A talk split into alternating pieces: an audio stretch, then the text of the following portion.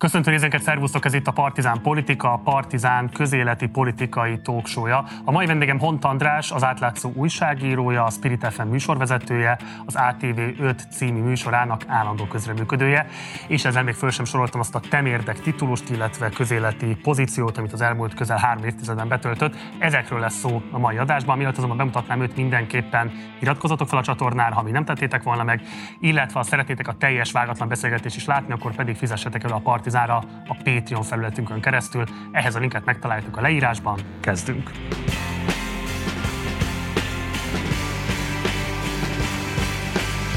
És akkor nagy szeretettel köszöntöm Mont András a stúdióban. Szervusz, köszi, hogy elfogadtad a meghívást. Nagyon könnyű dolga van a kezdésnél, mert általában jó az egy interjúnál, hogy ilyen egyetértési pontokkal tudunk indítani, mert akkor az megalapoz esetleg a későbbi nézeteltéréseknek is. Ugyanis felteszem, hogy van egy közös szenvedélyünk, mégpedig a te nagyapád, Hont Ferenc vagy nem tudom, hogy pontosan a szenvedi a jó szó, amivel le lehet írni a viszonyolat hozzá. A nézőink kedvéért mondanám el, hogy a magyar színházművészetnek egy ilyen méltatlanul elfeledett, ugyanakkor rendkívül nagy hatású egyénisége, intézmény alapítója, csóválod a fejedet. Én szerintem nincsen a rangján keresztül, vagy a rangjának méltó módon kezelve az ő emlékezete. Milyen emlékeket őrző róla, vagy a családi legendáriumban pontosan hogyan helyeztétek előtt, mit lehet erről elmondani? Ja, tényleg, te krétakörös voltál, tehát akkor, persze, akkor értem. A, nagyon pici voltam, amikor meghalt. Ennek ellenére van közvetlen emlékem, néhány az eléggé erősen él, és nyilvánvalóan abszolút központi szereplő volt a családnak annak a részének a, az életében. Annyira központi szereplő volt, hogy, hogy kifejezetten köré volt szervezve az az élet, ami a háború után, meg, meg főleg az 50-es évek után a Krisztina körúton kialakult.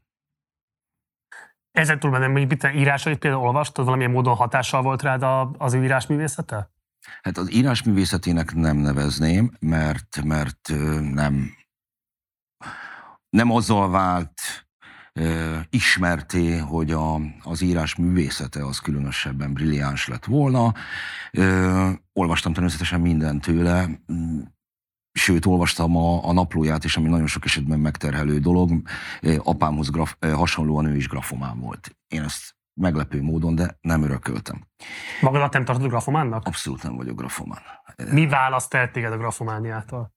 Nekem gondot jelent az írás. Jelenleg, vagy mindig is? Mindig is problémát okozott, ami nem azt jelenti, hogy nehezen vettem rá magamat, mert kifejezetten van bennem azzal kapcsolatos hajtóerő, hogy írjak, hogy megmondjam, hogy mondatokon reszeljem magam, de pont ez a mondatokon reszelés. Magamat én visszatérek, kihúzom, átírom, ha valamivel nem vagyok elégedett, akkor, akkor ezt törlöm. Ők nem ilyenek voltak. Éppen ezért nem az írása a lényeges, mert ugye már ő alapvetően színház történeti munkákat írt az első műve, az elfeledett magyar színjátéknál az egy köröztény leány, ami ugye az eltűnt magyar színjátszás nyomába eredve, akkor még ennek viszonylag csenevész volt Magyarországon a, a kutatása,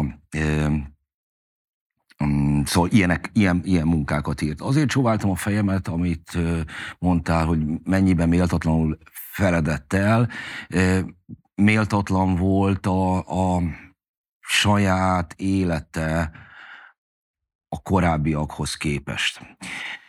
Ugye azt kell tudni, hogy ő, ő a független rendszeren kívüli színjátszásnak az egyik apostola volt a 45 előtti Magyarországon. És megtörtént az a baleset vele, ami annyian másokkal, hogy 40 után az ő övéi hatalomra kerültek. És ezzel mind ő, mind a rendszer olyan helyzetbe került, amivel egyik fél sem tudott mit kezdeni. Ne szaladjunk ennyire előre. Ugye ő alapvetően egy baloldali avantgárd művészetfelfogást propagáló művészember volt, munkás szabolókórusokat is egyébként szervezett, és kifejezetten teoretikus szövegeket is alkotott arra vonatkozóan, hogy hogyan lehetne a színház művészettel a munkás felszólítást agitálni vagy elősegíteni. Tehát ő 45 előtt is már egy meggyőződéses baloldali ember volt, 40 meg valóban kialakult az a helyzet, hogy hirtelen a hatalom közelébe is tudott jutni. Ugye a film vállalatnak vagy a filmgyárnak volt igazgatója, és a talpalatnyi földnek, hát kvázi producere, rendezője is egyben, valamelyest szövegírója is, tehát egy rendkívül nagy hatású emberről beszélünk, és akkor nem is említettem azokat a köztudomású tényeket, hogy a Szegedi Szabadtéri Játékoknak a megalapítója, a Színháztudományi Intézetnek a megalapítója, és így tovább, vagy Színház Történeti Intézetnek a megalapítója.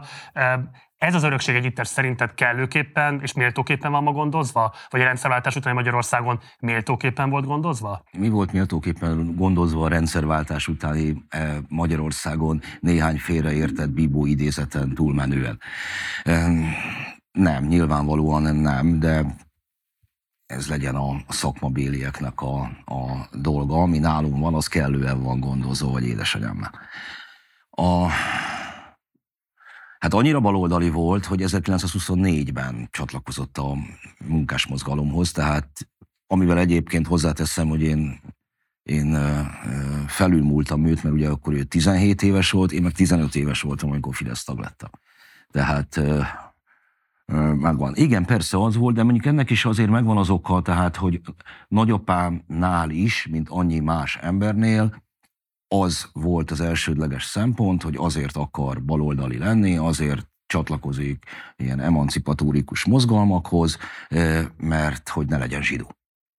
Ez, mint ahogy nyilvánvalóan a, a két világháború közötti romániai munkásmozgalomban jelentősen felülreprezentáltak voltak a magyarok. Ugyanúgy a magyar baloldalnál jelentősen felülreprezentáltak voltak a zsidók. Ezt utólag vetíted rá, vagy pedig ez a naplóiból számodra detektálható? Hát miután utólag élek, tehát nem tudom jelen idejűleg ezt feltárni, de ez eléggé egyértelmű. Az a kérdés, hogy ezt te belevetíted, vagy ez a te értelmezésed az ő pályafutásáról, vagy pedig a naplóiból ez abszolút megmutatkozik és eklatánsan kiolvasható? Szerintem ez abszolút megmutatkozik, már csak azért is, mert azért itt volt egy diszkrepancia az életükben. A, miközben a Stanislavski módszernek a, a apologétája doktriner módon tért ehhez folyamatosan vissza, és, és elméletileg is képzett elvtárs volt, nálunk otthon a hamisítatlan, igazi kispolgári kultúrának minden relikviája és hangulata megtalálható volt. Tehát alapvetően ez egy polgár család, alapvetően polgári ízléssel, és, és erre, mint egy mászként kerül. Hát nem is az, hogy mászként, mert az viszont benne volt, tehát ez a népmozgatás, népfelrázás, népművelés, nagyon hangsúlyozó, ez benne volt, ez nagyon komolyan vett, és ebben is érezte jól magát. A 30-as években elvitték foci meccsre. A családunk az innentől vasas szurkoló, és ahol ott felfedez, hogy micsoda erő van a futballban, a munkások, akkor azt mondják, hogy tempó. Hát ezt ki kéne használni valahogy a munkás nevelésre. Ez, ez, ez teljesen benne, benne volt. De egyébként valószínűleg a les semmit nem tudott. Ja, azt lehet tudni, hogy ő visszatért a munkaszolgálatból a családja többi tagjához eltérően, és viszont ebben valóban egyébként van egy ilyen klasszikus mintázat, hogy kvázi a párt lett az ő új családja. Ez a típusú közösségváltás, ez számodra egyébként milyen mintát, vagy nem tudom, modellt adott az életre? Tehát hogyan viszonyultál például mondjuk az ő ilyen típusú elköteleződéséhez, a politikához? Hát pontosítsunk, a családnak a többi része, mint az ő rokonsága nem a munkaszolgálatból nem jött vissza, hanem Matausenből. A, az egész az meg, az meg nagyon erős. A, találtam egy bolha piacon 1905-ből azt hiszem egy számlát, ez meg is van nálam otthon, ahol a Holzer család Szeged, illetve Hódmezővásárhelyi üzletében üzlete állította ki, vagy minden, rajta van mind a két boltnak a címe, telefonszáma. 1905-ben telefonszám volt már. Dédapám viszont állítólag, ez nagyapám naplóiból derül ki, egy fantaszta volt már, és mindig mindenféle vállalkozásokba kezdett, és többnyire elvállalkozta a pénzét, de ettől függetlenül a Széchenyi téren volt a mostani polgármesteri hivatal a Szentet Városházával szem épületben nagy polgárlakása a családomnak. És amikor munkaszolgálatból hazajött nagyapám, pontosan nem munkaszolgálatból, hanem az oroszoktól, ő a munkaszolgálatból megszökött, átszökött az oroszokhoz, akiket egyszerűen annak rendje és módja szerint első aktusként le is csukták.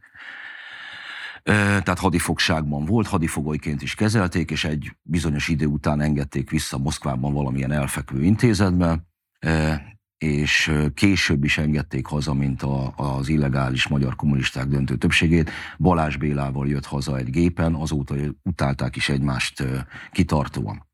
És akkor az első útja nagyapámnak a mm, Széchenyi téri e, e, lakásba vezetett, e, amelynek egyébként a bútorzatának a lajstroma megvan nálam, ahogy azt átadták a magyar élet pártjának megőrzésére, mint elzabrált zsidó holmi.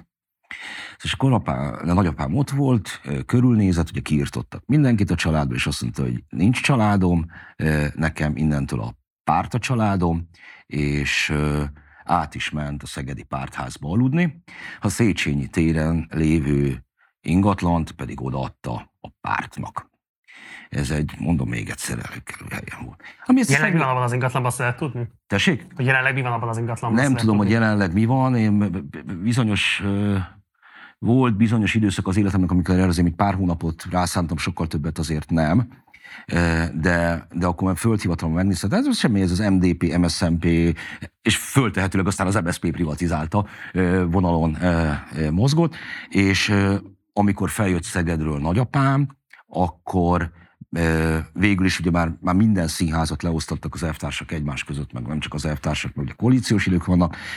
A, a színművészetinek lett a, az igazgató, és beköltözött a színművészetinek egy szolgálati lakásába, igazgatói lakásába. És útban volt már apám, ő 48-as, amikor nagyanyám mondta, hogy ez így nem lesz jó szolgálati lakásban, ő nem fog tudni gyereket szülni. És akkor igényelte egy lakást, nem odaadta a pártnak az nincsét, és megkaptunk a Krisztina körúton egy hatodik emeleti nagy lakást, én oda születtem már, ez végig tanácsi lakás volt egyébként. A nagyapám az egyfelől nem is érdekelte, másfelől kvázi élhetetlen is volt, tehát ilyen anya, amit a munkaszolgálatban hazajött, amire lehet, lehet ülni, az szék, amin írni lehet az asztal. Na szóval, hogy ez az előtt, ez a Krisztina körúti lakást megkaptuk, amikor a szüleim elváltak, akkor ezt a lakást kvázi el kellett adni, ugyebár ez eladás szocialista viszonyok között ez a fiktív cserét jelentette. És ez mondjuk nekem nyilván rosszul érintett, meg akkor mégis oda születtem. És ez a 80-as évek közepén adta el apám, miután szüleim elváltak, és 2006-ban én el, elhajtottam a házunk előtt, a volt házunk előtt, és felnéztem az erkére. És ez a 2006 őszében, mondom még egyszer, hogy lett ez a lakás, szegedi családból mindent kiírtottak, megkaptam, és az Árpád zászló lengett az erkélye. Na, folytassuk. Ugye szerintem az az igazán izgalmas az nagyapádban, hogy ő azon nagyon kevés színházi alkotók, színházcsinálók egyike, akinél a teoretikus és a gyakorlati praxis nagyon élesen tudott összekapcsolódni. Ugye német Antal sorolhatom még talán ehhez a hagyományhoz. Ennek igazából aztán így a másik világháborút követően nagyon-nagyon kevés továbbvívője van. Most meg igazából nagyon nem tudnék mondani olyan típusú színházrendezőt Magyarországon, aki egyszerre mondjuk foglalkozik az elméleti megalapozottsággal, de közben a gyakorlatban is képes, nem tudom én, izgalmas, érvényes esztétikai megoldásokkal alkotni. Mennyire követed egyáltalán a honi színházi életnek az alakulását? Egyáltalán van-e bármilyen rálátásod arra, hogy mondjuk őt mennyire ismerik a korszínház csinálói? Hát akikkel én tartom a kapcsolatot, azok nem kevés ember, ők, ők pontosan tudják. Színházba járó ember vagyok, szeretem a színházat. Nincsen olyan igényem, hogy nekem a kulisszák mögött is jelen kéne lennem. Jó ismerőseim vannak természetesen ebből a körből. Tudják pontosan. Mondjuk, amikor Fővárosi Kulturális Bizottsági tag voltam, akkor azt láttam, hogy mondjuk a színház igazgatóknál az nem kifejezetten könnyebbség volt, hogy tudták azt, hogy nem kell magyarázni. És hogyha mondok valamit, akkor viszont nem azért mondom, hogy felmondjak valami érdekleckét, hanem mond, Isten nyugosztalja, de mondtam nekik, hogy nem fogom megszavazni Savsi Józsefet. Szóval én ezt méltatlannak tartom, hogy ezt közpénzből tartsák azt azért fel. A mikroszkop színpadot. Így van. És hát Sas az tombolt is utána, de hát Istenem elviselem. De mondjuk, tehát annyi az benne volt, hogy ezt tudták, hogy ez nem azért van, mert én nem vonal, valamiféle vonalas pártérdeket óhajtok érvényesíteni, hanem alapvetően mert az a, ez a meggyőződésem. De hozzáteszem, és ez a 2000-es évek elejéről beszélünk, hogy az ezredfordulóról beszélünk, alapvetően nem volt a többiekkel sem fenntartása egyik szakmának sem, tehát nem csak a, a színházigazgatóknak, hanem a muzeológusoknak sem, a könyvtárigazgatónak és a többinek, tehát pontosan tudva, bennülő MDF-es hölgyel el fog tudni beszélni bármiről, és itt mellettem, én mindig a mi épeseket kaptam ki, először Schuster Lóri ült mellettem, aztán meg az Erkel Tibor. Akivel egyébként viszont kifejezetten jóban voltam, a jó ismerősöm a fia, a Kenta úr, uh-huh. tehát, hogy rád, és ráadásul akkor mutatták be a, a, a Madácsban a, az, az operaház fantomját, aminek ő volt a e, díszlet tervezője, és én áriákat zengtem róla, hogy a díszlet az mennyire a helyén van. Noha egyébként e, klónozva van a megnéztem aztán később az eredetit, klónozva van, de mégis valahogy a madácsnak úgy volt a, a helyére szabva, hogy az, az teljesen élt ott, és akkor tehát atyai büszkeség az, az tökéletesen elöntötte. A 45 utáni valóban helyzetbe kerülése okán volt egyfajta, vagy felvethető vele szemben egy ilyen álláshalmozói vád. Ebből a tekintetből mondjuk, hogyha ránézel Vigyánszki Attilára és az ő mostani pályafutására, van-e megkülönböztetett empátiád az ő irányába? Látsz esetleg analógiákat, vagy ez egy teljesen felszínes összehasonlítás lenne a kettőjük között? Szerintem teljesen felszínes összehasonlítás. Vinyánszkiban Franz se tudja, miért nagy adag sértettség buzog. Pedig látod, te... hogy minél több a hatalma, annál sértettebb. Igen, de hogy, hogy ráadásul tenyerein hordozta mindenki ebből a baloldali elitből, urbánus elitből, amikor volt a, a nemzeti élére való kinevezés, ahol ugyebár őt az alföldit követte, akkor többen feltették a kezüket, hogy Hát az a helyzet, most tiltakoznunk kéne, de hát a Vinyánszkinak a látomásos színházát becsüljük, az Alföldit pedig egy popkulturális kóklernek tartották, amiben egyébként nincsen igazuk, csak nem értik a Robit, de ez most mindegy. De de hogy még akkor is, még a ner belül is volt azért a Vinyánszki, ez egy ilyen ö, hozzáállás. Nagyapám esetében ö, volt egy nagyon fontoskodás benne, tehát hogy tényleg az a, az a presszió, amikor na most mi jövünk, de most nem úgy, hogy bosszút állunk, hanem na most végre minden együtt van pénz, parika, fegyver, akkor ilyen lázasan nekiáll. És akkor volt ez a bombó Pesten, hogyha e, egy óvatlan pillanatban nem figyelnének oda, akkor Magyarországot is hozzácsatolná a színművészetéhez. Mert ugye a különböző játszóterület, úgy jött a filmintézet, igen, a ö, talpalatnyi földért kapta meg a Kossuth díjat, noha egyébként a filmből annyit értett, hogy a kamera állványba nézett bele, nem a kamerába. A, akkor hozzácsatolta a Kismadácsot, a, a mostani Örkény Színházat, ami viszont jelentősebb játszóhely lett. Elkezdte a saját elméleti működését egyre teoretikusabban, és aztán 49-ben jelent meg a Szabad Népben egy írás, ami, ami személyi kultusszal vádolta meg, hogy a nem tudom melyik labban több volt a hont idézet, a, a mm, színművészetének a, a lapján több volt a, a, a hont idézet, mint Stalin. És ez nem járja. Egyébként nem voltam pontos, tehát nem a színművészeti kapta meg, tehát nem volt állami Igen, azt, azt, színművészeti képzés Magyarországon. Tehát ő szervezte meg, tehát az egy állami, tehát ő kvázi alapítója a színművészetinek is, mint, mint állami intézménynek. É, és akkor, akkor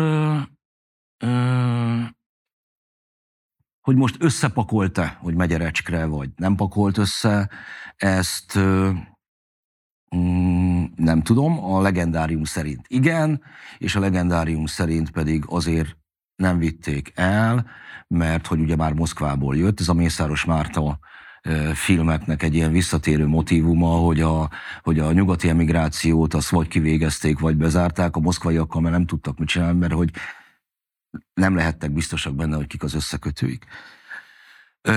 De ettől függetlenül ugyebár hontervtársnak nem volt állása ezt követően némilyen kegyelem kenyér. Ez, ez, ez viszont tény, nagy, nagyanyámtól származik, hogy, hogy azért tudott a család megélni, mert az ortutatiék adtak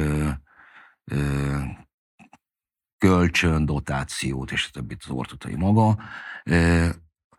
Aki, hogy is mondjam, mondok mindenféle olyasmit nagyapámról, ami nem feltétlenül unoka, nagyapa, mm, érzelmi viszonyban értelmezendő, tehát van olyan, pici voltam egyfelől, amikor meghalt, másfelől én olvastam az ő tevékenységét, tehát van, van egy, bár magammal szemben is van, de van egy ilyen kicsikét, egy ilyen gunyorosabb, megértő távolságtartás.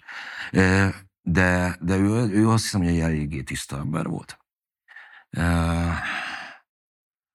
Minden, minden megbicsaklásával együtt ő egy eléggé jellemes, jó ember volt. Most az ortutairól ez azért nem feltétlenül mondható el.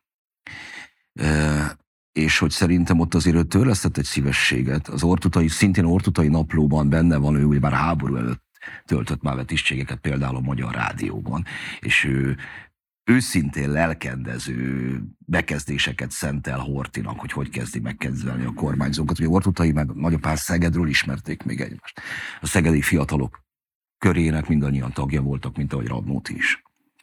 És hogy az Ortinak, Orti, szóval or, össze Hontit meg az Ortutait összemondtam, tehát Ortutainak igazolnia kellett, hogy neki a pedigréje az megfelelő, és azt azért nagyapám tette meg, hogy ő hiába kisgazda volt, ő velünk lévő kisgazda volt, tehát hogy ennek, ennek való törlesztése az, az történhetett ilyen módon meg.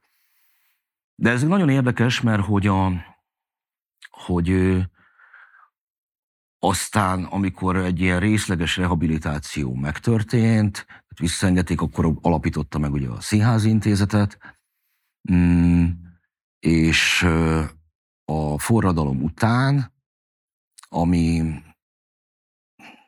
most érdekesen hatott rá, tehát a, van az a Földes nevű kivégzett színész, ő próbált meg közben járni, például meg benne van a, a Spirónak a tavaszi tárlatában, mint a nagyapám is benne van a Spirónak a tavaszi tárlatában, hogy ő visszahúzódott. És mert ugye a, a 60-as évek elején a Kálai lett a miniszterelnök, Gyula, aki viszont neki az illegális összekötője volt. És hogy kognitív diszonancia kettő, hogy ezt a helyzetet ő, ő nem, nem, hogy nem használta ki, hanem, hanem, hanem maradt belső emigrációban, maradt a színházi intézetben. Tehát valószínűleg ott van egy olyan súlyos meghasonlás, amit a magá, magának élete végéig nem mondott ki.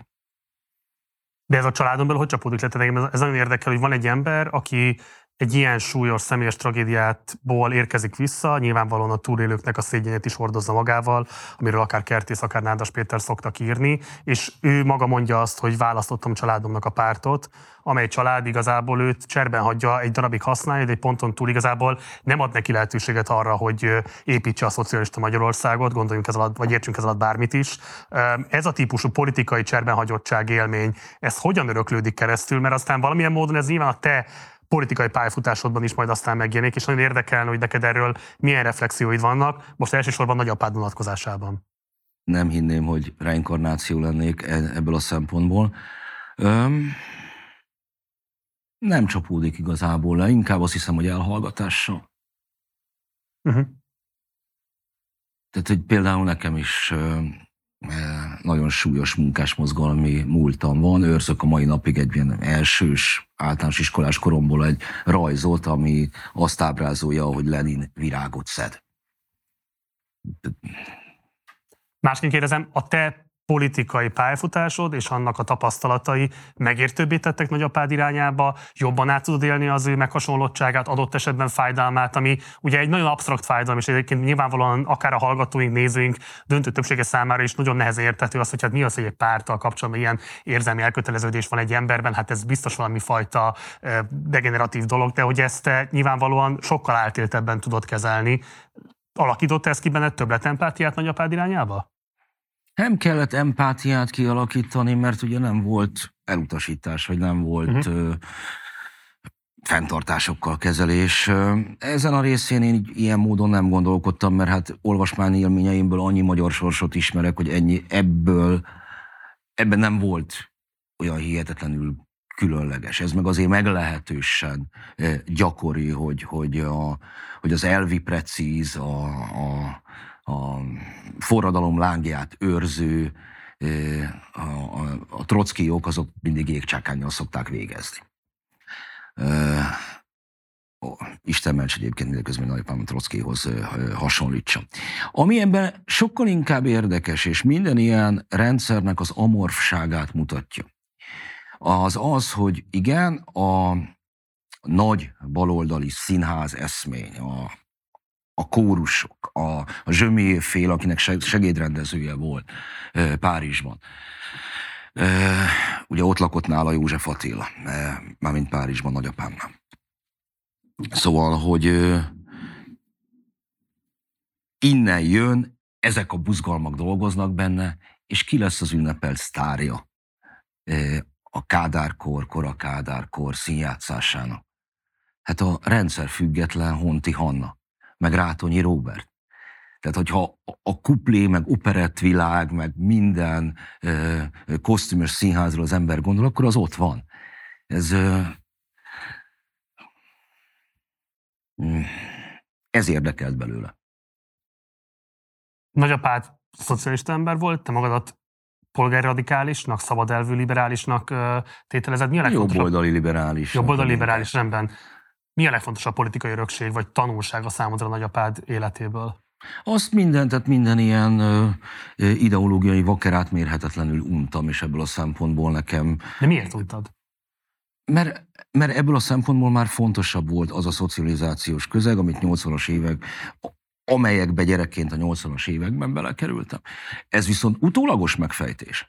Tehát, hogy ö, személyesen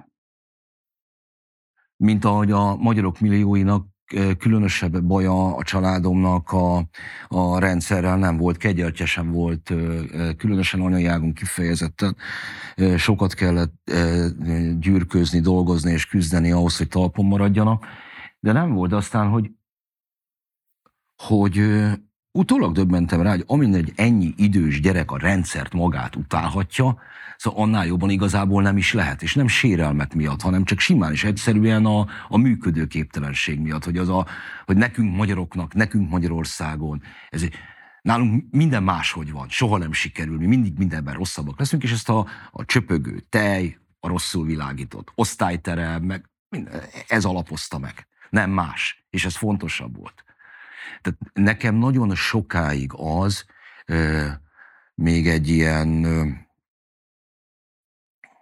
revelatív élmény volt, de nem is biztos, hogy ez a jó szó már, hogy mivel kapcsolatban volt ez revelancia, hanem inkább csak ilyen megdöbbenés. Még a 2000-es években is, amikor körbenéztem a gépkocsi parkon Budapesten. Mert hogy az én moszkvicsokhoz és, és ladákhoz és trabantomhoz szokott szememnek volt ez teljesen más. És annyit azért tudtam, meg, és nem közvetlen tapasztalatokban, mert én már kamasz voltam, amikor először nyugaton jártam hanem, hanem valószínűleg filmélményekből, valószínűleg akkor azért ugye bár már átjárás volt a ö, ö, vasfüggönyön bőven, volt olyan osztálytársam, aki az Egyesült Államokból kiküldetésből költözött haza, tehát hogy a holmik minőségét tekintetben volt gyakorlati összehasonlításom. Valószínűleg ebből alakult ki ez a tökéletlenség, amit én a, a szocializmushoz kapcsoltam hozzá. Édesapád Hontiván volt, és beszéltünk róla röviden, ugye azt lehet tudni, hogy 2008-ban Rajnerem Jánosék tárták fel azt, hogy 72 óta 79-től kezdődően rendező, fedő néven volt 3 per 3-as ügynök, ugye jelentéseket írt többek között az Univerzitás Együttesről, ahol maga is működött, Pál Istvánékról, és... Hát és amelyiknek, amelyeknek a, a tanárelnöke nagyapám volt. Igen. Tehát... És ugye hát nagyapádról, az ő édesapjáról írt egy ö, ö, kis doktorit 1988-ban, a Független színpadtól a Szocialista Színházig címmel. Igen. Például ezeket untam nagyon. Ezeket untad meg? Untam nagyon. Tehát Miért? Na, na, na, apámnak a, a folyamatos doktori írását, és ezekből az, amiket olvastam, mert nem volt jó. Meg hogy mindenképpen, tehát hogy nem vörös farkat kellett hozzárakni, hanem minden bekezdésbe egy vörös farkat. Um, válaszoltam, igen. Valaha volt-e alkalmat beszélgetni vele ezekről a kérdésekről? Nem. Azért nem, mert tudtátok, hogy mi a helyzet, de nem akartátok, hogy ez bármilyen módon is kettőtök között téma legyen, vagy pedig azért, mert téged is meglepett az, amikor ezzel előálltak ki a Rajnerem még? 2009 júniusában a nevelt lányommal, egy osztálytársával, a kisfiammal és a feleségemmel Ausztriában nyaraltunk. És ez még okostelefonok előtti időszak a, a panzió szobájában megnyitottam a gépet. Én tudtam, hogy ez jön, mármint, hogy a, mert ugye a, a Rajnerem még belengedték, és úgy öltem le a gép elé, én tudtam, hogy apám nevével találkozni fogok. Úgyhogy soha nem volt előtte topik. Én egyébként akkor a Nagy Imre újratemetésen ott voltam. Igen, ugye a Rajner még azt hozták ki, hogy a Nagy Imre újra temetésről ott jelentő hálózati személy. A, és a Nagy Imre temetésén egy családi baráttal voltam kint. És az volt a kérdés, hogy miért nem apámmal. Én 88-89-ben gyakorlatilag az összes ellenzéki tüntetésen ott voltam, és majdnem mindenhol apámmal. Hogy ez, hogy, hogy miért nem. Szóval én úgy ültem le, hogy ezt, ezt tudtam, hogy fog, fog találkozni a nevével ez így is történt, ő akkor még élt, öt évvel később halt meg, fiatalon. Um, nem lehetett, akkor mi már nem voltunk jóban. Tehát ezt a részét mondjuk nem kívánom senkinek. Tehát apám életének utolsó húsz éve úgy telt el, hogy mi, mi alig voltunk beszélő viszonyban. Ennek van olyan politikai, vagy bármilyen közvonatkozása, amiről szabad és lehet beszélni? Ennek alapvetően magánéleti oka van, mint ahogy egyébként, hogy végignéztem ezt a, a én akkor aztán elmentem az ABTL-be, megnéztem mindent, gyakorlatilag mindegy, tehát alapvetően fontoskodás. Ennek, ennek van... Már jelentésekben szerepel. Persze, ennek, ennek van igazából köze a munkaszolgálathoz, meg a hazatéréshez, meg a, a háború utáni időszakhoz. Apámat azt a, a nagyanyja az általam egyébként még szintén ismert dédanyám nevelt, tehát az édesanyjának az anyja, az én nagymamámnak az anyja. És, és hát ez egy, a, a trauma igazából nála érkezett meg. És nem is ezért lettünk rosszban, hanem, hanem mert hogy, hogy gyakorlatilag kis kamaszkorom óta, korakamaszkorom óta, vagy középkamaszkorom óta én nem nagyon vettem komolyan apámat. E, és hogy valószínűleg ez az infantilizmusa, és nem tudom mi, ez, ez ennek a, a, a holokauszt traumának a, a további élése. Most sok szó esett idáig itt erről, ahogy elkezdtük, de egy közbevetőleges megjegyzést azért tennem kell. Ez a családommal történt, hozzám közel álló emberekkel történt, olyan emberekkel történt, akik fontosak nekem, de nekem egy alapvetően ez nem topik. Tehát, hogy én például nem tartanám magamról számon a zsidó származásomat, vagy részben a zsidó származásomat, ha nem lett volna holokauszt. Tehát nyilvántartás az inkább tisztelet, szolidaritás, identitás szempontjából nekem ez nem meghatározó. Tehát ha Izrael foci csapata játszik egy másik nemzet foci csapatával, akkor egyáltalán nem érzem szükségét annak, hogy én Izraelnek szurkolja. Ö... De, ezek nem csak ilyen nem nacionalista identitások lehetnek, hanem valóban tehát van adott esetben kulturális, vagy bármilyen más típusú megágyazottsága. Én az, arra vagyok igazából csak kíváncsi, engem ez érdekelt az egész ilyen családtörténeti vonatkozásban, hogy itt azért úgy tűnik, hogy a politikai titkoknak van egy ilyen messzere nyúló hagyománya vagy mintázata a családodon az belül? Van, az, az nyilván az elhallgatásoknak, de ez ennyiben azt hiszem, hogy minden, minden, majdnem minden értelmiségi részben művész család, az, az valahol egy ilyen kékszakálú hercegvára Budapesten. Erre akartam utalni, hogy tehát ez imádvalóan nem Na, a te Balázs Béla, vissza is tértünk. Balázs Béla, azt tértünk vissza, de hogy akár mondjuk, hogyha az általad nagyon szeretett Eszterházi Péter és az ő édesapjának a történetére gondolunk. Én erről beszéltem a Péterrel. És akkor erről mindjárt beszélj még kérlek, vagy akár mondjuk a György Péternek az Apám helyett című kötetében leírtakról, csak gondolkodunk. Tehát, hogy nagyon kevés történet van igazából megírva ezekről az ilyen transgenerációs traumákról, politikai elhallgatásokról, titkokról, amelyek végigkísérték a 20. századot Magyarországon, és hogy az a kérdésem, hogy te foglalkozol azzal, hogy valamilyen módon ezt az egészet fölfejtsd, publicisztikán túlmutató mértékben adott esetben földolgozd.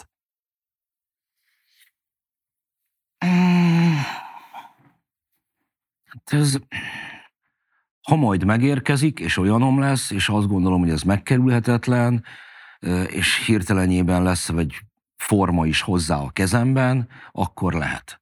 Én programot nem fogok ebből csinálni, és egyébként az Eszterházi pont ezt mondta. Tehát, hogy azt mondta, hogy ha, ha csak azért, mert ez ott van az életedben, és, és ezt el akarom mondani, akkor ne tedd. Te azelőtt beszéltél, hogy az édesapádról ez kiderült, vagy azt követően tudtál vele Azt beszélni? követően. Megkerested őt, hogy mégis mondja hogy hogy Nem megkerestem, hanem egy társaságban voltunk együtt éppen, Aha. és akkor... És ő már eleve így jelzett neked, hogy üdv a klubban, vagy hogy volt nem, ez, nem, hogy ő, kell ő nem tudta, tehát ő nem tudta. Tehát az, hogy én ki vagyok, vagy tehát, hogy mi beszélő viszonyban voltunk, vagy e-mailezési viszonyban voltunk, meg találkoztunk is párszor, azt tudta, de ezt, ezt nem tudta, tehát ezt a részét ő ne, ne- nem követte, ezt én mondtam neki, és akkor mondtam, hogy ez nem így. És erre mondta azt, hogy, hogy, hogy, hogy, hogy ne tedd. Csak azért ne tedd. Ha mondom, ha van, de az meg nem így érdekes igazából, mert mondom, hogy az, hogy a, a, a családom életében, ahogy nagyapámnak a, az élete alakult, az egy, ez egy oldalág, egy, egy elágazás, és a, a törzs az megint csak annyiban nem is nagyon érdekel engem. Ugye zsidó család azért a Ferencesekhez ö, iratják be, ahol érettségi előtt lelép. Meglép egy nála idősebb színésznővel. Ö, aki aztán öngyilkos lett a háború után. A, róla szól a, a József Attilának a Honterzsi című verse. És ö, mert hogy ezt is valahol már megírtam, hogy, a, hogy a, amikor József Attila betoppan nagyapámékhoz Párizsban, akkor így indításként lesmárolta a nagyapámnak az akkori feleségét. Ezt nem olvastam. Térjünk át Nagy újra temetéshez, mert ez egy különösen izgalmas epizód szerintem a te életedben is. Ugye lehet tudni azt, hogy valóban jelen voltál, jelen volt édesapád is, jelentést készítette. Te magad pedig úgy utaltál rá több írásodban, hogy Orbán Viktor nagy hatást tett rád, de volt még egy szónok, aki méltatlanul elfeledett lett, miközben szerinted legalább annyira fontos volt az ő, Mécs Imre. és Mécs Imre felszólására utaltál. Nézzük meg egy rövid részletet abból, hogy olyan szólalt fel ekkor Mécs Imre, és aztán szeretném, hogy elmondanád, hogy mit gyakorolt rád igazából nagy hatást. A lelkiismeret napja, vizsgálat napja van, amikor mindenki magába néz. Hogyan élt 33 évig? Hogyan tudott úgy élni? Szabadság nélkül. És nézzenek magukba a gyilkosok, az őket segítők, a passzív beletörődők, a passzív gyilkosok, a mindent elnézők, a semmiről semmit sem tudni akarók, a fejüket igába hajtók, a kényelmesek, tunyalelkűek, a posvány jelleműek, a hazát pusztítók, az árulók, a semmi emberek. És nézzenek magukba a tiszta emberek. Miként tűrhették mindezt évtizedekig? Mennyit mulasztott ez a nép? 20 éves nézőink számára mondom igazából, hogy ilyen Mécs Imrét halálra ítélték 56-ot követően, évekig ült börtönben is, és aztán hát elég méltatlan körülmények között kellett átvészelnie a Kádár korszakot, aztán 89-90 után az SZDSZ színében politizált, később nota benne az MSP frakciójába ül majd aztán be, de az már valóban a, a végjáték a harmadik magyar köztársaságnak. Ennyit csak az ő személyéhez lábjegyzetként. Miért találtad nagy hatásnak ezt a beszédet? akkor azért emlékezünk meg még egy dologról. A 90 körüli időszaknak az egyik legtragikomikusabb fejezete volt az 56-osoknak a cívódása. Különböző 56-os szervezetek egymással szemben, és az akkori kor, az akkori fiatalok, középgenerációsok, ez a vigyék is már őket innen. Tényleg egészen, egészen szórakoztatóan méltatlan helyzeteket hoztak létre, és ugyebár az egyik oldalon állt például Mécs Imre, volt 56-os halára ítélt, a másik oldalon meg a, a, a POFOSZ, e, a politikai foglyok országos szövetség, talán e, Fónai Jenő. És valami izzó gyűlölet volt közöttük, és ugyebár az volt, hogy ők a síralomházban együtt voltak. És a Fónait elvitték kivégezni, ahol a, a kötél alatt felolvasták neki a kegyelmi kérvényének a megadását, tehát az, hogy a elnöki tanács, jó, a kegyelmi kérvényét. Tehát Ritka kegyetlen eljárásra abszolút. Még visszakísérték, igen, ám csak hogy a többi halára ítélt addig megette Fóna Jenőnek a vacsoráját, vagy reggeliét, vagy ebédjét, tehát az ered. És ők azóta utálták egymást, erre mondta azt a mécsát, fiatalok voltunk, éhesek voltunk, másnap minket is felköttek, megettük. Na, az, és csak hogy ezeket a kereteket... Meg... Jó hangzik, de feltétlenül ilyen súlyosabb politikai törésvonalak is voltak közöttük. E, az más kérdés, de a személyes vonal, az így mondom, ezt, ezt Bécs Imre erről nyilatkozik is, hogy fiatal, éhesek. Na, e, visszatérve egy kicsikét arra, és szerintem erről fogunk mi még itt beszélgetni, hogy hogy mi az, amit egy pesti középosztálybéli ember utólag értett meg, hogy a rendszerváltás hány embernek hozott kiszolgáltatottságot, rosszat, mivel lett volna elszámolni valunk. De nekem ez a két-három év, ez az alapvetően meghatározó, és nekem most, hogy néztem a mécsbeszéden, volt bennem meghatódás. Ez nagyon fontos, bocs, a két-három évet 88, 91, 90, tehát mi a korszak határ? Kezdet és vég. Akár eseményt is mondhatsz. Nem tudom a végét mondani, mert ott, ott, ott nyilvánvalóan ilyen toló, toló célt kéne megszabni, hogy hol, hol ért véget, amikor a magyar politika professzionalizálódott, és ez nagyon-nagyon hamar bekövetkezett. Tehát az, hogy milyen hihetetlen mértékig gyorsan állt át a több pártrendszerre, politikai marketingre, mindenre az egész magyar politikai osztály, ez bámulatos, az körülbelül ott, ott, ott záródott le. Van még egy törés, amit egyébként szintén utólag ö, ö, vettem észre, de szóval egyfelől mondjuk közéletileg, politikailag valamikor akkor, amikor ez egy ilyen professzionális politikai... De akkor az nem 96-98, hogy azt általában szokták mondani, azt mondod, hogy sokkal korábban. Az sokkal korábban. Már 94 előtt jóval. Igen, igen, igen. Ami nem azt jelenti, hogy az utána következő ne érdekelt volna nagyon. De ez a két-három év, mint ami, ami jellemformáló, mai napig érzelmet adó időszak, az, az valahol a 90-es évek legelején lezárulott, 91, 92, mit tudom én. A, és mondtam azt, hogy, hogy, hogy megint csak utólag veszi észre, mert amennyire egy kiskamasz utálhatja a rendszert, annyira én, mint rendszer gyűlöltem a maga tökéletlenségével. Volt itt még egy dolog, amit ez a gyerekek nem hülyék. Nagyon-nagyon hamar rájött arra mindenki, hogy minden, amit komoly fejjel, nagyon fontosnak kell tartani az iskolai ünnepéjén, az mind vicc. Hogy ezek valahogy nem komoly dolgok. Ez egy, ez egy színjáték, nem így élünk. Miért énekeljük azt, hogy, hogy felvörösök proletárok? És egy, a, amikor megismertem a iskolai környezetben a, a, a magyar undergroundot, a magyar underground zenét. Annak volt ilyen hatása is ezeknek a beszédeknek akkor 89 környékén, azzal a fajta hazugsággal, hazugság felrobbantása.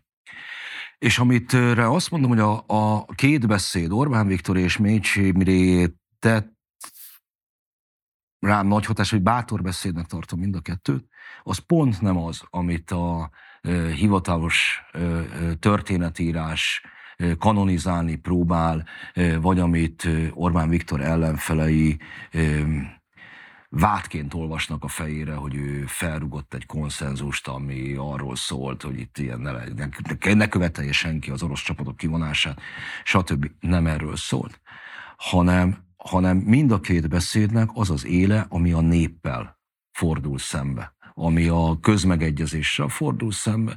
Ugye ez az időszak, amikor a, az ellenzéki kerekasztalnak már a, az állampárt, igen, mondtátok, ezt követően ül össze a Nemzeti Kerekasztal, és, a, és Nyers Rezső el is mondja a Központi Bizottság ülésén, hogy az Orbán Viktorok majd fogják mondani, de mi ezzel a közmegegyezéssel, meg a nemzeti megbékéléssel, mi, mi elvtársak jót találtunk.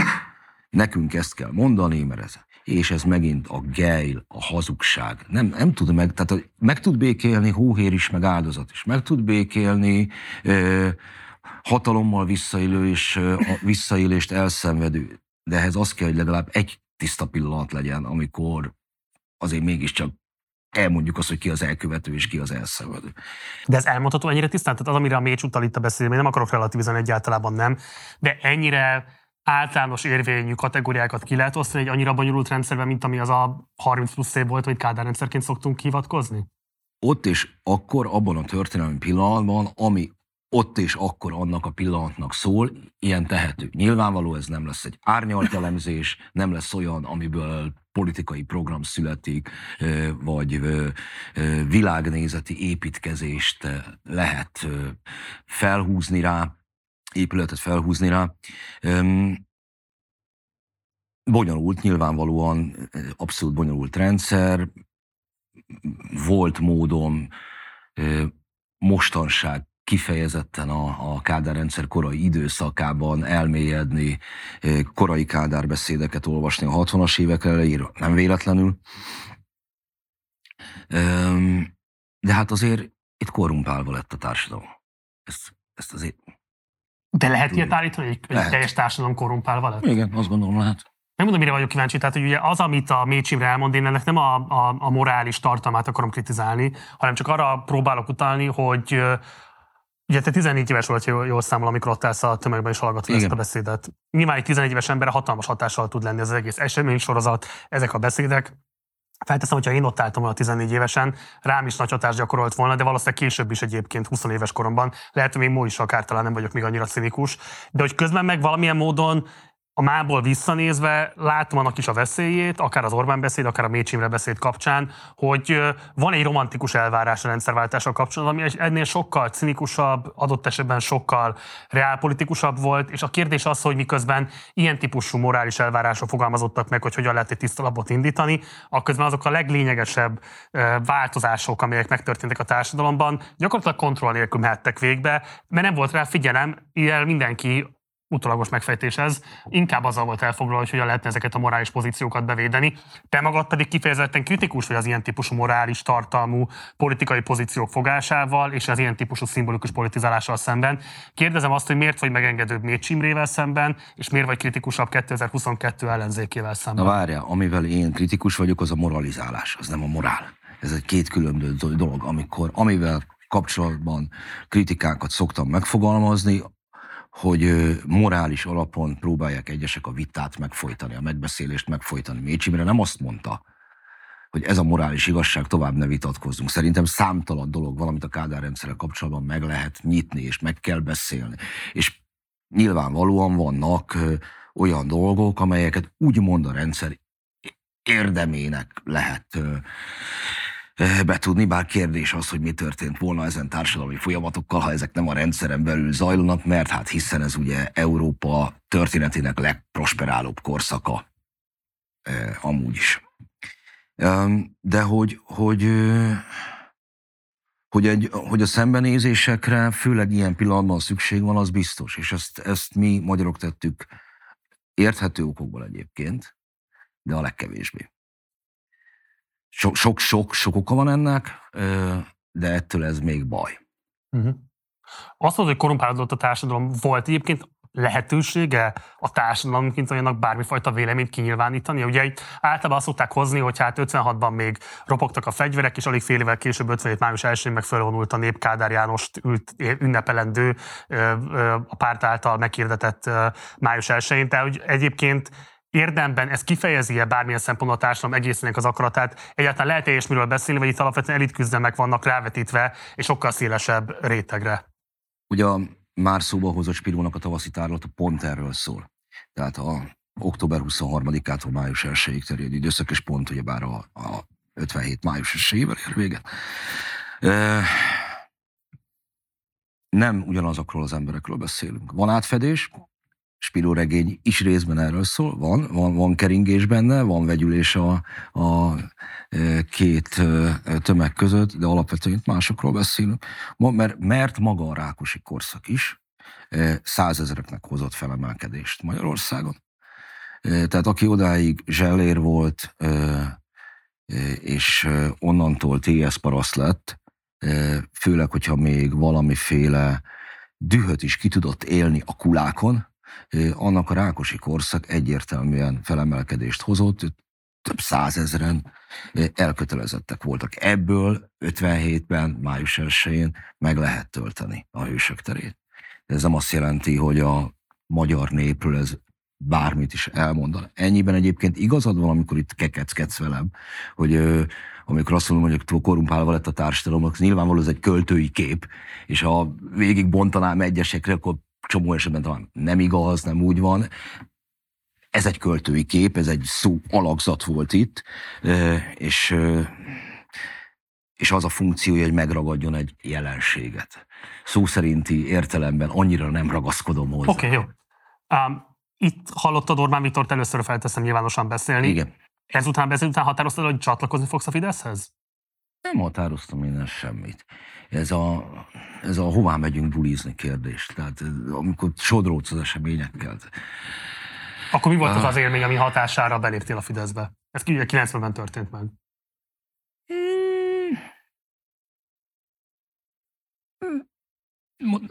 Az élmény már megvolt, tehát az, hogy a effektíve aktus, hogy mikor töltesz ki egy papírt, és hogy egyébként miben veszel részt, az, az a Bogács neked megvan? Persze.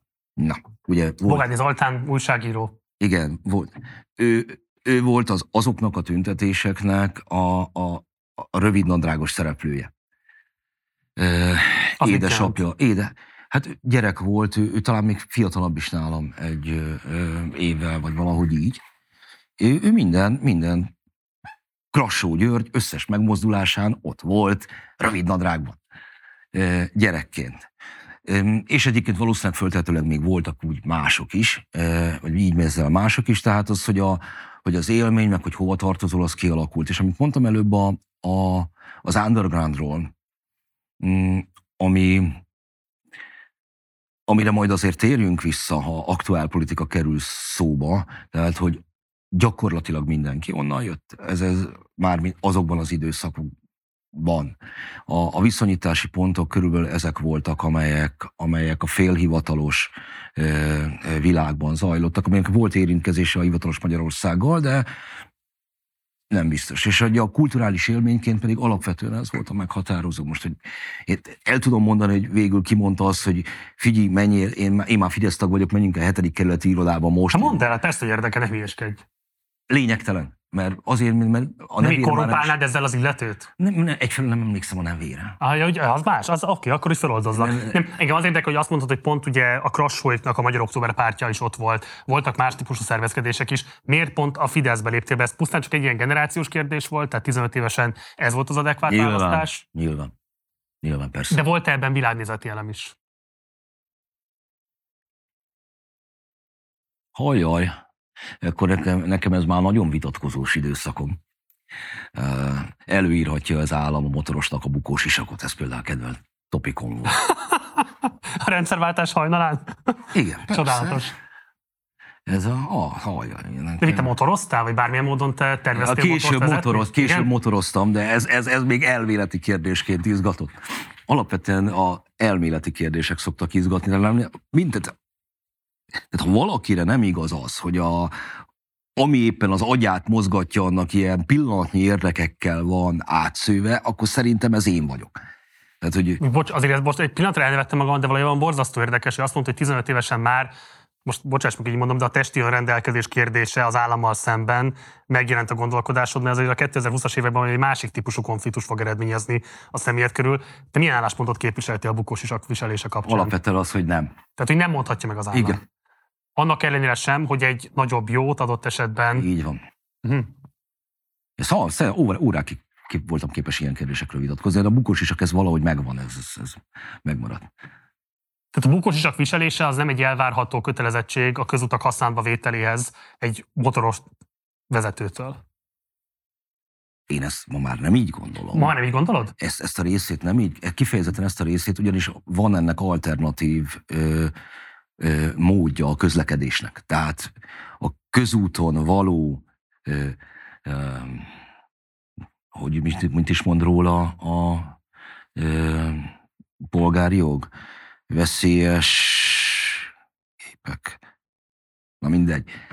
Való közlekedés, ez kifejezetten a közúton való közlekedés, ilyen szabályokat előírhatsz. Az, hogy csak így közlekedhetsz, azt nem. Uh-huh. Mehetsz gyalog. Hát. Mikor változott meg ebben a gondolkodásod? Mert ez nem változott meg. Alapvetően a gondolkodásom az ugyanaz, hogy nem írhatja elő, csak hogy a viták során akkor, akkor kialakul egy vagy kompromisszum, vagy valami olyasmivel igazolhatónak tartok valamit. Tehát erről szól a vita.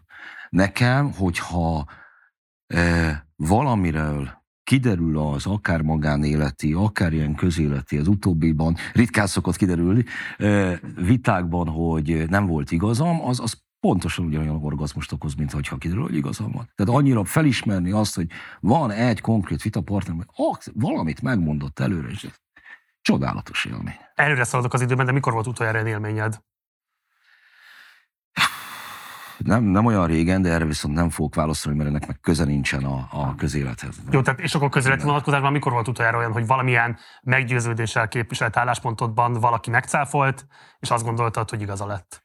Hát ezen gondolkodnom kell. Na jó, akkor ülünk még itt elég, időt, hogyha eszedbe jut, akkor majd szólj.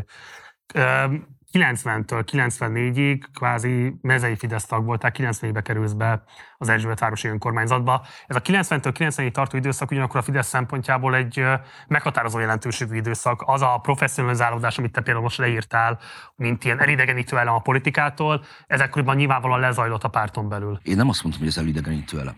Én azt mondtam, hogy ezek az éveket zárja le. Uh-huh. És hogy az utána is pokoli módon érdekel, de az már egy más időszak, egy más világ, más logika, más faj. Mezei Fidesz tagként hogyan élted meg ezt a négy Semmilyen, a, a, gimnazista voltam, tehát hogy van... Hát az elején, de aztán később már nem? Hát ez így szokott történni az emberekkel, mert különben most is itt lennék még, még középkorú gimnazistaként.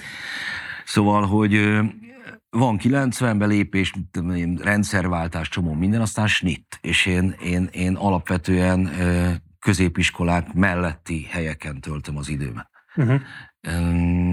És egyébként a Fidesz is inkább ennek van köze, hogy és aztán 94 előtt mi történik. Nem csak középiskolákból, ezt, már, ezt a karrieremet már előbb elkezdtem, engem egyik iskolából rúgtak a másikba többnyire. És, és még gimnazistaként elköltöztem otthonról. és mindenféle izé, állásokat kellett ott magamnak, a, hát nem is feltétlenül a létfenntartáshoz, mert az volt, de hogy azon túlmenően, mondjuk meg akarok inni egy sört, tehát akkor én dolgoztam. Ennek következtében még kevesebbet jártam iskolában, amit mérhetetlenül kevéssé bánok. Miket dolgoztál? Újságárus voltam, könyvárus voltam, mm, hetedik kerületi, tehát amit elköltöztünk a Krisztián körül, a hetedik kerületi bennőtem fel, hetedik kerületi gyerek vagyok, hát cigányokkal csencseltem eh, eh, jobbra-balra. Roppant, mai napig nyúló, roppant értékes kapcsolataim származnak ebből az időszakból. És, és és nem is tudom, ez sokkal választás előtti tagrevíziók. Tehát ez, ez egy ilyen nagyon sokáig magyar pártok, tehát ez ilyen visszatérő elem volt, hogy na, úristen, egy év múlva választást, nézzük már meg, hogy a, vannak-e még tagjaink. És akkor valaki így megkeresett engem, ö, hát mondom, persze, én Fidesz tag vagyok, tehát változatlan az összes ilyen ö, vitázásban vittem tovább a magam liberális érvelését, hallja, én erre igényt tartok. Hogy de, hogy jöjjek vele már valamilyen taggyűlésre. Jó. És akkor mit tudom én, elmentem, némi kanyarral ugyan, de kiderült az, hogy ott lehet munkát végezni, mert akkor még nem pénz, csak ami ugye engem érdekel. És, De most a munka alatt azt jelenti, hogy politikai szervező munkát? Igen, igen, igen. Ö, és, és ráadásul mindenféle belharcok voltak, akkor ezt most nem tudom, annak az lett a vége, hogy kívülről megérkezett Dajcs Tamás, de már ennyire ne, ne szaladjunk előre, mert az, hogy megérkezik Dajcs Tamás, az egy, ahogy te is mondod, az egy következmény volt annak, hogy eléggé elvadult állapotok uralkodtak a helyi Fideszben. Ráadásul ez az Erzsébetvárosi Fidesz alapszervezet, ez egy ilyen történeti szempontból is súlyosan terhelt alapszervezete a pártnak, egészen a mai napig, tehát mint hogyha mostanáig se tudták volna valamilyen módon túltenni magukat ezeken a belső küzdelmeken. Ott pontosan Hova vezethető, mire vezethető vissza az, hogy pont Erzsébet városban ennyire komoly frakcióküzdelmek hát. jellemzik végig a Fidesz működését? Szerintem azért ez jelen van máshol is. Ennyire látványosan kevés helyen. Hmm. Budapesten belül tudsz mondani még egy olyan kerületi alapszervezetet, ahol ennyire tetten érhető ez?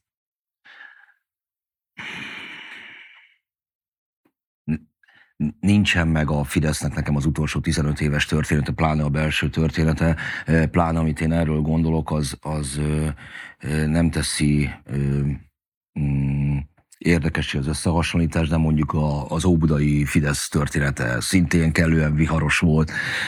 Ott akkor a délpesti szervezeteknél is voltak mindig mindenféle bugybogások. A hetedik kerület frekventált hely, ugye belül van, viszonylag kicsi, tehát könnyű kampányolni, ennek következtében vonza azokat az embereket, akik, akiknek amúgy is itt van dolga, már mint a város belső részében, akkor még nem menjen el. Vagy való. könnyen akarnak érvényesülni. De hát ne, ez a Fidesz szempontjából soha nem volt könnyű terep. Ö, Tény, mint lassan 20 évvel ezelőtti kérdésekről beszélünk, tehát egy roppant fontos hetedik kerületi Fideszen belüli belvillangások, ahol bár én kívülálló vagyok, éppen akkor vagyok, lettem nagykorú meg, meg ilyesmi. Kis, de hogy a Bálaci lett volna a, a képviselőjelölt, a Liget Projekt szépművészetinek a, a, a igazgatója. És ott valakik valamiért megfúrták, és akkor nem volt így valami jelölt, akkor, ö, akkor egy ilyen kompromisszum volt a Dajcs, akit, akit akkor meg valahogy azt hiszem Ódán fúrtak meg, vagy nem tudom. Azért ez most kijelentett, hogy 94-ben már Dajcs Tamás nem feltétlenül a menedzseri, organizátori, pártszervező képességével tűnt ki a leginkább. Ebben te egyébként tévedsz. Akkor mondd el, hogy hogy volt valójában. A, a, a, vannak ilyen emberek, akiknek a, az imidzse a tragédiáját jelenti. Tudok a Tamásról rosszakat is mondani, hiszen e, életük egy szakaszában egymást jól ismerő emberek azért ugye elárulják másiknak a gyengeségüket is, de ezt pont ezért teszik meg, mert van valami bizalmuk a másikkal kapcsolatban, tehát én felmentést kérek azzal, az alól, hogy én ilyeneket mondjak. E, volt rá egyébként példa, amikor dühös voltam rá, hogy éppen el volt szállva az agyam, akkor, akkor e, mostam be neki, de hogy, hogy legyen ennyi elég. Tehát amit mondjuk én például szűk körben bizalmas információként tartok, vagy, vagy egy Én nem a csajozási szokásra vagyok kíváncsi, csak arra vagyok kíváncsi, hogy őt miért helyezték oda, mit reméltek az ő személyétől, mi volt az a pártszervezői munka, amit ő korábban felmutatott, ami alapján azt lehetett remélni, hogy ő képes ezt Semmi, neki ke- kellett képviselői hely, ugye ez egy bomló Fidesz van, ez már túl van a székházügyön, Igen. és éppen rohanunk bele a Fodor ügybe. E- és, és, és annyi van, hogy a, rendezni kell valahogy a sorokat. Tehát embere, embereknek el kell indulniuk egyénikben, és minden egyéni körzetben legyen Fideszes.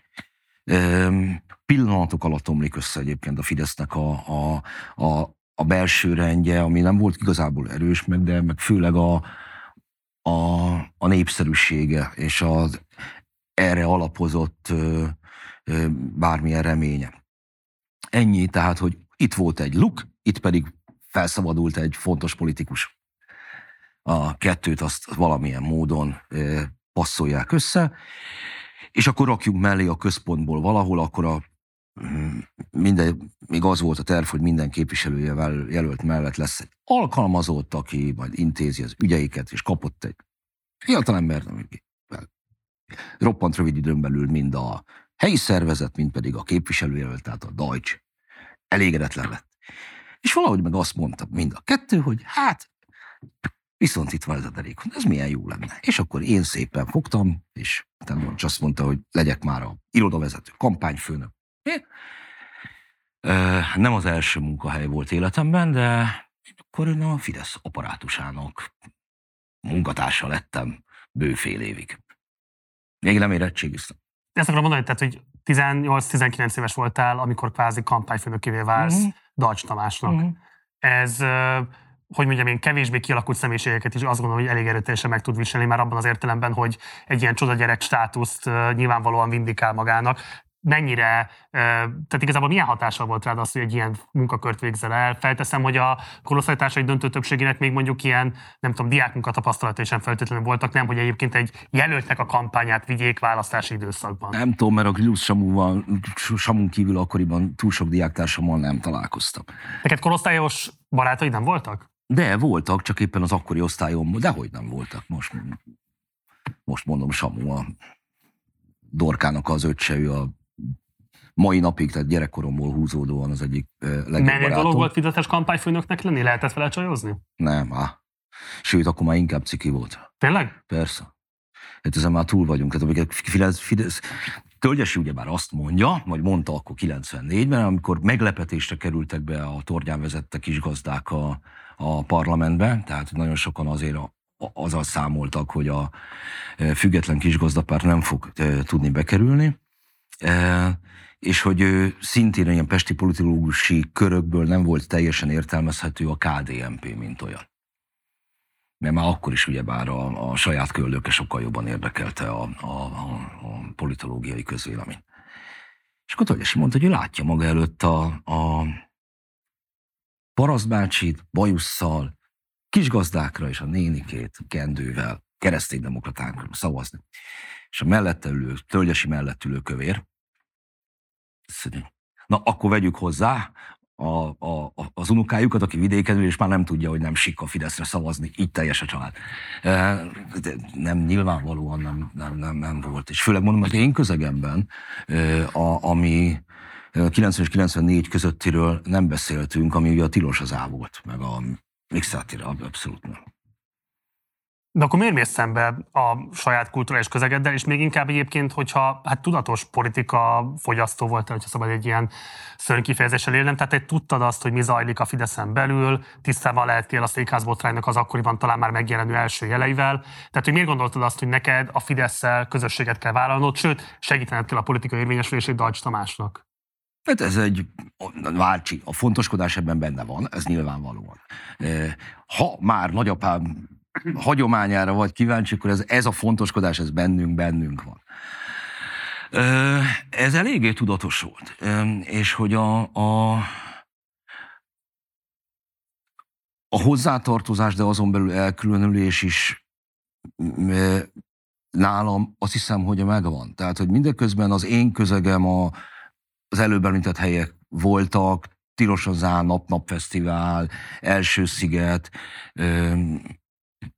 ezek a, az, ezzel jár emberek mindennek a mérhetetlen ilyen nyafogó, diszonáns, az üres menőző jellegét én akkor is ér, ér, érzékeltem. Tehát mi Samuval, amit előbb említettem, Samuval mi ezen hosszan röhögtünk egymás között, meg a különböző ilyen akkori kamasz, vagy már annál idősebb ismerőseinknek a, a, az ilyen me, a megjátszás. Na, ez az a megjátszás, a megjátszássággal.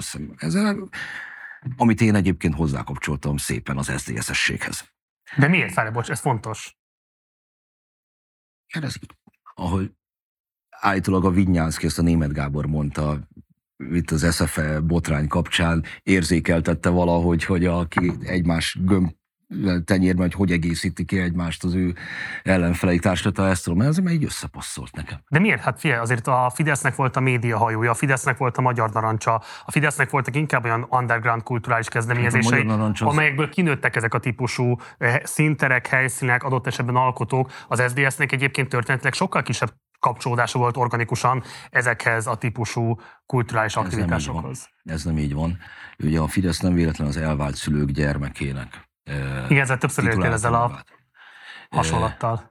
De ez igaz, és ez nekünk, ez viszont nekünk korosztályosan alapélményünk, hogy ezt ugye Orbán Viktor mondta azt, hogy a, a farmer nem esett le a kokárda, és ugyanúgy elfért otthon a, a muzsikás és a Tina Turner. Azt hiszem pont ezekkel a példákkal élt.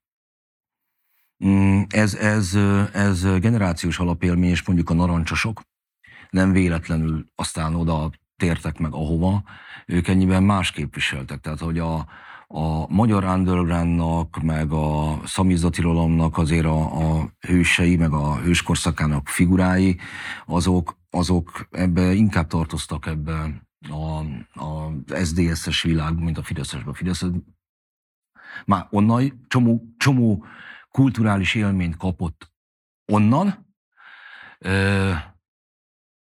de az más. Szóval ez némileg Kicsit hadd veled, azért a szétválásig, akár a Molnár Péter, ha nézzünk Rockenbauer Zoltánra, de akár a megéneket Bán Lászlót is lehetne említeni, nagyon komoly politikusai voltak a Fidesznek, akinek nagyon természetes volt a kapcsolódásuk az undergroundhoz. Mégis Hát azt a- gondolod, hogy jobban be volt ágyazva ez a világ az SZDSZ holdudvarába? Ennyiben a Rocky, aztán akinek szintén lettem a Kampányfőnök, igen, az kampányfőnök már 8 később. évvel később, ő azért mindig arisztokrata volt, nem csak az undergroundhoz tartozott, hát ő, ő Wagnert is mindig hallgatott. Hallgat most is még állítólag. Mondom, mindig is hallgatott, és hogy állítólag ezt valami strandon, ezt Bajer Zsolt leírásából tudjuk, ezt térdigérő fekete zokniban és egy Metallica pólóban tette, és hogy a helyiek kirándulásokat szerveztek direkt az ő megtekintésére.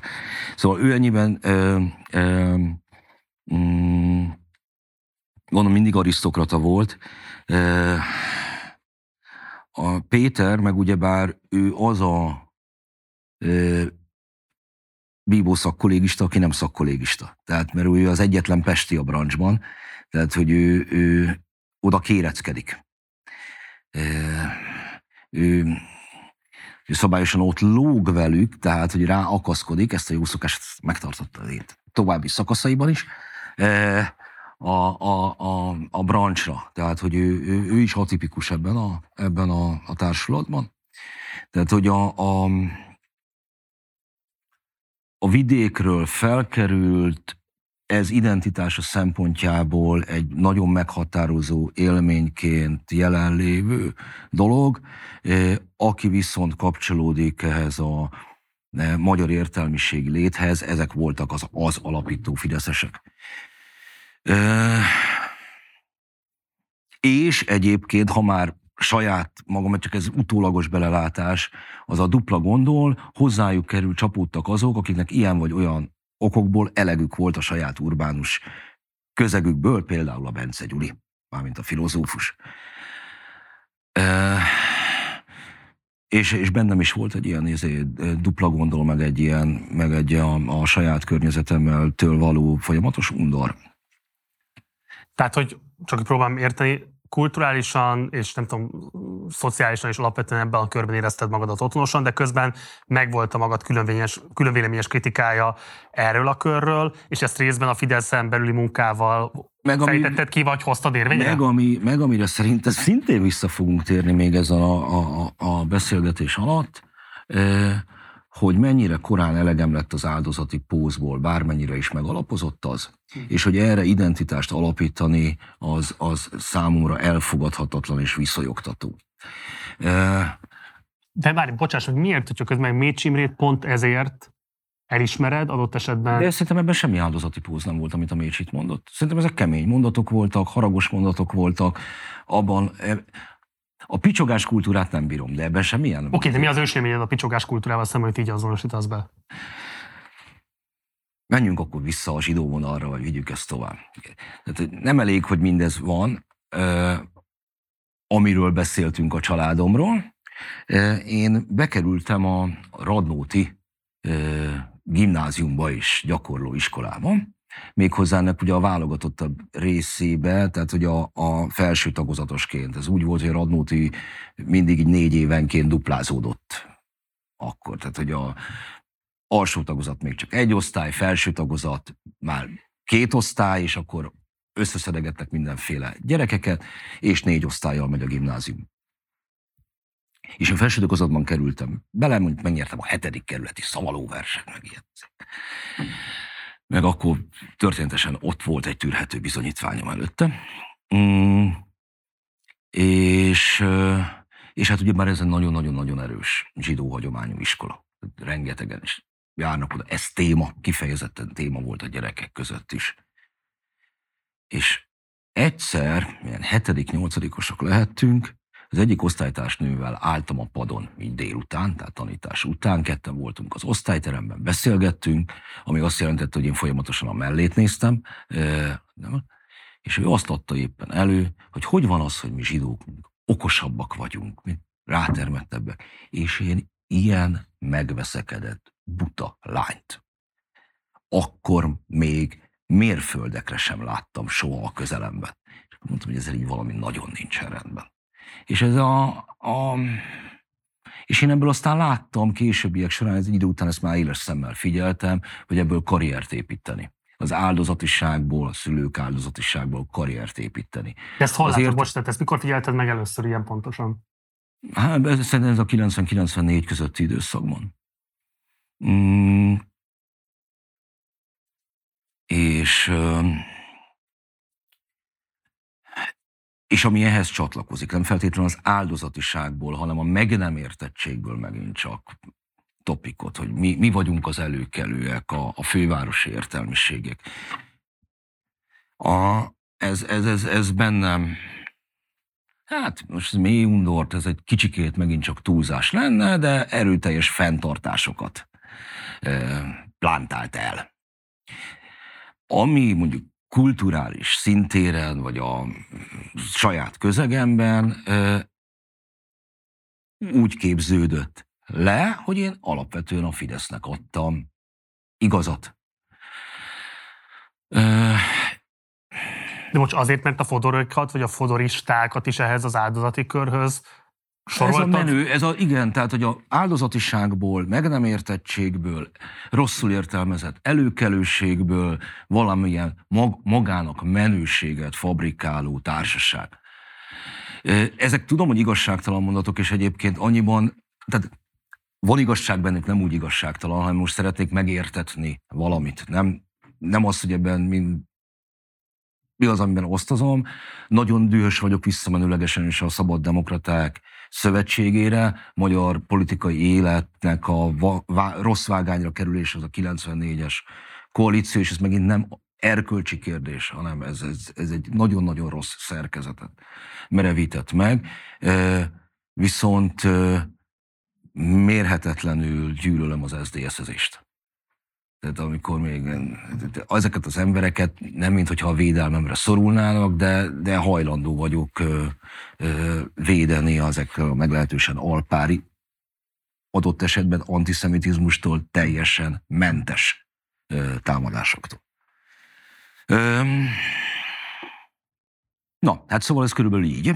Nem tudom, hogy ez, ezt a, azt a kitérőt honnan is kezdtük el, de ezt nem Dajcs is az én dolgom fejben tartani, hanem a tiéd. A Dajcs Tamást és a 94-es kampánytól, szóval az OSA archívumából ástunk elő felvételeket. Várjál még az OSA archívumában belekezdtük, mert ezt a kitérőt megtettük a... Melyiket? Miről? A, a tilosozás és a zsidó mellek irányába. Még egy dolgot a Deutschról akartam mondani, ami... Hát erre Bostin a lényeg. Hát Bostin a 94-es kampány, azt nézzük meg, hogy az hogy nézett ki, és aztán mindenképpen mondani, amit akarsz a Deutsch.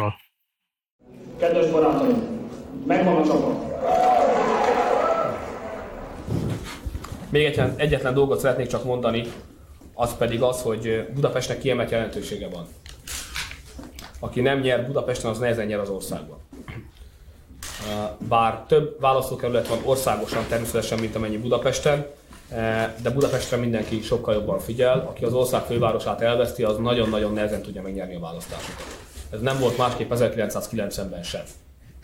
Aki nyerte a fővárost, az nyerte az országos választásokat is. Ebből fakadóan a fővárosi jelöltjeinkre bizonyos szempontból nagyobb közfigyelem és nagyobb feladat is hárul, mint talán az ország más kerületeinkben induló jelöltjeinkre. A jelölt állítást nagyon sikeresnek tekintjük. Úgy látjuk, hogy a jelöltjeink azok szakmai tudjukat tekintve, emberi tartásukat tekintve alkalmasak arra a feladatra, amire vállalkoztak. Egyetlen más jel- párt jelöltjeinél sem vagyunk alábbvalóbbak. Eh, ha megnézzük a összes többi pártjelöltjeit. Jó eséllyel indulunk tehát Budapesten, és a kampány az döntő lesz. Ha jó a kampányok, akkor Budapesten arathatunk átütő sikert is. Köszönöm szépen a figyelmet. Köszönöm. Orbán Viktor vagyok, a Fidesz bukott frakcióvezetője, jelenleg pártelnök.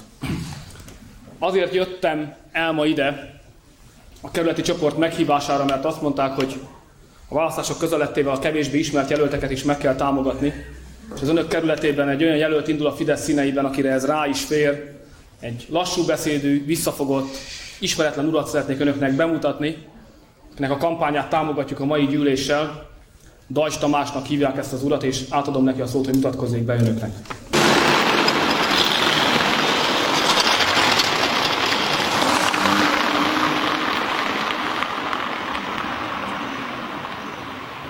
Jó, hát, Várjuk meg az eredményt. Az igazság, hogy nem 20 perc alatt találják ki a pártok a választási stratégiájukat. Hát ugye ismerté válnak az eredmények, amelyek adott esetben egy előttes várakozást alulmúlnak, akkor eh, másfél óra alatt egy kampánystratégiát megváltoztatni vagy módosítani, hát azért annál sokkal nagyobb megfontoltság jellemezte eddig is a Fidesz, és remélem, hogy ezután is. Nyilvánvaló, hogy nincs olyan nagyon sok ideje a pártoknak, hogy a számukra világosá vált eh, választási eredményhez hozzáigazítsák, hogy a két forduló között mit csinálnak. Nyilvánvaló, hogy a jövő hét első napja azok azzal fognak eltelni, hogy alaposan értékelni kell a megyei, az országos eredményeket és az egyéni választókeleti eredményeket, és ehhez kell igazítani majd azt, hogy mit kell csinálni. Hogy feltehetőleg pontos választ a legjobb szándéka sem lehet még erre a kérdésre adni majd 12 óra 4 perckor sem. De biztos sokkal többet fogunk mi is tudni, és sokkal többet fogunk tudni elmondani, és remélem legalábbis. Mit gondolsz látottakról? Hát, no igen, ezeknek egy jelentős részén jelen voltam. Na, azt akartam még mondani a Deutschról, most, hogy itt beszélt, azért 28 éves akkor, 66-os. 27, még nincsen 28, mert, mert nyári. Hogy hasonlíts már össze egy momentumossal. És a, azt próbáltam előbb valahogy elmondani, vagy belekezdeni, hogy embereknek, akiknek az imidzsük valahogy a tragédiájuk, a Deutsch egy nagyon nagy munkabírású, dolgozni szerető, és gyors észjárású valaki. De ezt így kollektív azt gondolod, hogy senkit nem jellemez a Momentumon belül? Nagyon keveseket. Azt hiszem, hogy nagyon keveseket. Um, hát igen, ezek meg ilyen idők voltak körülbelül, amit egyébként most láttál, ilyen dresszkódot, vagy megjelenő dresszkódot. Ez egyébként magyarázat arra is, hogy miért nem szoktam nyakkendőt és öltönyt hordani. Én ezt a ez irányú kapacitásaimat kimerítettem ebben az időszakban. Körülbelül még engem is hozzá kell képzelni valami ilyen szerkókba. Milyen volt ekkoriban Orbán és Dajcs közötti viszony? Mennyire reális az a kép, amit itt látunk a bejátszásban, hogy azért igen komolyan oda tette magát Dajcs sikeréért? Én nem tudok erről beszámolni, tehát ők azért jóval régebről ismerték egymást, én hozzájuk képest mindig ifi voltam. A Dajcsal egy kifejezetten szoros, baráti szálakkal átszőtt munkaviszony kapcsolódott vagy alakult ki, és az elkövetkezendő éveket is ezt jellemezte. Viktorral meg, meg soha nem voltam e, semmilyen közel kapcsolatban. Mondom, ez az időszak, amikor hivatalosan a Fidesz apparátusának tagja voltam, az legfiatalabb talán, vagy az egyik legfiatalabb a garnitúrában. Kitüntetően kedves volt velem az Orbán mindig. Az egyik ilyen felvételen látható alkalom, az egy hetedik kerületi kampánygyűlés volt, amelynek a hivatalos részén túlmenően, tehát a jelöldemutatás, fórum, semmi értelme, narancs osztás a Garai téri csarnokban, vagy kedvezményes narancsárusítás már nem. A korkrumplia. Így van. Na igen ám, csak hogy az SZDSZ-es dominanciájú önkormányzat, ezt mondja, a piacon nem lehet politikai rendezvény, így a meghirdetett alkalom előtt fél órával megtiltotta. Mire én oda mentem egy kofához, és mondtam, hogy akkor itt van két tehetséges eladó, legyen szíves egy órára alkalmazni őket. És Orbán Viktor és Dajcs Tamást, egy zöldségkereskedő, egy órára szépen felvette, majd oda mentem a piacvezetőséghez, hogy bele akarnak-e abba szólni, hogy ki a ö, alkalmazottja az egyik zöldségesnek, és akkor tudom, hogy egy SZDSZ-es alpolgármestert felhívtak, hogy mit csináljon, és azt hát a Fidesz nyert. És ezért kaptak is valami pénzt, és akkor mondtam az Orbánnak, hogy oké, okay, rendben, ezt egy óráig megcsinálták, de ezért neki, mint tudom, a 62 forint bevétele keletkezett, és felajánlja a hetedik kerületi Fidesznek.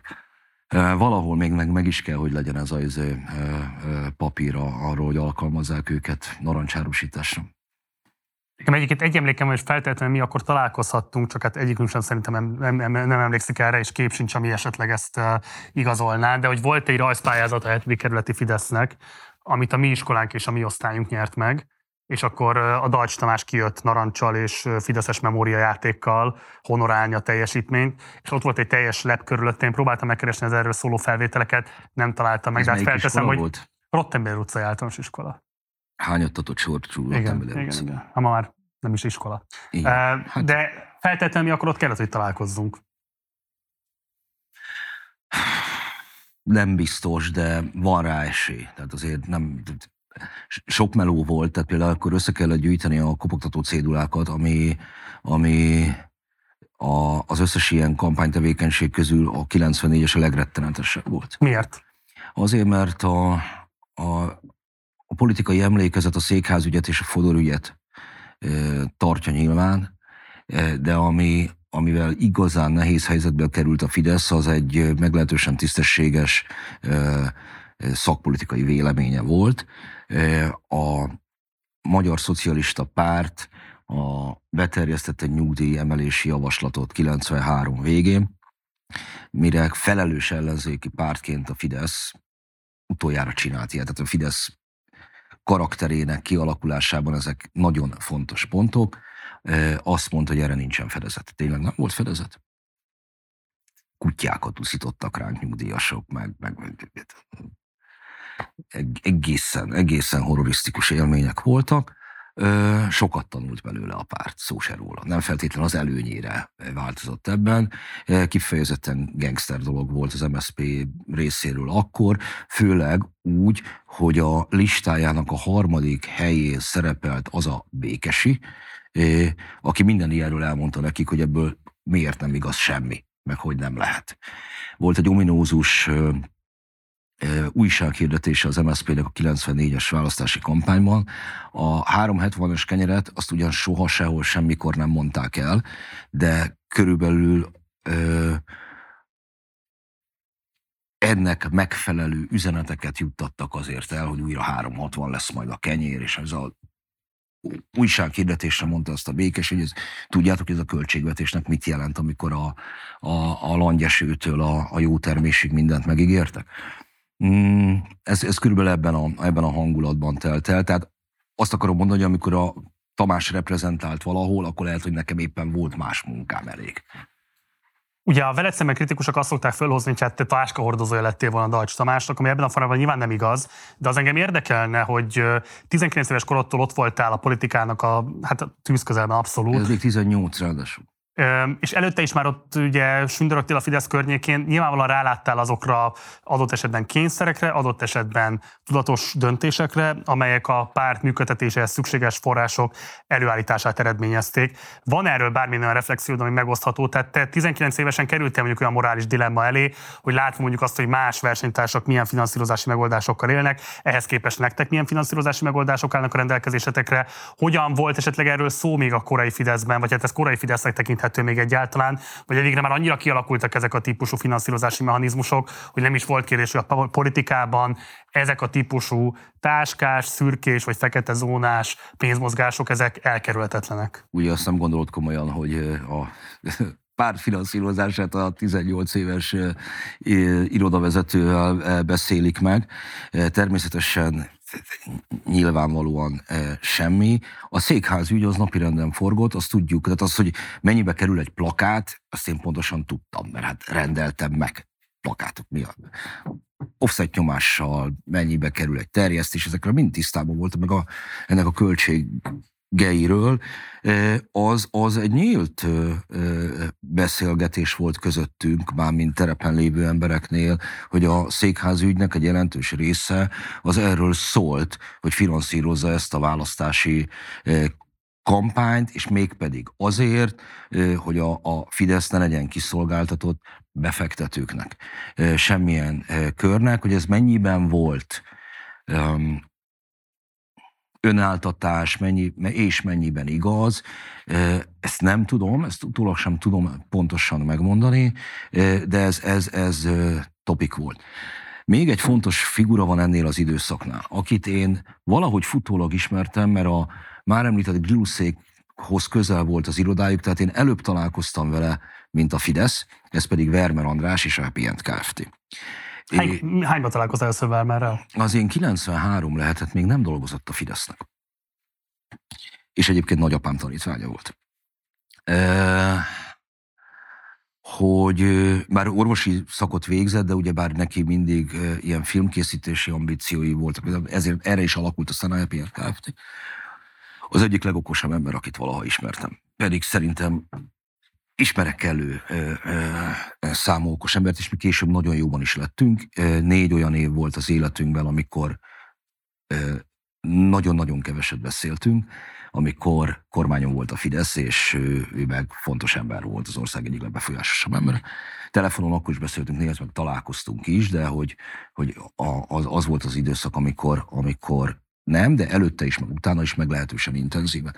És ugyanis a Vermer úgy került a Fideszbe, hogy a hetedik kerületen keresztül valahogy valakik a Deutschnak ajánlották, és mi kezdtünk el. És akkor, amikor összeomlott a Fidesz kampánya, mert részben a nyugdíjügy, részben a fodorügy, korábban hiszem, és aztán a gondolatkísérlet. A gondolatkísérlet volt az, hogy mi van abban az esetben, hogyha az MDF elveszíti a, a választásokat, de a liberális közép nek önmagában nincsen többsége. És akkor felvetette az Orbán, hogy abban az esetben a kis MDF-fel elképzelt, hogy koalíció, na erre ráment minden, a kampánystáb lelépett, és a Vermer, aki akkor addigra már velünk dolgozott, kezdett el dolgozni a Fidesznek. Ez, és hogy miután az egy kudarcos kampány volt, azt a Vermer is mondta utána, hogy ez miért, hogy miközben a párt egy ment jobbra, ebben a gondolatkísérlet, meg nyugdíjügy, nem tudom, présében volt, akkor elkezdődött egy ilyen balos kampány, ugye Kóbor János Dajcs plakátot látunk, Igen. ez felépített valami volt, mert Kóbor János, Benkő László volt, azt hiszem talán az első plakáton. Tehát ez egy, a, és a Dajcs az utána került rá. Tehát, hogy egy ilyen felépített. Még mondta is a Dajcs, hogy két hét múlva én leszek ott nekem, mert és ez volt ez a, a ha unod a banánt, választ a narancsot meg, meg gombóc artulos kampány. Tehát, hogy ha az unod a banánt, választ narancsot, az Vermertől jött? Igen, és hogy, hogy ez mindez azért, mert hogy, hogy nem lehetett mit mondani. Tehát, hogy olyan helyzetbe került a Fidesz, hogy nem lehetett mit mondani, bármit csinálsz, rosszul jössz ki belőle. Ez például egy roppant fontos politikai skill, hogy felismered azt, hogy mikor vagy ilyen helyzetben mert ilyen helyzetbe lehet kerülni. Lehet kerülni részben vétlenül is, de amikor kihúzod a loser kártyát, akkor az nálad van, akkor azt akkor ne, nem, ne, próbáljál meg bűvészkedni, és akkor az nálad van, akkor tűrni kell, és megúszni a helyzetet. Na mindegy, ez most csak a hetedik kerületi kampányesemények, Dajs Tamás, nem tudom, apropóján, hogy van, van még egy jelentős ember, aki aztán az én életemben játszott szerepet, és akit ebből az időszakból ismerek. Hogyan Dajcsra a választási vereség? Hát sehogy az egész pártra hatott, tehát ez, ez, ez egy kívülről ért, mért ütés, amit, amit mindenkit összehozott. Volt neked egy műsorod, eh, ahol a, a Fidesz genezisét próbáltad így feltárni, és mérhetetlen igazságtalan és hülye voltál, amikor a 94-es kongresszusnak a, a, a történéseit interpretáltad. Az egész párt megtámadva érezte magát. Eh, Az én videóm által nem... Tessék? Az én videóm által? Ja nem, nem, nem. A kongresszuson, jó? Igen, igen, igen. Hát nem a magyar politika által, a Szabaddemokraták Szövetsége által, a pesti sajtó által. De megsegíts, mi volt az én állításom, ami hülyeség volt? Az, hogy, a, hogy az Orbán nem mondott le, egy ilyen helyzetben le kellett volna mondani, és nem vállalta már akkor sem a felelősséget lemondott. Teljes elnökség lemondott, és 80, közel 80 százalékos többséggel választották újra. Ha már székházügy, akkor ugye a Vaxler ö, indult el ellene akkor elnökjelöltként, Igen. Aki aztán később a székház ügynek azokat a, a ö, szálait próbálta felfejteni, hogy az, az miként gazdagított magán cégeket. Ö, nem tudom, tehát hogy ezzel én nem, nem tudom, hogy ebb, ebből e, mi az igazság. Voxler Tamás minden esetre jelen pillanatban Kövér Lászlónak a jobb keze is, ugye bár a Kossuth téri projektet csinálja, és egyébként nem, nem vagyok vele rosszban. Hát ez bocs, a korszak oknyomozó újságíró azért azt elég alaposan föltárták, hogy akár a kövér családhoz, akár az Orbán családhoz köthető. De az a Szilárdhoz. A Kövér Szilárd, azért mondtam, hogy Kövér család. Tehát Kövér Szilárdhoz, illetve Orbán Győzőhöz köthető cégekhez hogyan vándoroltak áttételeken keresztül a tisztikaszínű eladásából származó pénzek. Igen, csak az, hogy ennek, ennek mennyiben parkoltatott pénz, és mennyiben forog vissza a párthoz, mennyi, ezt én nem tudom. Erről Most is, engem is, nem is az érdekel, hogy milyen morális felelősséget, nem, nem, nem. Az érdekel alapvetően, hogy ezek a legelső ilyen típusú üzelmek voltak, amik napvilágra kerültek.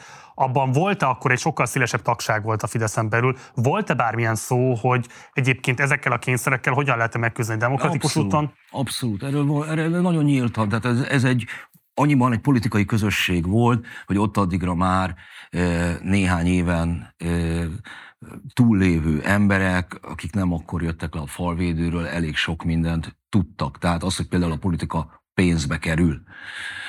Ö, és azt Miért hozta a te megítélésed szerint a Fidesz is azt a döntést, hogy a magyar állampolgároknak ezt az összefüggést nem lehet elmagyarázni, hogy ebben követni kell azokat a példákat, amelyeket az ellenkező pártok csinálnak, és nekik is el kell hazudni ezt az összefüggést. azért, amit előbb mondtam, a nyugdíjemelés ügy. Ott a Fidesz és a nyilvánosság viszonya, meg az, hogy igazat mondasz, és megpróbálsz alapvető igazságokat nyilvánosan is képviselni, szóval ez megrázta a Fidesz, hogy ez működik-e, vagy Ami azért, mert egyszer ezzel lukra futnak, hát azért ez nem lehet egy életre szóló fölismerés onnantól kezdve. Hát nyilvánvalóan számtalan más kérdésben meg igenis vállaltak küzdelmet, vagy, vagy, vagy vitát a közvéleménnyel. Például Hát 2010 utántól kezdődően akár a menekültválság, akár bármilyen más típusú politikai konfliktust illetően, de hát 2002-t követően is azért volt számtalan ilyen típusú konfliktus, amiben vállaltak igenis Hát adott esetben olyan- frontot. Hát bocs, a 2004-es népszavazási kérdés egyáltalán nem volt az magától értetődő, hogy Magyarországon például a határon túli magyaroknak állampolgárságot szeretne adni a magyar közvélemény döntő többsége, ez már azért megfordult. nem is a Fidesz kezdte nem a Fidesz kezdte de ráült erre a kezdeményezésre. E, úgy, hogy nagyon sokáig nem. És politikai szempontból ez egy hiba is volt. Szintén a Fidesz számára, az, az ugye már nem az én Fideszem, a proforma még Fidesz tag voltam, de az, az,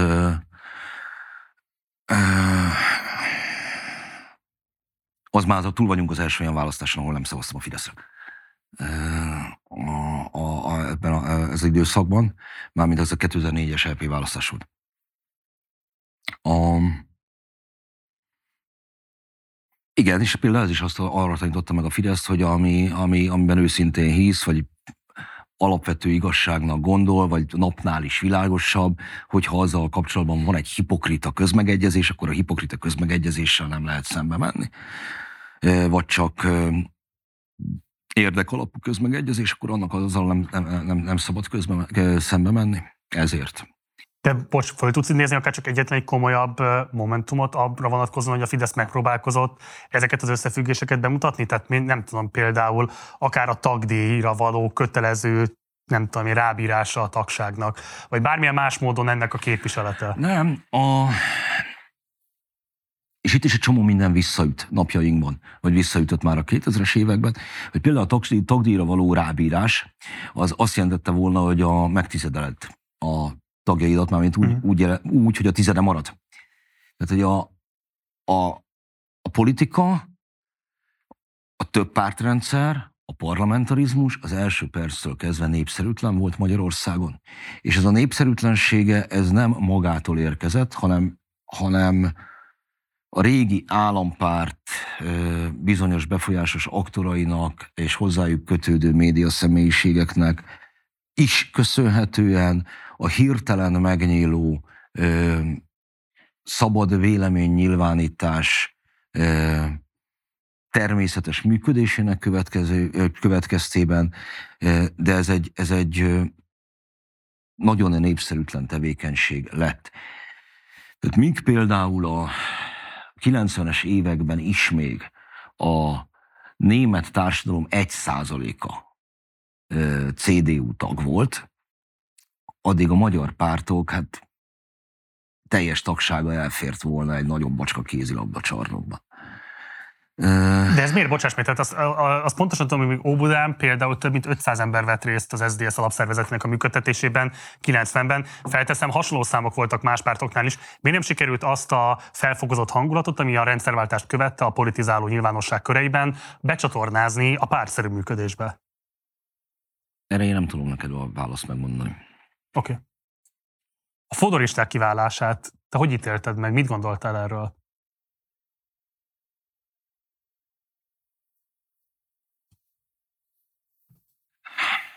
A, mint mondott, mondtam, én nem fideszeztem 90 és 94 között. A, a önképemhez hozzátartozott a különböző e, diskurzusaimban e, alapvetően fideszes álláspontot képviseltem, e, de nem voltam involválódva a szervezetbe. De azért bizonyos e, dolgokra volt rálátás, találkoztam emberekkel, akik intenzívebben csinálták nálam, meg, meg Na most azt azért pontosan tudtam, hogy a Fidesznek volt egy belső ellenzéke.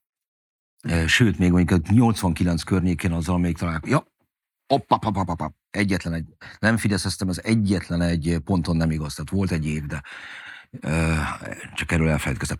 Erről majd mondjuk mindjárt valamit. A, Szóval Fidesznek volt egy belső ellenzéke, az úgynevezett mozgalmi frakció. Vas József, meg ilyen emberek tartoztak akkor ide. Fodor Gábor nem. Fodor Gábor a központ által küldött rendcsináló volt, hogy ezeket a renitenseket verje le.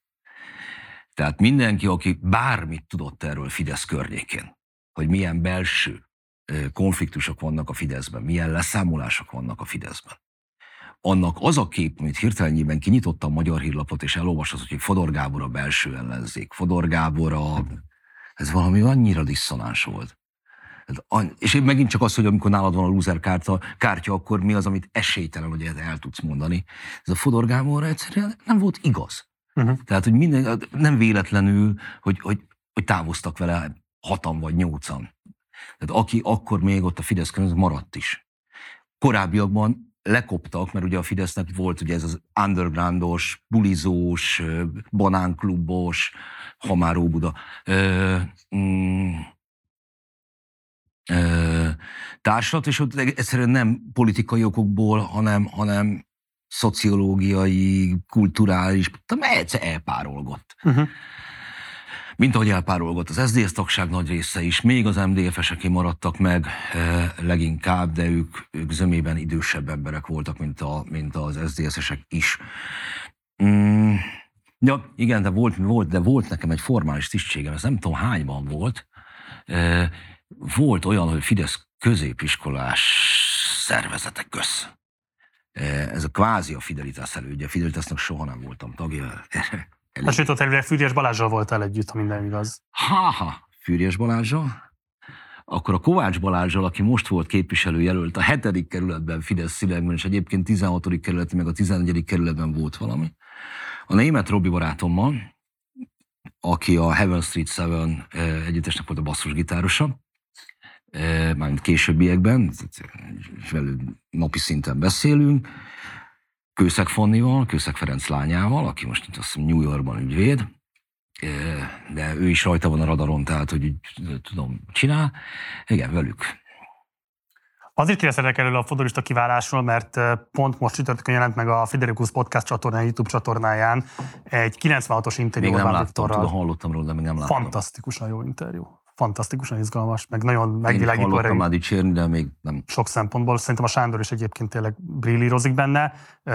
Néhány tévedése van, de azok szerintem nem szusztantívak. Ami viszont nagyon érdekes, hogy milyen képet kapunk Orbán Viktorról. Egy rövidebb részletet kiválasztottam, picit hosszú, de mégis kiválasztottam ezt, mert szeretném, hogyha megnéznénk most ezt közösen. És nagyon érdekelne, hogy milyen értékeled Orbánnak azt a politikai véleményét, amit a Fodor köreinek a politikai szakításával kapcsolatban fogalmaz meg. Az előző válaszot tükrében kérdezem, te Fodor Gábort némiképpen vagy teljes mértékben árulónak tartod? Nem szoktam ezen a nyelven fogalmazni a nyilvánosság előtt. Akkor jól értem a választ. Nem kell, csak bólincsál. Én egy világos választottam erre a kérdésre. A mi nézőpontunkból minden párt elhagyásnak, más párthoz való átigazolásnak van morális tartalma, nem csak politikai természetű. Arra talán személyesen tudsz felelni, hogy mennyire tekinted, vagy tekintetted saját kudarcodnak? Jelentős mértékben. Ez egy komoly, ez például egy komoly hiba volt 90 és 94 között. Hamarabb kellett volna tiszta vizet önteni a pohárba. Tehát, ja, hogy ilyen értelemben. Persze, nem szabadott volna engedni, hogy, hogy a választási kampányt megelőző utolsó néhány hónapban tör, törjön felszínre ez a konfliktus, hiszen világos volt, hogy a gondolkodása azoknak, akik később elmentek a pártból, jelentősen különbözik a Fidesz fő áramának a, a gondolkodásától, értékvilágától. Vagy meg kellett volna kötni egy megállapodást, akkor mennyi ideig és hogyan tudunk egymásra együttműködni, vagy hamarabb kellett volna törésre vinni a, a dolgot. Én azt éreztem végig, hogy talán van bennem annyi erő és képesség és meggyőző erő, vagy nem is tudom micsoda, talán lelki talentum, hogy meg tudom győzni azokat, akik el akarnak menni, bármikor is történjen ez meg, hogy a választásokig nem mehetnek el, mert az felelőtlenség. A választások előtt egy ilyen lépés az addigi közös munkánkat rombolhatja le. De nem tudtam sajnos ezt a, ezt a meggyőző erőt nem tudtam bemutatni. Én változatlanul Fodor Gáborról beszélek, vagy beszélnék, hogy mennyire annak a következtében állt elő ez a helyzet, hogy kettőtök között mindvégig érezhető volt egy kimondatlan rivalizálás. Tehát nyilvánosság elé nem vittétek bár, de ezt a színfalak mögött jócskán lehetett tapasztalni, meghallani. Igen, de valójában nem a személyeink közötti, szóval nem személyes az ügy, hanem hogy más gondoltunk a, a világ fontos kérdéseiről, és más gondoltunk arról, hogy mi lenne kívánatos Magyarország számára. Tudom, hogy te nem vagy híve az ilyen emelkedett fogalmazásnak, szóval nem szívesen tárod a nyilvánosság elé mindazt, amit gondolsz, pláne meg az érzelmeidet, de valaha is, amikor végig gondoltad az eset után, hogy mi történt és hogy történt. Fájt? Mármint baráti értelemben? Nem. Politikailag fájt. Tudod, milyen az? Már a nagyapádnál is ezt kérdeztem, hogy ez a típusú megbántottság élmény, amiről Orbán Viktor beszámol, és nincsen akkor igazából megkérdezni, hogy ne lenne őszinte és ne lenne nyílt. Hogy neki a Fodorral való szakítása az elsősorban nem személyes érzelmi kérdés, hanem egy politikai fájdalom. Szóval, hogy ez nálad hogyan csapódott le, te hogyan értékelted ezt, és volt ebből bármilyen szintű olyan élményed, ami aztán később determinálta azt, hogy hogyan viszonyultál akár az SZDSZ-hez, akár a Fideszhez. Tehát te hogyan élted meg ezt a vállást? Nem értettem egyet a Fodorral, tisztességesnek sem tartottam. Nem ez a lényeges. Ezek én sokat szoktam gondolkodni, és a mai napig szerintem ez egy releváns kérdés, noha egy egyre szűkülő körről beszélünk. És az a dű, amit a, a, az Orbánon érződik. Az ez egy kontrollált dű. Gyilkos dű. Kontrollált, ez. Szóval el vannak, el, a kiélezett kések a fiókban vannak, tehát ez, ez, ez egy olyan dű. Mikor veszi elő őket? Ő, aztán végül is igazából annyiban nem vette elő, hogy, hogy hogy nagyon érdekes, hogy az Orbán karakter nem egy bosszúálló karakter. Tehát ez a, a, de tényleg nem az. Nem. Tehát, hogy hát ő... most, ha csak a leg közelebbi tényleg esemény, ami most történt a napokban, hogy mondjuk a magyar hanggal hogyan egrecíroznak mindenféle fajta kormányinfókon való benemengedés kapcsán, hogyan próbálják őket ellehetetleníteni a működésükben. Szóval azért most te csak egy példát tudnék mondani arra a kicsinyességre, ami mondjuk jellemzi a Fideszt. Nem. Az, az, az provokáció. Az, attól még kicsinyesség, attól még bosszúállás. De, de nem. Ez provokáció. És az az, az oka, hogy, hogy hiszi legyen. És sok ilyen, sok ilyen stimulálás van, triggerelés, rengeteg ilyen van, és ennek a, ennek a célja a, a, a, az, hogy, hogy kiabálás legyen belőlem. Nem, mindenki, tehát a nap, Fodor Gábor maga. Tehát itt azért tényleg árulásnak fogja fel a Fidesz. Mindjárt elmondom, hogy mi ebből szerintem a lényeges, ami Fidesz független. Itt bármit is mond az Orbán, itt, itt, itt vannak személyes szálak ebben. Tehát olyan lelkis sebek, amelyeket évtizedekig hordoz az ember, és mi történik végül Fodor Gáborra? E, nem, nem engedik el a kezét. Tehát oda van egy színekúrával rakva. Ilyenek. Tehát vég, végső á, nem, teljes egészében politikai gondolkodás, politika által vezérelt célok és, és valószínűleg politikai személyiség. Tőlem végső soron, végső soron azt kellett belátnom, hogy végső soron ez egyébként tőlem távol áll. Tehát, hogy a, a személyiségem nem ilyen. E, tehát ennyiben a, a Viktor egy, egy, egy a hatalmi gépszerű valaki, aki ebbe a nagyvonalúságot is be tudja illeszteni. Annyit hozzátennék, mint politikus az. Természetesen egy politikus sem csak politikusból áll. Ezt azért tudom, mert erre érzékeny szokott lenni, hogy amikor őt pusztán leírják egy, egy hatalmi nyomulógépkörből kihagyják a, a, a személyiségét, valószínűleg van még e, csomó minden más, de azt én nem ismerem. E, az a dű, tehát az az árulás meg elhagy, ez nem, nem, nem igaz az, hogy minden párt elhagyást morális tartalmunknak ítéltek volna meg. Itt kifejezetten az a kérdés benne, hogy ő hova megy. Bégány Attila pár elhagy, párt elhagyás, aki Fidesz alapító, és hamar kiderült, hogy ő, ő gyakorlatilag a miéptől egy kicsikét jobbra áll, soha senki nem róta fel neki. Uh, akkor még ugye nem volt miébb, de hát szóval, hogy a tényleges. A, azt, hogy Fodor, Fodorék kifejezetten a, annak a körnek a mm, pártjába mentek, annak a körnek e, e, akartak megfelelni, akivel szemmel a Fidesz addigra már a szabadságharcát vívta. Akkor ide amely... valamit, bocs, mert ez nagyon fontos. Tehát 96-ban vagyunk, ez ugye pont az az átmeneti időszak, amikor a Fidesz liberális, szabadelvű pártból nemzeti konzervatív pártá megy át, és 98-ban aztán választást nyer a kisgazdákkal közösen. Ugye 94-ben tényleg majdnem beszakította a pártot azt, hogy Fodorék kiváltak, Kisia volt neves neki a parlamentből. Ugye azt lehet látni, hogy, hogy feltehetően Fodor Gábor akár bizonyos választói rétegében népszerűbb is volt, mint Orbán Viktor, tehát egy nagyon komoly veszteség a pártnak, hogy ott hagyják Fodorék a formációt. Ugyanakkor meg ebben a négy évben Orbán képes volt arra, hogy ezt a nagy veszteséget, ezt igazából egyfajta belső gyúanyaggá vagy motivációs erővé gyúrja.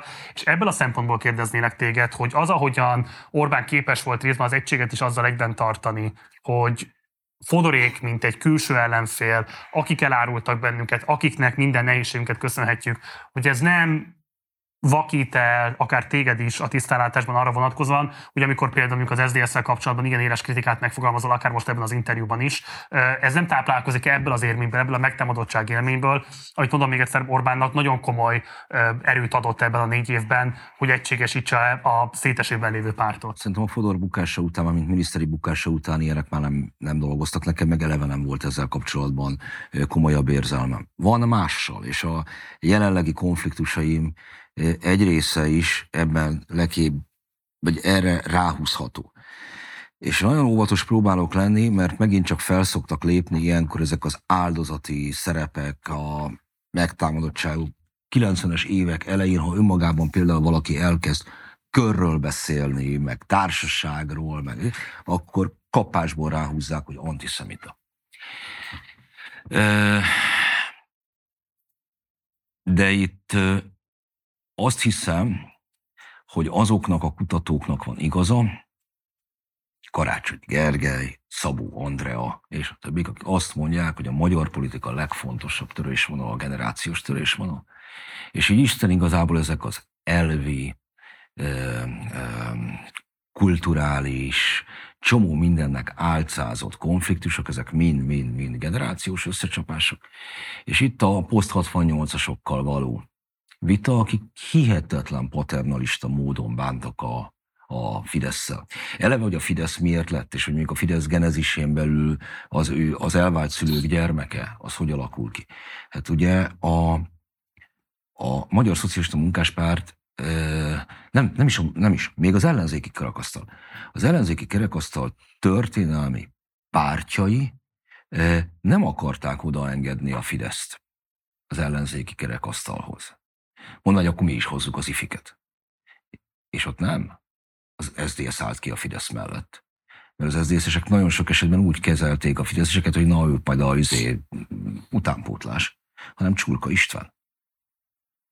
Csurka István harcolt meg a Fideszért, mint én, és, és az MDF szervezőinek volt a, a legszebb köszöntő, amikor a Fidesz megalakult, hogy, hogy, hogy végre, végre Adi szavait halljuk hiteles ajkakon. Tehát ez a, ez a poszt 68-as urbánus közeg, ez, ez nagyon lekezelő tud lenni. Hihetetlen elitizmus van benne, most, ami a választás után kitört. De ezt ennyire kontinuusnak tekinted? Abszolút. Mert ezt mert személyében meg tudom mondani. Hát nyilván. Csak a legjobbjaik időközben meghaltak. De arányos-e egy-két ilyen véleményformáló adott esetben hangadó, de azért mégiscsak néhány ezernél, mond ki, néhány tízezer embernél többnek a véleményét formálni, mert nyilvánvalóan nem képes embernek ekkora jelentőséget biztosítani, vagy tulajdonítani? Ma már megkerülhető.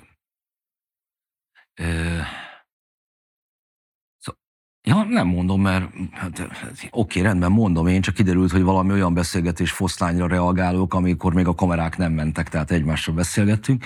Ez a kör ma már megkerülhető. De a 90-es években ez volt a, a, a liberális sajtó. Ahogy szintén a tölgyesi jellemezte a média elit.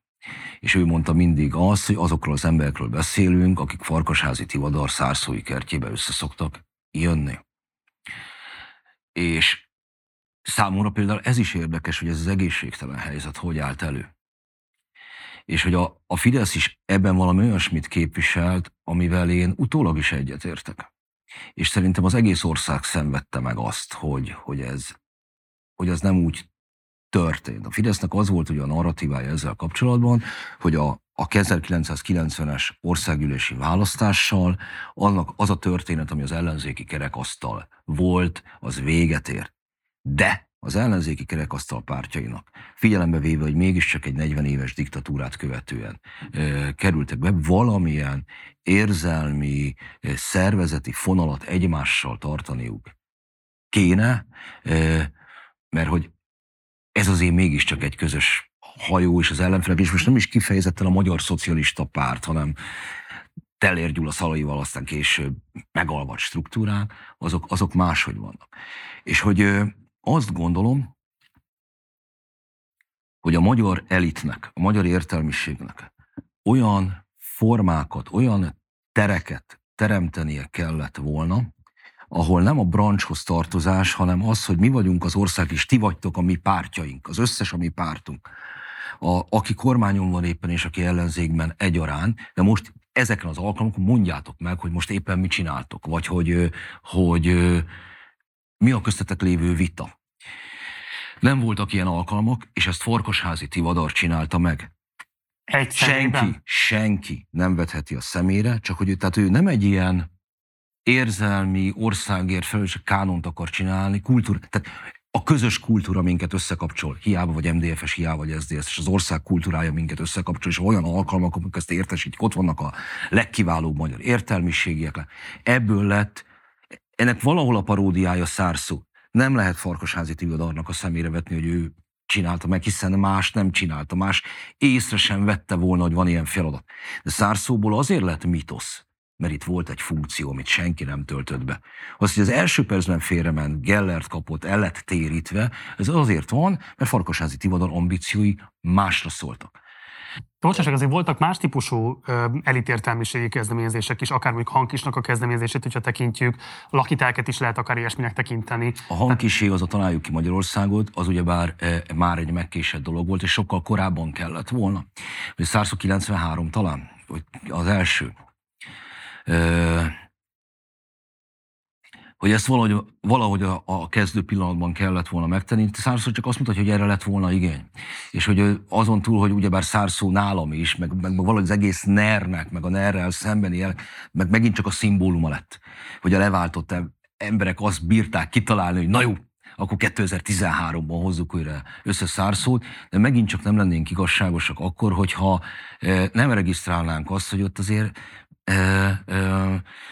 Mészői Miklóstól Fejtő hogy felvonult a, a, a, a garnitúra, tehát kiváló emberek, és mégis az egész, egész valahogy káros lett. Na várj, ezt a Fidesz narratívával akarunk, a Fidesznek volt egy ilyen mm, elképzelése, hogy hogyan is kéne viszonyulni egymáshoz, és hogy ebben a ennek a poszt 68-as körnek a, a mozgásának valahogy az ellenkezője. És a 94-es koalíció az, az tényleg törés. És ott tényleg egyébként az Orbán hazudik. 1994 nyarán, vagy hát hazudik, hát, politikailag motiváltan mondja azt, ami nem igaz. Tehát, hogy összenő, ami összetartozik. Nem tartozott össze nem kellett volna összenőnie, és nagyon sokat veszített Magyarország, hogy, hogy ez így alakult. Térjünk vissza egy kicsit az Erzsébet városi szintérhez, te ott politizálsz. Amennyire jól tudtam követni, és a választás.hu ebből a szempontból egy rendkívül rossz minőségű weblap, és nehezen lehet a különböző korábbi választásoknak az eredményét feltárni. De ugye 2002-ben indultál igazából egyedül polgármesterként, ugye akkor Hunval Györgyel szemben indultál, Hunval Györgyet 60%-kal választották meg, de korábban többször is indultál egyéni képviselőjelöltként. Ha jól számoltam, akkor a hatos számú körzetben indultál többször, de aztán végül ott sem sikerült egyéniben bejutnod. Neked mennyire voltak komolyan a politikai ambícióid? Mennyire szeretném volna valóban politikailag érvényesülni? Nyilván. Nyilván, és én egy csomó értelmes feladatot én ebben, én ebben találtam mindig. Például a 94 és 98 idő közötti időszak az kifejezetten klassz volt, tehát hogy intellektuálisan is egy, egy, egy izgalmas időszak, rengeteg mindent csináltam, jó volt. Na de, akkor megint csak nézzük ezt az indulás történetet. Először elindultam, 94-ben, 19 évesen, akkor az én szocialista ellenfelem, akkor volt nekem egy szocialista ellenfelem, nevezzük mondjuk Károlynak. Azért nevezzük Károlynak, mert ez a neve. Igen. Hát ő aztán később egy érdekes pályafutás. Károly, ugye ő lett az első, én a második. Károly aztán összekülönbözött az MSZP-vel, nem a, a, azon, hogy a, a, az ausztromarxizmus az most mennyiben érvényesül a Magyar Szocialista Párt pártszervezésben, hanem természetesen az ingatlan kezelő vállalat körüli befolyás szerzése. 98-ban egyesület színeiről jut be Károly a 7. kerületi képviselő testületbe listáról. 2002-ben úgysem. 2002-ben utolsó percben lesz a polgármester jelölt. Tehát nem, nem is készültem, nem is készültem semmilyen, azért fővárosban szerettem volna még folytatni a, a saját kulturális bizottságban vitt dolgaimat, és alapvetően úgy gondoltam, ha a politikai ambíciókat kérdezel, akkor, akkor egy ilyen nagyon erősen fővárosra koncentrált dolgok mozgattak, és a mai napig nagyon érdekel. Főpolgármesteri ambícióid is voltak? Egy politikus, aki beszáll a politikába, mint Bihar Szuszogd alsó külső bizottsági tagja, miniszterelnök, miniszterelnök akar lenni. Az egy politikus. Én nem akartam miniszterelnök lenni, de szóval a, ahhoz, hogy valaki focista, mégiscsak látja magát begdöntően a 90. percben jeges aggyal büntetőt értékesíteni. Szóval... Bocsássak, azt látod magad előtt, hogy a Kulturális Bizottságon belül vitt szereped az elvezetett egy főpolgármester megalapozásához? akkor Hont András bejelentkezett a főpolgármesteri posztra 2024-ben. Várj, ez az Orbán egészen jól válaszolt a Friderikusnak itt előbb valahogy ilyen izével, hogy nem válaszolt. Na tehát 2002-ben én nem készültem, hogy én beugró polgármester jelölt voltam, és amit egyébként... Erzsébetvárosban csak Igen, igen, igen, igen, amit ilyenkor minden politikus elmond, hogy valami, és egyébként jobban szerepeltem, mint a Fidesz lista, noha 28 éves voltam csak. E, és akkor a utolsó ciklusom volt ez a testületben, akkor meg szaporodtak a konfliktusaim bőven a Fideszre, mely konfliktusoknak egyébként elvi természetűek voltak. És egyszer csak megjelenik Károly a hetedik kerületi Fidesznél, hogy ő jött egy Orbán által aláír papírral, hogy most rendet csinál. Na, tessék? Izé? Hogy is? Igen, igen, igen, és most az az üzenet, hogy nagyon-nagyon keményen kell támadni helyben a szocialistákat. Károly. Hát miért? Hát ha keményen támadom a szocialistákat, akkor a szocialisták meg fognak bukni. Akkor lesz belőlük bukott mszp -s. Vagy egyszer csak megérkeznek egy Fidesz elnök által aláírt papírral, hogy jöttek a központból, hát én meg a jövendő szövetségeseimet nem támadom. Na mindegy, Károly volt az egyik aláírója a Fideszből való kizárási indítványomnak. Majd 2010-ben a demokrata erők, MSP együtt, párbeszéd, mit tudom én, helyi képviselőjelöltje. Na, Visszatérve a fővárosi időszakhoz, a Kulturális Bizottságban két ilyen jelentősebb ügy is kötődött a nevethez. Egyrészt ugye felszólalták 2005-ben Sas József újbóli kinevezés ellen, erről már találtál egy korábbi pontján az interjútnak, de ami jobban érdekel, hogy amikor az új színház sorsáról kellett dönteni, és az volt a kérdés, hogy Márta is van, hogy Alföldi Robert kapja meg, ez a 2000-es évek abszolút eleje, akkor te erőteljesen uh, Alföldi mellett tetted le a voksodat. Miért gondoltad azt, hogy Alföldi Színháza akkor érvényesebb lett volna, mint Márta Istváné? Nem akarom Márta Pistát megbántani, tehát már utána vagyunk ezeknek régen. Én azt gondoltam, hogy az Alföldit kőszínházhoz kell jutatni Budapesten. Szerintem az új színház, amiket a mai napig, noha nem vagyok új színház járó, de a repertoárjukat nézem, direkt el szoktam menni, meg, meg YouTube-on is belenéztem egy-két feltéte, felvételbe, szóval ez egy, ez mindig egy ilyen vegyi gyümi színház volt, soha nem tudott erőteljes kontúr kapni. Hát Székely Gáborral annak idején még igen, tehát ez egy másik kérdés. De ugye a Mártától kezdve uh, egyszerűen jobb színházi koncepciója volt, uh, uh, érvényesebbnek tartottam, és nekem senki nem szólt. Ha meg is próbált volna, akkor is nem, hogy, hogy mi az, amit elvárás velem szemben, hogy nem. Jobbnak tartottam az alföldi pályázatot. A párt is őt támogatta volna? Vicceim. Szóval van ember, aki mindenkinél jól feküdt mindig, akkor az a Márta Pista volt. Az, azért nem egyértelmű, bocsáss meg, hogy hát azért itt 2000-es évekről beszélünk, akkor nyílik meg majd a Nemzeti Színház, amelynek a nyitó előadásában ugye Alfred Robert játsza Lucifer, tehát nem annyira kizárta azt, hogy esetleg ott még volt valami fajta közeledés közte is adott esetben a Fidesz között, vagy a Fidesz szeretett volna jó pontokat szerezni Alföldinél. Semmi ilyesmi. Sem. Jó, egy kerületűről szeretnének még kérdezni, mert szerintem az egy kifejezetten érdekes, hogy ugye az MSZP SZDSZ vezette város, ö, városrész, több ö, iskolát, illetve óvodát is megszüntet, illetve összevon, ami ellen egy jelentős megmozdulás szerveződik, ugye 5000 aláírás gyűjtetetek össze, és ennek te voltál kvázi a frontembere hogy konkrétak legyünk, ugye összesen 11 óvodát és 6 iskolát érintett volna ez az óvoda, vagy ez a bezárás és összevonás. Itt ugye a Fidesz alapvetően egy közszolgáltatások megvédéséért lép fel az MSZP SZDSZ-szel szemben.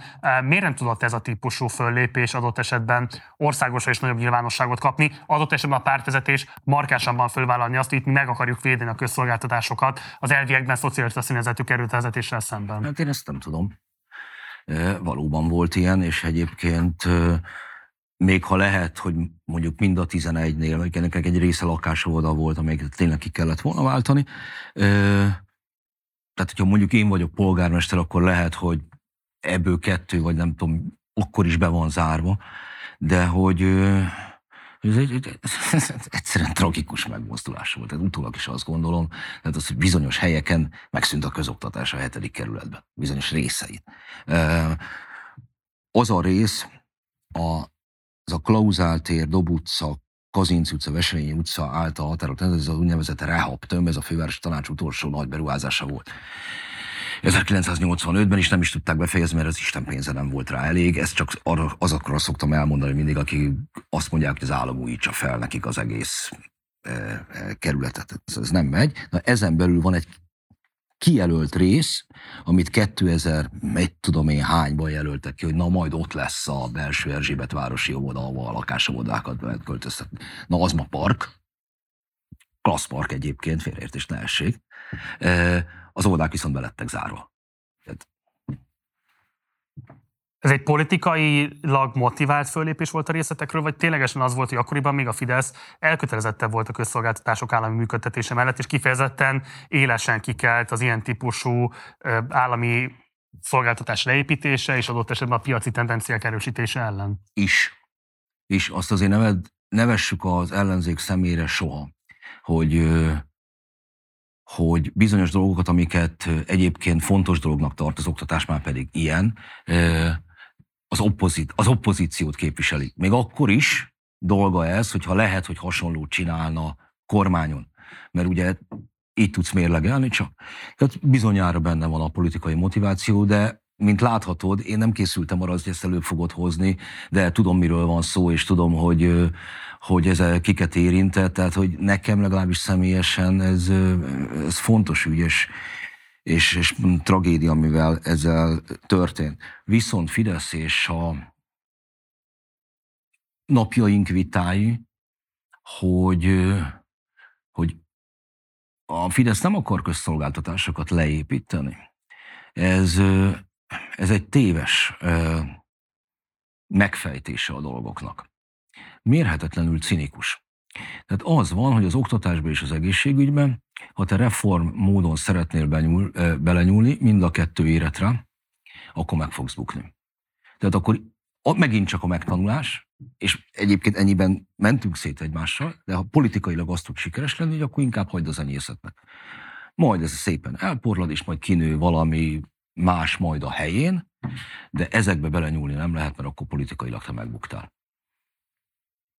Valamelyest egyébként ezt igazolja a 2000-es évek politika története. Hát jó, ezért valamilyen szinten érte az elhanyagolás, az konkrétan egy passzív leépítés is egyben. Tehát akkor ilyen értelemben mégiscsak egyébként vádolható azzal megalapozottan, hogy De a közszolgáltatások ő... irányában nincsen olyan elköteleződése, ami adekvát és kívánatos volna. De ez, ez, ez, ez, ez cinizmus. Ezt tanultam meg, abban az esetben, ha bele akar ebben nyúlni, akkor meg fog bukni. Pont. 2002-nél vagyunk még, ugye 2002-ben Rockenbauer Zoltának voltál a kampányfőnöke, segítetted az ő kampányát. E, ezt a választást elveszti a Fidesz, és ettől kezdően elindul egy olyan tendencia, amit te élesen kritizálsz már akkor a nyilvánosságban, nevezetesen, hogy az ezoterikus jobboldal irányába erősen kezdenek nyitni Orbánék. Lovas Istvánnal vannak különböző csörtéd a különböző lapok hasábján. Egyetlen egy e, idézettel készültem tőled. E, azzal replikázol a lovas felé, mi van, ha én azt szeretném, hogy köztörvényesek senkit se fenyegethessenek tévéképernyőkről, és ha azt szeretném, hogy a közszolgálati csatorna ne keveredjék össze a B középpel. És persze, ha már itt tartunk, azt szeretném, hogy országos napilap címoldaláról se nincsen ki senki ellenfelének mondván, gondom lesz rátok. Ezt lehet? De nyugi, idegesítő naivitásom és pipogya álláspontom miatt nem kell újabb levelekkel bombázni pártelnököt, frakcióvezetőt vagy a portást. Véleményemmel erős kisebbségben vagyok, törpe minoritás, még mielőtt emlékeztetnének. Ez a 2002-es Fideszről szól. Miért lett volna akkoriban ez törpe minoritás? Kérdezem ezt azért is, mert ugye Rockenbauer Zoltán kampányfőnöke volt, úgy vezettem fel az egész beszélgetésnek ezt a részét, aki 2002-ben egy erős politikusa volt a Fidesznek, kultuszminiszter volt az ezt megelőző években, mostanra meg hát gyakorlatilag nagyítóban sem lehet látni őt a párt környékén, de hogy 2002-ben ez az álláspont Miért lett volna törpe minoritás? Ezt hát, mert az volt, mert a, abban, annak az igézetében égett az egész magyar jobboldal, hogy már pedig mi csinálhassuk meg azt a túloldala, amit ők, ők csináltak velünk, azt, hogy ők mit csináltak velünk, azt meg majd utólag megmondjuk. Körülbelül ez, ez, ez annak, a, annak a küzdelemnek az intézményesülése, mármint ez az időpont, amikor a politikai oldalaknak az identitását, célját és mindenét a másikkal való szüntelen harc adja meg. Nem belső értékek, nézetek és a többik határozzák meg, meg karakterét nem az határozza meg oldalnak, hanem az, hogy van a másik, amelyiket fejbe kell verni. Megint súlyosan leegyszerűsítő, amit mondtam, de a maga súlyosan leegyszerűsítő mi voltában lehet ezt megragadni. De te arra utalsz itt 2002-ben, hogy egész egyszerűen nem képes politikai konfliktusokat felnőtt módon kezelni a Fidesz, és olyan típusú túlzásokba esik, ami gyakorlatilag aláshatja a demokráciánk egészét. Hát szép interpretáció, ez nem feltétlenül erre gondolt a költő. Nem, én a, a, a, annyiban arra gondolok, hogy meg arra gondoltam, hogy a, hogy a, a, a szüntelen harc, a szüntelen polgárháború az nem csak politikai, de minden értelemben elviselhetetlen állapotokat teremt, és hogy ráadásul tartalmatlan. Azt hiszem, hogy ez a, ennek az időszaknak a, kulcs kifejezése részemről, hogy így lehet lejelmezni, hogy ezek tartalmatlan öldöklések. Honnan lehetett azt látni erre az ezotérikus nyitásra egyszerűen nagyobb a társadalmi támogatottság, vagy pontosabban a pártos támogatottság, mint arra a típusú polgári Magyarország ideára, mivel 98-ban elviekben választást lehetett nyerni? Nem vagyok róla meggyőződve, hogy az ezoterikus megoldásokra nagyobb a támogatottság. Itt simán és egyszerűen arról van szó, hogy a Fidesz el akart menni egyik oldalon a falig, hogy ott ne legyen konkurense. Aztán persze egy átszabott politikai instrumentál majd elindul középre. Tehát itt nem, önmagában én nem gondolom azt, hogy a sajtóklubnak, Bencsik Andrásnak, Lovas Istvánnak hihetetlen nagy társadalmi felhajtó ereje lett volna. A, a tábor szívére bírt ráhatással, de inkább az volt, hogy, hogy mondom, hogy egészen a falig el akart menni a Fidesz. Ezzel kapcsolatban is volt kritikám, mert szerintem egy, egy társadalom az nem csupán intézményekből és jogszabályokból áll, hanem gesztusokból is. Tehát az, hogy én kivel barátkozom, az orientálja a közönséget. De te kinek írtad igazából ezeket a cikkeket? Tehát, hogy ki volt az a, nem tudom, jól behatárolható kör a párton belül, akiket szövetségesnek akartál? Nem, ezt, ezt, ezt, én már izéként írtam. Ezt én nem párton belül írtam. Az, hogy még Fideszes voltam. De felteszem, hatást akartál kiváltani vele. Publicisztikai tevékenység. Hát kirobbant egy vita, amelyet hibással mérsékelt, kontraradikálisként könyveltek el. 2002 után a jobb oldalon a Fidesz környezetem, és akkor az előbb általam említett személyekkel szemben, hogyha az ő világlátású és személyiségük határozná meg a Fideszt, az nem jó, néhányan kikeltek. hát leginkább magamat tudnám említeni, de nem még egy-kettő más embert, de hogy ezek közül például Malgot István, aki soha nem tartotta magát egy másodpercig sem jobb oldalinak, Orbán Viktor polgári körének volt tagja. Ő, ő mondta azt, hogy amit a Demokrata című világlap tartalomként előállított a 90-es évektől kezdve, hogy most mi van benne, azt nem tudom, mert élő embert nem ismerek, aki olvassa, az vállalhatatlan volt, és kezdve a Fidesz is így gondolta, például a Bencsik az kifejezetten gyűlölte a kövért, mert volt egy ilyen kvázi genocidiumos cikke, hogy mi lenne, ha egyszer a szülőszobáktól kezdve ki tudnánk ezeket takarítani. Ez, ez, ez MSZP-SZDSZ koalíció idején, és ez nyilvánvalóan nem az MSZP-t jelentette, és akkor a kövér írt valami dörgedelmet a Bencsiknek, hogy izé utoljára, tehát hogy itt, itt, itt e, vállalhatatlan, amit itt a kamaszkori e, fotói alatt összehoz hétről hétre. E, szóval ezek, ezek vállalhatatlan nézetek voltak nagyon nagy részben. És akkor politikailag miért értem én nekik mégis ebbe az irányba elmenni, hiszen felteszem, volt ebben számítás bőséggel, tehát valamiért mégiscsak azt föltételezhették, és egyébként később azt lehet látni megalapozottan, hogy ezzel képesek lesznek nagyon stabil bázist építeni a politikai szándékaiknak, Miért? Szerintem nem ez történt. Szerintem ezzel a tratikával 2006-ban elbuktak. Mm. A 2002-esnél a Magyar Szocialista Párt és a Véle Szövetsége, Szabaddemokraták Szövetsége meggyőzőbb előnyel nyert, és 2010-ben mert pedig már nem ez volt, pont az ellenkezője. Addigra már volt egy önálló jobbik, és az, hogy a Fidesz kétharmadot szerzett, az nem kis részben ennek is köszönhető volt, hogy lehetett mutatni egy személygyűjtőre, hogy hát kérem szépen minden, ami vállalhatatlanul ott van. Részben egyébként a mai ellenzék mínusz egyedik feladata is ez volna. Vissza akarok menni 2002-2003-hoz, mert Kerényi Júnivel is tengelyt akasztottál, és a, miközben 2002-ben még részt vett a kampányodban, és ajánlott téged az Erzsébet városiaknak. képviselőjelöltem volt. Sőt, hát hatodik, a hatodik körzetben szintén az ő vette át a körzetület, és ő indult el, őt se választották meg. A, vele Nem egy tengelyt 2003 júniusában a Magyar Nemzetben, és azt írod neki, válaszolva a reakt, az írására, meredek gondolatok ezek, kedves Imre, az a nézet húzódik meg hátterében, hogy a magyarországi baloldali média hegemónia által teremtett torsz világkép úgy változtatható meg, ha hasonló módszerekkel operáló média személyiségek képviselhetik az ellenoldalálláspontját is. Imre, ön téved. A magyar médián elsősorban nem a kiegyensúlyozottságot kell számon kérni, hanem az igazságot.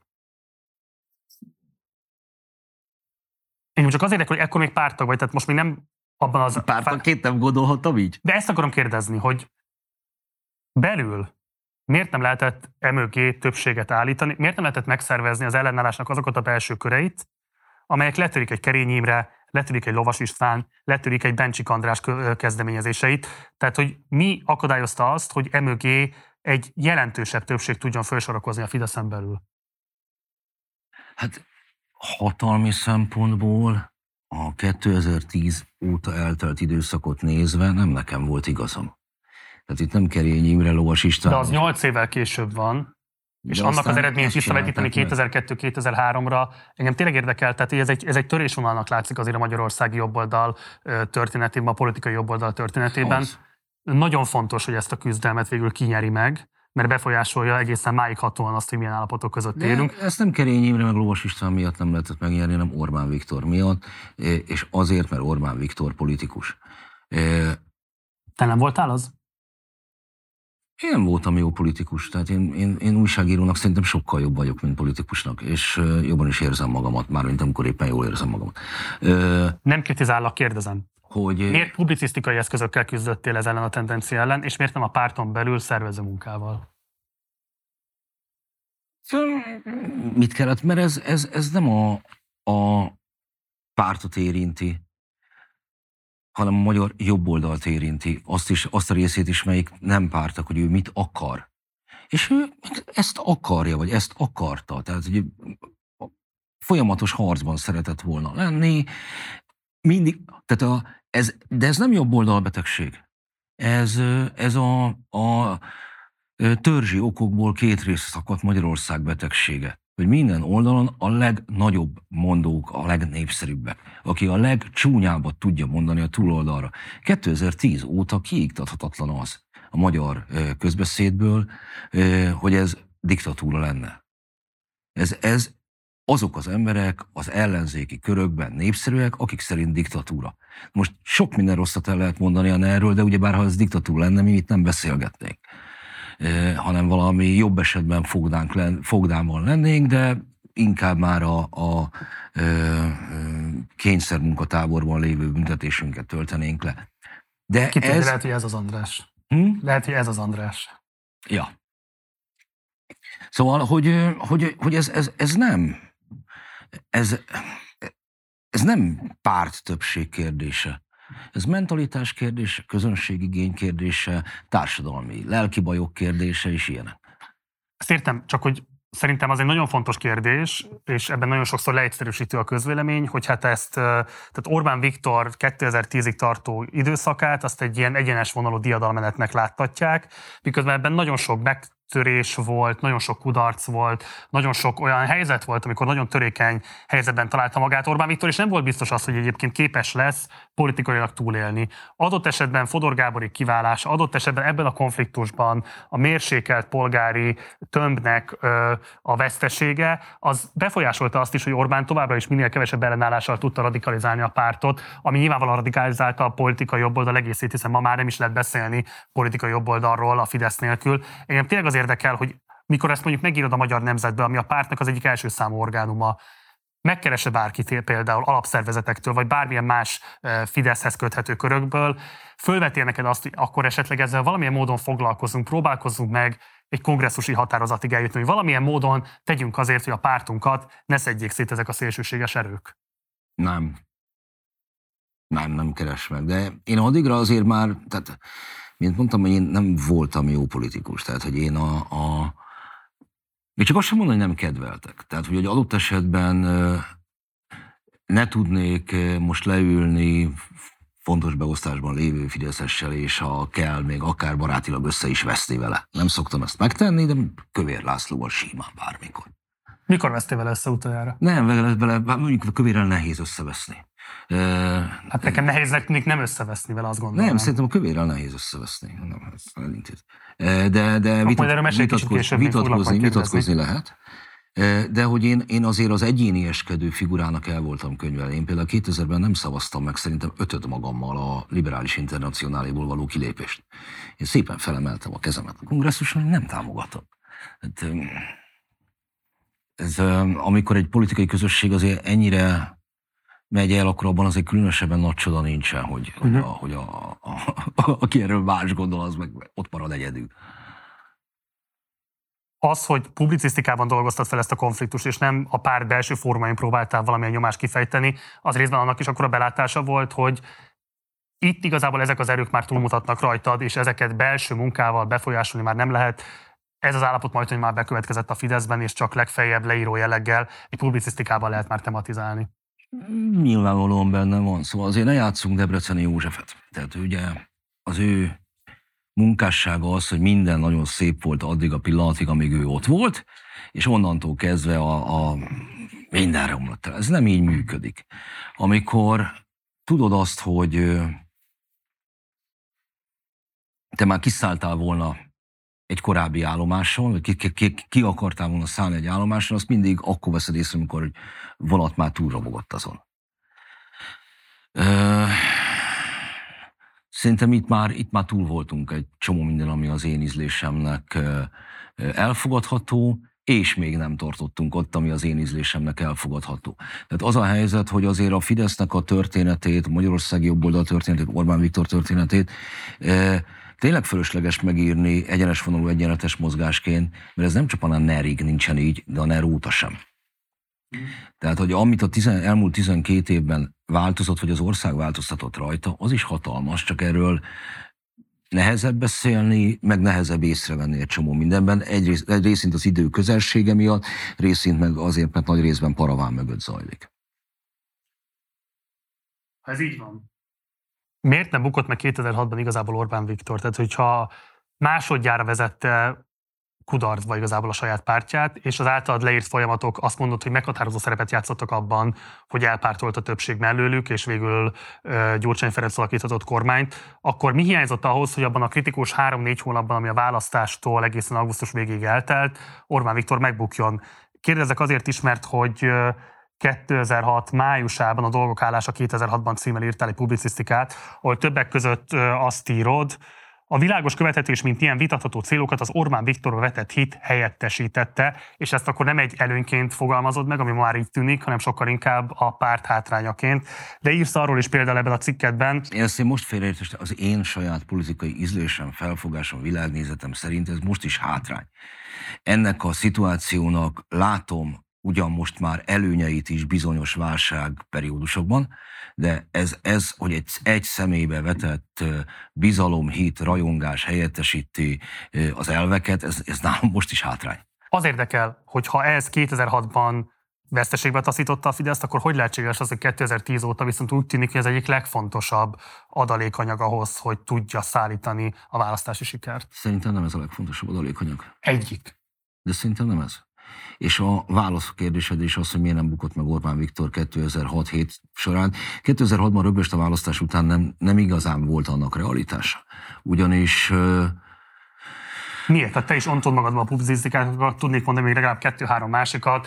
Kós Lajos is kiállt Orbán Viktorral szemben, még a Demokratában is megjelentek kifejezetten kritikus cikkek, hát az aztán végképp Igen, elképzelhetetlen igen de ez, ez elvitt volna. Azért, mert a magyar politika addigra már másfél évtizede Orbán Viktorról szól, de tíz éve biztosan. Akkor is, amikor nem ő volt kormányon. Aki ennyire rá nyomja a bélyegét a, egy ország közéletére, attól nem így szokás elbúcsúzni. Tehát ez körülbelül ez ilyen 2007-ben lehetett volna reális, hogy ezek a folyamatok, ezek a sok, mert mondjuk egy elnökváltáshoz és struktúraváltáshoz vezetnek a jobb oldalon. Az meg innentől roppant egyszerű, hogy miért nem történt meg, Gyurcsány Ferenc. Ennyi a válasz. Az Gyurcsány Ferencnek köszönhető az, hogy a Fidesz abban a meglehetősen kiélezett szituációban megmenekült. Csomó minden más is kell hozzá, csomó minden olyasmi, amit a Fidesz is csinál, meg ami a Fidesz de, de tehetségét, Simicska Lajos eszét dicséri, és így tovább. De ennek a fő oka Gyurcsány Ferenc, és 2010 óta is a, a, a Fidesz ö, megkarcolhatatlan hatalom gyakorlásának, és ez egyik fő oka Gyurcsány Ferenc. Jó, egy picit történetesnek tartalak, mert négy hó, öt hónappal vagyunk a választások után, amikor kikerül az összedi beszéd. Feltétlenül a Fideszes elit már hallotta korábban, vagy tudott róla, hogy ez a beszéd készülődik. Ezt Rényi Pál Dániel egyébként eléggé meggyőzően le is vezette egy négyen publikált cikkében. Engem az érdekel, hogy abban a két-három-négy hónapban, ami a választástól nyár végéig eltelik, és amikor például most azt lehet látni, hogy ennyi idő alatt komplet pártok képesek ledarálni magukat az ellenzéken, az ellenzékben egy választási vereség után.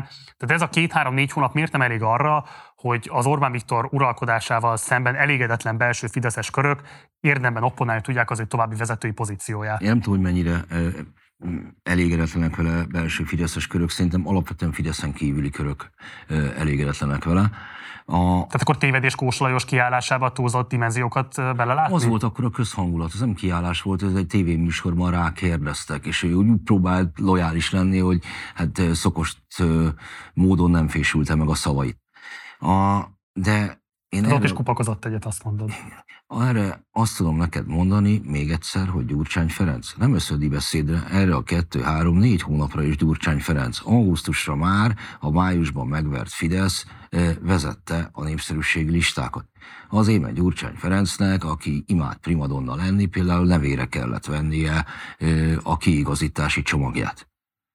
2006 nyarán tele volt Fidesz plakátokkal az ország, egy rohadt nagy pakkot ábrázolt, fel volt egy Gyurcsány csomag, és vissza a feladónak. Ez egész egyszerűen Gyurcsány Ferenc narcizmusa, ezt már elintézte előtte.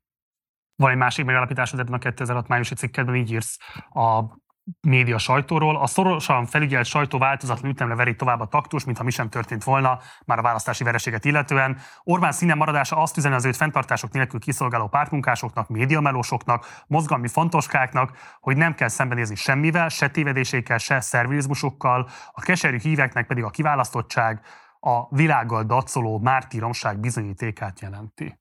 Ez történt. Ez történt, és egyébként hozzáteszem, hogy, hogy csak ma, ma már mint, tehát, ugye akkor ilyen 30 körüli ember vagyok. Én mindig azt kérdeztem a belpolosainktól a 2010-es évek elején, hogy figyelj, velem nincsen túl jóban a Fidesz, pontosan ezek miatt. Ma, ma már meg tudnám tőlük kérdezni, akkor kérdezzék már meg tőlük, amikor mennek be, hogy ezt mégis hogyan gondolták. Tehát én verekedtem nálam erősebb gyerekekkel gyerekkoromban, úgyhogy leszorítom, tudom, hogy nem fog felkelni, de ha felállok, akkor lemos kettő. Akkor át, hogy nem. Tehát ez, és ezben a szituációban most mit lehet csinálni? És ezt csinálja a Fidesz a társadalommal, mondtam én a 2010-es évek elején, hogy le van szorítva, viszi át az akaratát, de hát azért a víz az úr, azért a maflás az úr. Nem volt hozzá elég tapasztalatom, tehát az, az időt, mint olyat, mint tényezőt, eh, azt a, a, az ember valószínűleg a későbbiek során kezdi el a maga erejében megtapasztalni, hogy az mennyit, milyen, milyen felületformáló hatása van, milyen, milyen módon tudja, tudja hozzáigazítani a, a viszonyokat, az erőket, a, a, az él, valahogy az élhetőséghez. És hogy, hogy ö, ezt, a részét mondom, nem láttam előre, hogy ez lesz, hogy, hogy, hogy, hogy, ez, hogy az idő miként dolgozik, hogy, hogy ezek a jelenségek, amiket például írtam, az, azoknak szépen hogy fognak majd elszikkadni. Borzalmasan idegesítő volt a Fidesz hatalmi berendezkedése 2010-es évek elején, és hasonlóképpen lenne idegesítő egy ellenoldali erre lehetőség lenni, mert ők is ugyanezt csinálják, csak ma már látom, mi van az idő, tehát azért nem borít ki annyira, mert mert aztán ugyan, valahogy ugyanúgy szívódna fel egy ilyen alaktalan magyar egypártrendszerbe a következő is. Tehát akkor igazából azt mondod, hogy Orbán Viktor addig gyepálta az elveidet, amíg végül a reálpolitikai belátás győzött. Nem, az én elveimet nem, nem, nem gyepálta. Az én ízlésemnek és felfogásomnak ez nem felel meg. E, azt látom be, hogy lehet, hogy ebben az országban nem az én ízlésem, felfogásom és nézeteim azok, mint célra vezetőek.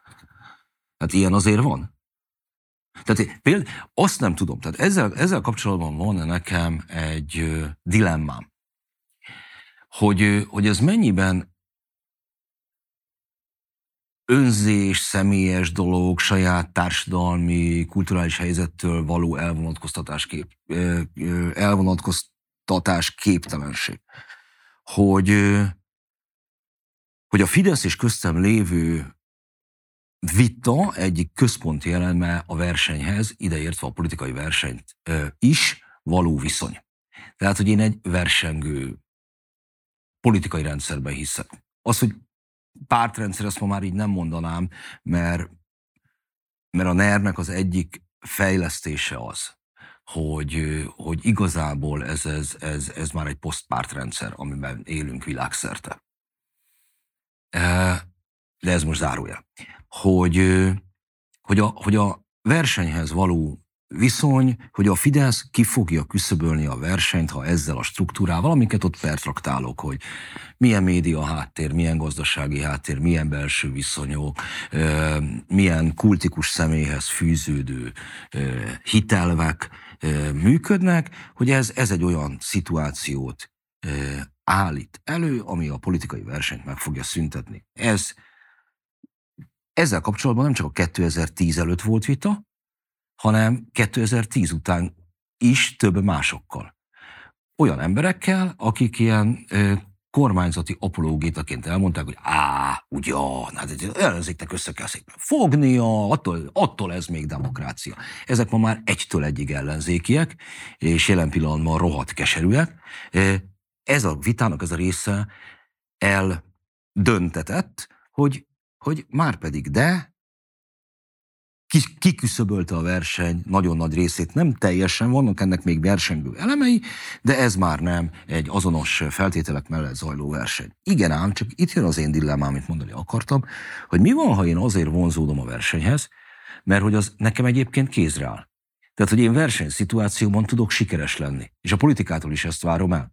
És hogy a magyarok millióinak eh, pedig az a rendszer, amit én politikailag jónak tartok, célszerűnek tartok, elfogadhatónak tartok, ízlésembe vág, az meg nekik nem élhetetlen, nem élhető. Hogy az, hogy megszüntetem a politika fel, felhő régióban a, a, a verseny, ö, elfoglalom az állam számtalan kulcspozícióját, az csomó embernek a felszabadítást fogja meghozni, mert van egy olyan másik erő, amelyhez folyamodni lehet, hogyha személytelen szervezetekkel folytatod a hétköznapi harcaidat. Effektíve, ami nekem szabadság korlátozás, mert mondjuk én érvényesíteni tudom a felhőrégiókban az érdekeimet, elképzeléseimet, az nekik szabadság növelés. Mert hogy minden, ezt, ezt látták az SZDSZ-esek is, csak aztán nem, ebből valahogy programot felejtettek el csinálni, hogy, hogy egy csomó embernek az elnyomást kifejezetten az elnyomást, a szabadság megvonást jelentette 1990. Hogy oda kerültek olyan szervezetekkel szemben, bank, biztosítótársaság, mobiltelefon szolgáltató, és így tovább, eh, ahol nem volt fellebezés, nem volt appelláta. Eh, és eh, ezt nem én írtam, ez a Mandinere jelent meg, többször idézte, már Novák Tamásnak volt egy nagyon szép endorsement cikke 2014-ben, a Mandineren 14-ben, ahol egyébként végül az LMP mellett endorzolt, hogy azt írta, hogy a, amikor a hazánkról és gazdáinkról, gazdáinkról, országunkról, valami ilyesmi. Ért, hogy a 90-es években a pénz lett a gazdánk, mindent a pénz intézett el, és 2010-ben jött az új gazda. Azt mondja, valakinek ez megnyugtatóbb, mert személyesebb, valakinek ez félelmetesebb, mert személyesebb. És valószínűleg erről van szó. Az, hogy ennek személyessége van, és, és van, aki kvázi meg, ez effektíve emberek millióinak lehet, hogy szabadságát adta vissza. Nem tudom, dilemmám van de az, hogy az én, én ilyen vegytiszta elvi vitáimat mondjuk folytatom a, a, a fidesz van ennek ráadásul egy kulturális vonala, mert hogy mert, mert a gagyi, gagyival szemben is eh, alapvetően szeretek fenntartásokkal viseltetni, hogy, hogy itt, itt nem a saját élethelyzetem csal meg, ezt nem tudom. Nem akarok beletenni semmilyen véleménypozícióba, de azért hallgatva téged nagyon nehéz nem úgy értenem mindazt, amit elmondtál, hogy neked az a megfejtésed, hogy hiába vagy te egy pro-kapitalizmus párti ember, alapvetően az a felfedezésed, hogy a kapitalizmus egész egyszerűen nem volt képes Magyarországon a társadalom széles rétegei számára a politikai részvétel, a társadalmi reprodukció és úgy általában a hozzáférés lehetőségeit biztosítani a különböző javakhoz, közszolgáltatásokhoz és így tovább. Tehát, hogy a te meggyőződésed arról, hogy mi lenne a kívánatos társadalmi rend, azt súlyosan kikezdi az a valóság, hogy a magyar emberek millióinak a sajátja. Én nem tudom, hogy pro-kapitalizmus ö, állásponton van-e. Ezt egyszerűen nem tudom. Ö, piacgazdaság. Mi a különbség a kettő között, ezt segíts megértenem. Hát ugye a, a kapitalizmus a tőkéről és a tőke felhalmozásáról szól, és a tőkének, mint instrumentumnak a, a működéséről. É, és az algoritmus kapitalizmusról kifejezetten rossz véleményem van, amikor é, gyakorlatilag a fogyasztó működését optimalizálják, nem is a cégét de a, a, a piacgazdaság az, ahol, ahol emberek, és ideértem a politikai piacot is, a vélemények piacát is, tudom minden, emberek szabadon beléphetnek, és a képességükön, igazságukon, felkészültségükön, szorgalmakon múlik az, hogy mennyiben érvényesül, annak nagy híve vagyok, még akkor is, ha pontosan tudom, hogy ez egy ideáltípus. Hát igen, mert ugye a belépés ugye az pont az előzetes tőkepozíciókon is múlik, akár anyagi értelemben veszük ezeket igen, a tőkepozíciókat, akár szimbolikus. Igen, de én ennél most többet is mondtam, tehát hogy nem általában az, mert hogy oké, okay, mert hogy ez a liberalizmuson belüli vita az individualista ága és az egalitárius ága között, hogy, hogy mennyiben, mennyiben feladata a belépés előtt azonos helyzetbe hozni a szereplőket valakinek, többnyire az államnak. De még csak nem is erre utaltam itt, hanem, hanem, hanem egy, egy változásra a kapitalizmus működésében, ami minden eddiginél jobban hat a piac ellen. És hogy ez tényleg hihetetlenül személytelen, és hihetetlenül ott áll vele szemben, kiszolgáltatottan a, a, az egyes egyén, minél szeparáltabb, leszakadtabb helyzetben, annál jobban kiszolgáltatottabban? Ez van. 2006 áprilisában, tehát a választások időszakában még mint Fidesz pártag, sőt, mint önkormányzati képviselő írtál éles cikket Orbán Viktor ellenében. A varástal ember, ez volt a cikknek a címe. Ráadásul mindezt a Népszabadságban publikálta, tehát tetézve a bajt, még ráadásul az ellenoldal fő orgánumában tetted mindezt közzé. Többek között ilyeneket írtál. Én ezt nem osztom. Melyik részét? Azt, hogy az ellenoldal fő orgánumában. Most arról beszélünk, hogy a Fideszes percepció mi lehetett népszabadságról. De fideszes politikusok írtak a Népszabadság vélemény rovatába. Világos, csak azon gondolom, hogy a Fidesz szemében ezt a kritikát súlyosbította az a tény, hogy mindezt ráadásul nem is a Magyar Nemzetben, a Népszabadságban hoztad le. Szóval ezt írott többek között. Orbán Viktor az egyre nyilvánvalóbbá váló szerkezeti elvi problémákon hiteltelen ígérgetéssel és személyének mitizálásával igyekezett úrá lenni, miközben egyre kevésbé lehetett tudni, hogy valójában mit is akar, mit képvisel. Az igazi mondani való teljes hiány vezetett oda, hogy a Fidesz kampánynak központi elemévé a mozgósításnak keresztelt pótcselekvés vált. Orbán Viktor Nimbusza a többség szemében fertefoszlott. Uh-huh.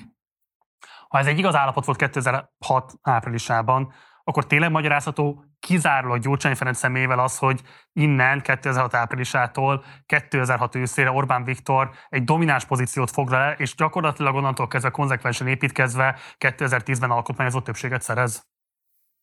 Az alkotmányozó többség az, az változatlanul magyarázható Gyurcsány Ferenccel. A, a másik ok, amire már utaltam, az az idő természete, amivel, amelyről igen keveset tudtam annak idején. Tölgyes megmondta nekem 2006-ban, mondtam, hogy mindent erre az egy napra tettek fel. Ez mindent arról szól, hogy 2006-ban helyreállítjuk a világ rendjét. Ez nem folytatható, mondom én. 2006 után Péter azt mondta neked, ugyan már? Ugyan már. Ez a köztünk lévő pár év, ez pont, pont azt jelenti, igen, hogy a halál után is van mindig élet. Ez, és van még egy dolog, ami, ami talán látszik rajta. Hogy van Orbán Viktornak egy tulajdonsága, amit én messze menőkig respektálok. Alapvetően ezt egy nagyon fontos tulajdonságnak tartom, és ő ebben nagyon jó. Kérelhetetlenség? Nem. A kérlelhetetlenséget nem tartom jó tulajdonságnak. Nem is annyira kérlelhetetlen, de, de van benne egy szerintem egy nagy adag empátia hiány, amely részben az élete, ahogy alakult. De nem, nem ezt. A tanulási képesség az Orbán a mai napig hihetetlen alázattal és szorgalommal képes tanulni. Látom azt, hogy akár csak a magyar ilyen vízfodrózódásokból, amit közéletnek nevezünk, ő, ő mire figyel? Hát, hogy, és aztán utána, utána is kérdeztem, ez így történt. Ez a, a, mm, kevesebb tenger, több Balaton, vagy több Balaton, kevesebb tenger az kiderült, ez hallott, és az kiderült, hogy elhangzott a kormányülésen is, azt kell mondani, mint a kutyák. Több mindent, kevesebb semmit. Mert, mert ennyire élesen figyel mind arra, amit, amire mások viszont nem. Hogy mi az érdekes, mi az, amit észre kell ebben venni. Tehát ugyebár a magyar közéletben ellenzéki, kevés észrevehendő dolog van, a, a kétfarkú kutyapárt 15 éves működése azt hiszem, hogy ide tartozik, amire érdemes. És egyébként látom nemzetközi irodalomban is, hát, vagy a Debreceni róla szóló könyvében, amikor nem tudom éppen mire mond, és akkor tele van ilyen jegyzetekkel a szobája, mert éppen az egészségügyi reformot tanulmányozza ugye a miniszterelnök, és olvas hozzá mindent. Ez egy, ez, ez szerintem ő, ő egy tanult, kettő valószínűleg saját magához sem úgy közelít, tehát nem, magához is valószínűleg úgy közelít, hogy elvárja másoktól ezt a meg szemtelenséget, meg hogy jó, nem, nem, nem, nem kell itt most akkor így állni. Szerintem ez, ezek, a, ezek az okai. Hogy a, ami 2006-ban mm, így nézett ki, 2006-ban csődhöz vezetett, az, az egy kellett hozzá egy meghűlő miniszterelnök, kell az idő múlása, és kell egy olyan valaki, aki hajlandó tanulni. Azt segíts megértenem, hogyha egy ilyen cikk megjelenik egy pártak tollából, én azt gondolom, hogy az a különösebben autokratikus pártberendezkedés sem kell, hogy ennek súlyos függelmi következménye legyenek. Miért is? választási időszakban igazolni az ellenfél, a politikai ellenfél narratíváját a te politikai közösséget vezető személyiségéről és miniszterelnök jelöltjéről. Én azt gondolom, hogy ez, ez, ez, ez nem egy antidemokratikus húzás, hogyha ezek után neked komolyan szembe kell nézned, mondjuk adott esetben egy etikai bizottsági vizsgálattal. Milyen reakciókat szült ez a párton belül? Hát én akkor már nem különösen váltam szóba senkivel a párton belül, nem tudom. Hát, de, pontosabban akikkel meg szóba álltam, azokkal meg ettől függetlenül. Tehát, addigra szerintem ez szétroncsolódott, és ez az időszak, amikor az MSZP szétroncsolódása is elkezdődik. Tehát, hogy az a, az a nagyon gyér, gyenge, csenevész párt élet, ami a 90-es években pártok környékén volt, ez körülbelül eddigre bomlik fel, egyetlen olyan párt lesz, eh, ahol ez megjelenik, ahol lesz tagság is, ez fontos is, és a többi az pedig a jobbik. Ebből a mainstream pártok vonhatják le azt a következtetést, hogy akkor ők inkább ilyet nem szeretnének. Én egyébként azt gondolom, hogy, hogy ennyire éles kritikának is bele kell férnie. De választási időszak Tehát ez nem választási időszak, mert ez ugye már gyakorlatilag túl vagyunk a választáson. Ez talán a két forduló között jelent meg? az onnantól már csak parasztvakítás volt, porhintés, hogy a Fidesznek bármi, vagy a jól bármi esélye van. Én ezt pontosan tudtam a számokból, hogy nincsen. Másfelől pedig egy pártag az nem feltétlenül azt jelenti, hogy te katona vagy. Tehát a, itt, itt, itt vannak félrecsúszva a dolgok. Már nem hiszek a pártrendszerben, ezen, ezen túl vagyunk, és ennek igen gazdag szakirodalma van szintén. Bocs, 2006-ban nem hittél már a pártrendszerben, vagy most nem hiszel? 2006-ban is fenntartásaim voltak, részben azért, mert olvastam a releváns szakirodalmat, meg részben meg láttam annak a faramúci helyzetet, hogy miért 500 ember dönti el azt, amire milliók felhatalmazása kell, hogy a Gellert kap mindig a, a politikai szándék, a pártagság gond, mint olyanon, ami mondom még egyszer egy elenyésző szám volt korábban is. De hogy ha hinnék benne, ha ilyen 19. századi vagy 20. századi munkásmozgalmi pártokból, tehát a tömegpártokból indulok ki, a pártag az nem feltétlenül az, aki, aki hivatásszerűen politizál. Én ide tartozom, ez az én politikai állásfoglalásom, meggyőződésem, közéleti terepem, és itt vitáink vannak. Azon belül viszonylag szűk garnitúra az, amelyik ezt hivatásszerűen csinálja. Mármint ha hinnék a pártrendszerben, meg, meg, meg egy korábbi szakaszában a közéletnek, ennek így kellett volna optimálisan működni. Ez szerintem belefér. Az, Világos, hogy azért egy prominensebb párttag voltál ekkor is már, tehát önkormányzati képviselő is vagy, a véleményformálásba se akkor kezdtél bele. Hát ugye pár nappal később a Népszabadság a te arcoddal hirdette azt, hogy egy online fogadóra keretében még kérdezni is lehet tőled a cikkel kapcsolatosan. Úgyhogy én ezért is Volt ilyen? Képzeld el, online fogadóra két kedden délután kettő órától kezdődően. Ja. Varázslan ember című cikkedről kap, vagy ahhoz kapcsolódóan. Tehát én ezért kérdezem azt, hogy amit itt a 96-os Orbán Viktornál láttunk, hogy neki a politikai árulás sokkal súlyosabb bűnként tételeződik, mint az emberi adott esetben vett árulás, hogy miért lepődtél meg azután, vagy miért lepődtél meg azon, hogy ezzel a cikkel te kiírtad magad a Fideszen belülről? Úgy néztem ki, mint aki meglepődött. Te kifejezetten szeretted is volna, hogy ők maguk távolítanak el? Én erről nyilatkoztam korábban. Tehát, hogy nem én léptem be Bencsik András pártjába, hanem ő az enyémbe, hogyha ez egy feloldhatatlan helyzet, akkor lesz szíves ők, ők kimondani, ne én.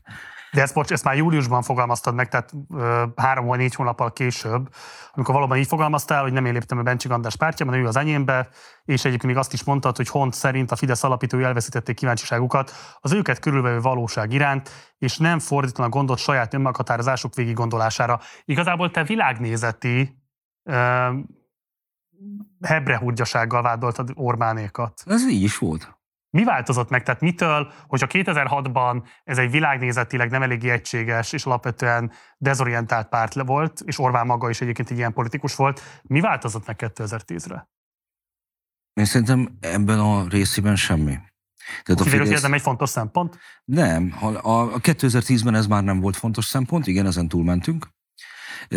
Részben Gyurcsány Ferenc álmok kormányzásával, részben pedig a gazdasági válsággal. Részben egy csomó minden olyan bomlás termékkel, amelyel a magyar társadalomnak akkor kellett szembenéznie. Tehát, hogy mondjuk titkos szolgálatok és radikális csoportocskáknak a, a fura találkozásából milyen tragédiák sülhetnek ki ugye ez a cigánygyilkosságok ideje például, mm, kellő mélységében a mai napig fel nem tárt ö, ö, cselekménysorozat. A, szóval 2010-ben már más volt, 2010-ben egyszer fellépett egy igény, hogy jön egy kompetens ember legyen valaki, aki mer dönteni. Ja igen, még egy, tehát még egy, még egy olyan tulajdonság van, amiben azt gondolom, hogy hogy kevés olyan tulajdonságai van egyik, ami, ami a politikában sem haszontalan. Azt hiszem, hogy én is merek dönteni többnyire. És, és észreveszem azt az embert, aki, aki tud dönteni, és egy ilyen, ilyenre vágytak a magyarok 2010-ben. Bocsáss meg, 2006-ban hát ez, végig arról írsz több cikkeden keresztül, hogy Orbán Viktor nem csak hogy világnézetileg össze-vissza van, hanem hogy igazából még csak nem is következetes abban, hogy kinek milyen típusú ígéreteket tesz, hogy a liberálisoknak piacgazdasági érvekkel próbálkozik, nem tudom, kiénekelni a sajtot a szájukból, egy más típusú körnek meg más típusú ígéreteket tesz, újraelosztást ígér, és így tovább. Tehát, Ez hogy... a mai napig így van. De akkor mi változik meg ennyire radikálisan? Az ország. Az országban körülöttünk lévő helyzet. Ez összeomlott, amit mondom, én nem vettem észre, tehát erre mondom azt, hogy nekem van egy dilemmám, hogy a milliók hogyan állnak ehhez a rendszerhez, azt a rendszert, amit én úgy helyes közzel jónak gondolok, tehát egy ilyen e, e, liberális jogállamot, versengő többpártrendszert, és tovább. E, és ennek a, a, bár mindvégig meg volt vele szemben a kritikám, de a fura magyar mutációjához is ö, ö, kötődöm. Ezt, ezt, ezt teljesen máshogy ítélték meg magyarok milliói, és ez a rendszer összeomlott. A Fidesz pedig ott maradt a kevés egyben tartott erő egyikeként. Most az erő alatt nem csak a politikai erőt értem, hanem, hanem önmagában szervezett erő kevés maradt az országban. Azt mondod, hogy nem én léptem a Bencsik pártjában, hanem ő az enyémbe, de mint hogyha Bencsik hatékonyabban tudta volna radikalizálni a saját ideái felé a párt egészét, és azok, akik mondjuk adott esetben a te álláspontoddal értettek egyet, ők pedig, mint hogyha túl könnyen adták volna fel ezt a pozícióharcot ezekkel a radikális ideákkal szemben. Erről mit gondolsz?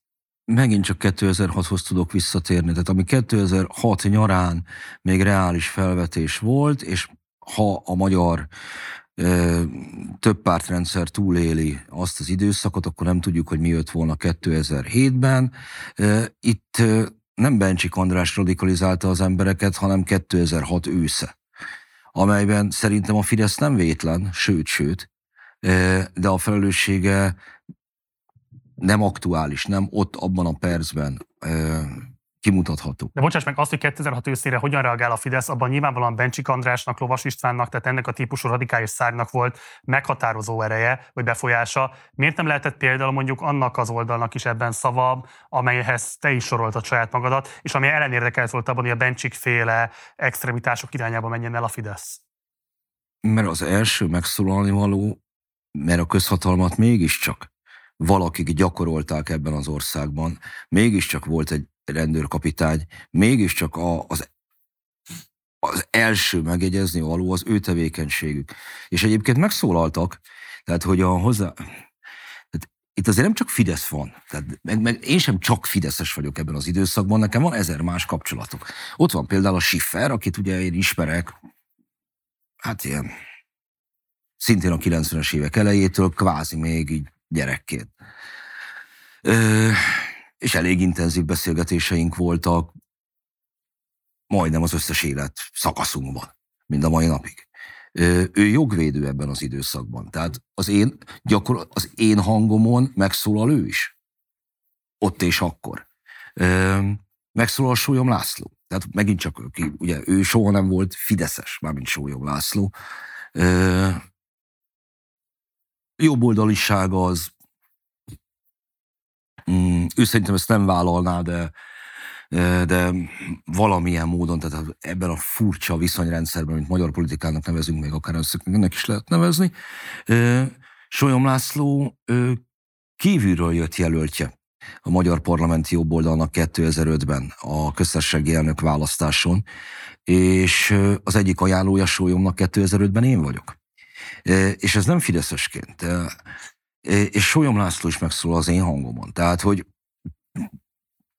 nem, nem fogsz tudni megfejteni engem, meg az, a, a csak erre szűkített, hogy én ezt pártakként fogalmazom, még én bírok mindenféle társadalmi kapcsolatokkal, ismertségekkel, van másfajta tevékenységem, ráhatásom, és így tovább. Tehát ergo, amikor én ott valamit megfogalmazok, valamit gondolok, valamit állítok, akkor én ezt nem feltétlenül olyan célból teszem csupán, hogy én ez a Fideszre fejtsek ki hatást. Van nekem, érted, más köröm.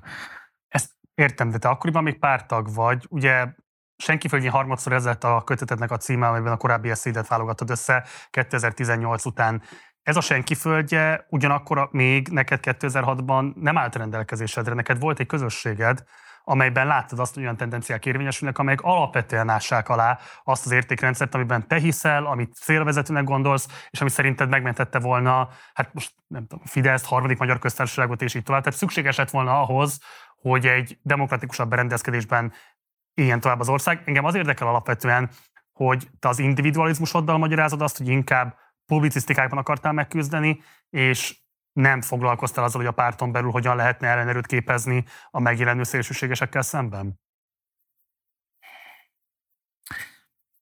Nem volt ilyen vita. Tehát politikai vita párton belül nem volt. Ami zajlott, az a publicisztikai térben zajlott. Kérdés az, hogy volt-e addigra még párt. De itt is van egy, egy, egy vitám. Tehát nekem mondjuk a hetedik kerület, uh-huh.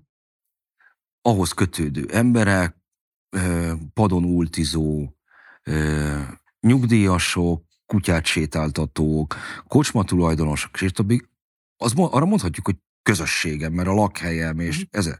De egy politikai párt az nem közösség. És már ott félre vissza az egész, amikor ezt így fogjuk fel, mert akkor az, az kartelpárt lesz, az vasas szurkoló is vagyok, és az szól ennek a tevékenységemnek. A, a közösség az attól közösség, mert abban például különböző gondolkodású emberek is vannak együtt. A politikai párt az a nevéből adódóan is egy rész. A rész az soha nem tud egész lenni, pársz párcis, ugyebár. Soha nem tud az, az egész lenni, amikor az élet teljességére akarják ráborítani egy politikai pártot, aminek az a funkció, hogy a rész legyen, az baj. Az önmagában szerintem már egy patológikus tünet. Sűrűn belebotlik az emberiség ebbe a patológikus tünetbe, de ettől még tudja azt, hogy patológikus tünet. Hogy nem az határoz meg minket egyedül, és még csak nem is a legfontosabb, hogy a, a politikai nézeteink milyenek, és hogy kikkel értünk egyet. Kikkel vagyunk nézetazonosak, attól még egyáltalán nem biztos, hogy mi közösséget alkotunk. Azt mondod, hogy publicisztikában zajlottak ezek a politikai viták, és nem a párton belül. Te vagy akik ezeket a publicisztikákat szerzették még, milyen hatásban reménykedtetek? Mit feltételeztetek, hogy mit tud az írás kiváltani?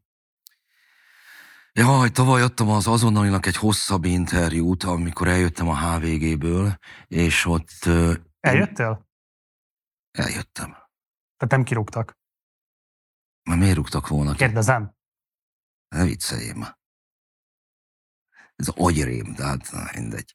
Szóval ott, amikor eljöttem a HVG-ből, eh, adtam egy hosszú interjút az azonnalinak, és ott Emil Csaránt idéztem, hogy nem azért mondunk valamit, mert olyan nagy mondani valunk van, hanem azért, mert kedvünk támad valamit mondani. Ez ha tudod azt, hogy mi lesz az utolsó mondatod, ha tudod azt, hogy hogyan fog alakulni az írásod menete, ha biztos vagy abban, hogy a, az írásod végén is ugyanazt fogod gondolni, mint még mielőtt neki fogtál, akkor ne írj. Publicisztikát se írj. Itt nem, nem arról van szó, hogy én valami hatást elképzelek, és valamiről nagyon meg akarok valakit győzni, hanem kedvem támad valamit mondani. Ez lehet, hogy ma már így van, de azért ezeket az írásokat nem a műkedvelő értelmiségi attitűdje hatja át. Te itt politikai véleményt képviselsz, és Most kívánatos, politikai vélemény. itt, bocs, itt kívánatos politikai fejlemények érdekében fejtett ki ezeket a véleményeket. Ahogy most is fejtem ki kívánatos politikai fejlemények ügyében, nem egyszer a, vagy politikai fejlemények ügyében fejtem ki a véleményemet, nem egyszer ma is. Hát akkor hat Kálmán olgazzak egyet, és sikerült? Hát mikor? Hát ugye az a kérdés, hogy mikor egyáltalán, bármikor.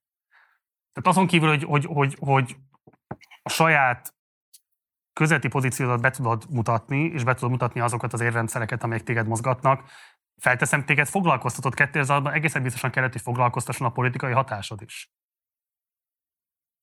De a politikai hatás az, az, az nem feltétlenül csak szavazatokból áll, hanem szavakból is.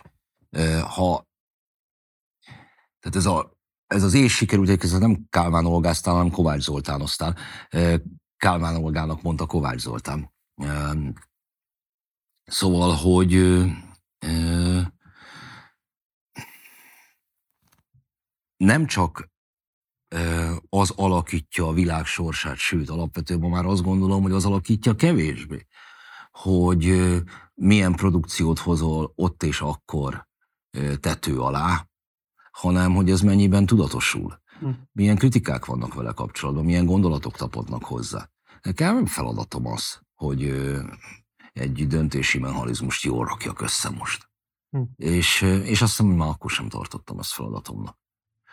Annyi, annyi plusz van benne, amikor beszélgettünk arról, hogy miről beszélgessünk, amit te úgy, mit tudom én, fél perc alatt elintéztél, és most pedig így húzogatod elő a papírokat a, a múltamból, ö, akkor mondtam, hogy annyiban egy kicsikét röstelem a helyzetemet, hogy, hogy miközben sokkal ö, személyre szabottabbnak tartom azt, amit most csinálok, ö, ebben viszont ben, az, hogy ezt sikeresen tudom csinálni, azért benne van az, hogy, hogy ennek a belső logikáját, kényszereit, félelmeit én ismerem. Tehát, hogy egy politikus az például hogy működik. És ez nem adatik meg általában egy újságírónak. Tehát, hogy ez a helyzeti előny nem egy fair dolog, vagy nem érzem egy fair dolognak feltétlenül, de hogy ez, ez nekem inkább, már akkor is szerintem inkább már csak előtörténet. 2006-tól kezdődően nem csak publicisztikákban, hanem televíziós szereplésekben is egyre markánsabban vagy jelen a nyilvánosságban. Többek között bíráltad Orbánéknak a kordonbontós akcióját is, és nagyon izgalmas igazából, mi volt a kritikádnak a tárgya, pláne 2022 magyar politikai realitásait figyelembe véve. Úgyhogy nézzük hogy pontosan hogy nézett ki ez a kritikád, és aztán beszélgessünk erről a kérdésről.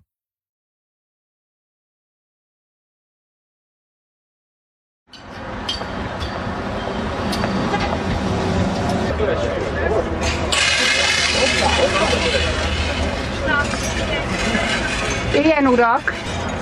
Köszönjük!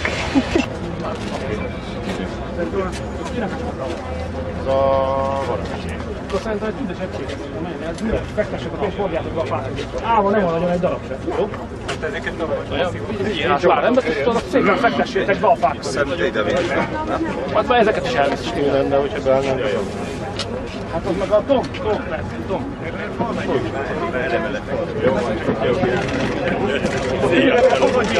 Vigyük ki innen ezeket, vigyük ki innen ezeket, gyertek oda többi közé. Vigyük ki. Utcára könnyebb legyen egy elvinni. Mi magyarázza azt, hogy felnőtt emberek idézőjelben Siklaki mondja, játszanak, bohóckodnak. Egy balsai, egy volt igazságügyminiszter, egy Navracsics, akit mindenki becsül, az ellenfelei is. És akkor, és akkor ott, na mindegy, de nem én mondtam ezt a bohóckodót, szóval, szóval, na, szóval ezt nem értem. Hát engem korbácson nem hajtottak volna ki, hogy én ott hülyéskedjek. Nem is ül a parlamentben. Hát igen, nekem több eszem van. De most komolyan, ekkora, ekkora félelem a, a kapaszkodás a székbe, a, A hatalom nagyon sokan azzal magyarázzák a Fidesznek meg az MSZP-nek a lépéseit, hogy az a hatalom szerzés vagy a következő választási győzelem érdekében tett lépések. Szerintem ez nincsen így. A hatalom megtartása sokkal nagyobb ösztökélő erő, és amit előbb mondtam, amíg az a kérdés, hogy Orbán Viktor vagy a jelenlegi kormány, addig semmiféle más irányú gondolkodásnak nincsen helye hiszen val kell magának, nekem, az utcai járókelőnek helyezni magát ebben a dihotómiában, illetve még maradhat otthon. Ezzel gyakorlatilag elérték a céljukat, de nézze meg, azért a magyar politikai élet most már egy ideje performanszekről és bohóckodásokról szól. Ez fel is zabálja egyébként a közbeszédet. Ez egy nagyon káros tendencia, nem minthogyha a meglepő fordulatoknak, a mutatványoknak ne lenne helye a politikában. Egy bizonyos határig. De hát amikor már milyen száraz tésztát visznek a parlamentülésére, a felszólalás helyett betolnak egy csontvázat, a kulturális bizottság ülésén volt ilyen, vagy most már hetek, hónapok óta a második legnagyobb frakció meglehetősen mulatságos módon nem vesz részt a miniszterelnökkel folytatott vitában.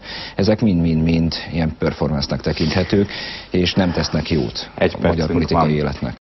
Azt mondod, hogy nem tesz jót a magyar politikai életnek a performatív politizálás, miközben hát azért mondjuk pont Orbánéknak az úgynevezett rendszer kritikus attitűdjét erősítette ez a kordonbontás. Nyilván alkalmas volt arra is, hogy polarizálja a közbeszédet, polarizálja a, a Gordonnak a megítélését. Tehát mi a alapvető kritikád a performatív politizálással, amit már mondom 2007-ben is felvetettél, és azóta is egyébként rendre ostorozod mondjuk például az ellenzéket, amikor ilyen eszközökkel él. Hát ugye előbb a párt kifejezésnél visszamenekültem a latin nyelvvizsgámhoz, és így próbáltam megfejteni a, a, a funkciót. Ugyanezt csináljuk a, a parlamenttel is, ahogy a párláre beszélni kifejezésből ered. Az, hogy a dolgokat egymással megvitassák. Ugye ennek egyébként van-e még létjogosultság, vagy ezen túlhaladt az idő? Szerintem túlhaladt az idő, de ettől még ennek a valaminek ez lett volna a szerepe. És... Tehát, hogy a, pocs, a parlament az alapvetően nem alkalmas arra, hogy a népképviselet intézményeként funkcionáljon. Azt gondolom, hogy már nem. Nem?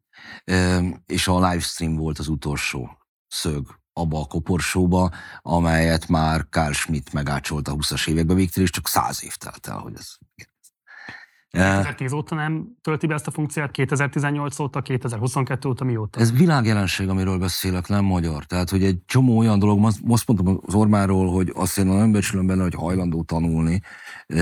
Ez nem feltétlenül mindig előnyös, de hogy itt, hogy, hogy, hogy szerintem itt egy ilyen posztpártrendszerben vagyunk, ő ezt, ezt vágja. És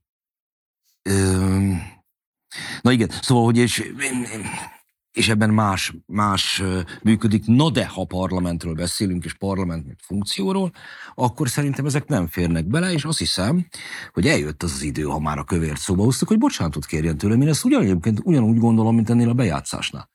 Csak Kövér László házelnök milliókra bírságolja azokat, akik olyasmikkel próbálkoznak, mint a Fidesz 2006 és 2010 között. A krumpli és a száraz tészta között mi a különbség? 4 millió forint, megmondom, hogy mi a különbség, de nem azért, mert, hogy is mondjam, kilóáron ennyiben különböznének. Ezt a Fidesz honosította meg 2006-tól kezdődően, tehát ezt a fajta látványpozícizálást a parlamentben, amikor beszéd és szavak és érvek helyett ilyen esztrált műsorokat adnak elő, és aztán a Fidesz próbálja ennek elejét venni, amikor vele szemben próbálják alkalmazni. Én viszont ugyanazt mondom. Ezt költően zárnak ki a Fideszből. Igen. Igazából posztfesztám, de igen. Nézzük meg akkor azt is, hogy nézett ki pontosan a kizárásod, hogy hogyan nyilatkoztál akkoriban erről. Híha! A Kimpadon Hont András, a Fidesz egykori hetedik kerületi tagja, korábban Nagyfő Tamás kampányfőnöke, aki azért került a közvélemény érdeklődésének középpontjába ezúttal, mert kizárták a Fideszből. Egy nagy kizárási hullámról írt a sajtó az ön kizárását megelőzően, aztán végül mindenki maradt a pártba, csak ön nem. Vajon miért? Jó reggelt kívánok, hát ezt a döntést meghozóktól kell megkérdezni. Az, hogy belső ügy vagy nem belső ügy, ezen azóta már lehet vitatkozni, mert ez a bizonyos inkriminált cikk, ugye, ez a varástalan Igen. ember, azóta már tízszer lehúzták ugyanezt a gondolatot. Tehát nem tudom, hogy ön volt az első, ön egy az egybe Orbán Viktor ellen ment ebben a cikkben. Véleményemet fogalmaztam meg. Igen. De vitairatnak szánta. Hát nem, a Népszabadság kért tőlem egy cikket a két forduló között, én meg a véleményemet a népszabadság kérésére megfogalmaztam. Ez ráadásul ez egy keddi napon jelent meg talán, igen, és másnap visszalépett a miniszterelnök jelöltségtől Orbán Viktor, tehát valószínűleg még csak nem is e, tévedtem olyan nagyot. Megviselt egyébként, hogy kizártak? Dehogy is. De azért, mert addigra érzelmileg annyira eltávolodtál már a Fidesztől, vagy inkább csak azért, mert azt fedezted föl magadban, hogy neked ez az egész párt kérdés, ez, ez soha nem volt? Ne, abszolút eltávolodtunk egymástól, és nem csak érzelmileg, hát próbáltunk feszegetni azért részben intellektuálisan is. Azokban a kérdésekben, amik akkor fontos központi kérdések voltak a magyar politikában. Mm. De azért ez egy fontos szocializációs közeg volt a számodra, és egy fontos közösség volt egykoron az életedben. Ezt magad mögött lehet hagyni?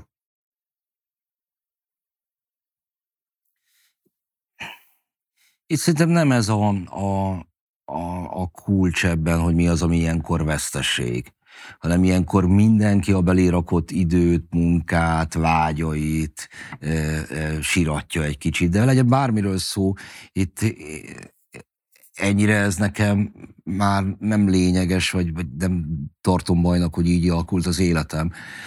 De mindenki, tehát aki elveszít egy munkahelyet, egy megtörik egy karrier, az, ott mindig ezek a kérdések, hogy hogy mit rakott korábban bele, és annyi, annyi, annyi, annyi ilyet láttam én aztán ezt követően, hogy kifejezetten hálás vagyok a sorsnak, hogy, hogy már edzetten és pallérozottan tudok ehhez a kérdéshez hozzáállni, és roppant jó tanácsokat adni a barátaimnak, hogy az ilyeneket hogy vészeljék át. De látok magam körött, lá, hú, lapot elveszíteni, főszerkesztőt, aki valószínűleg évekig nem lesz tőle még jól, de ez van.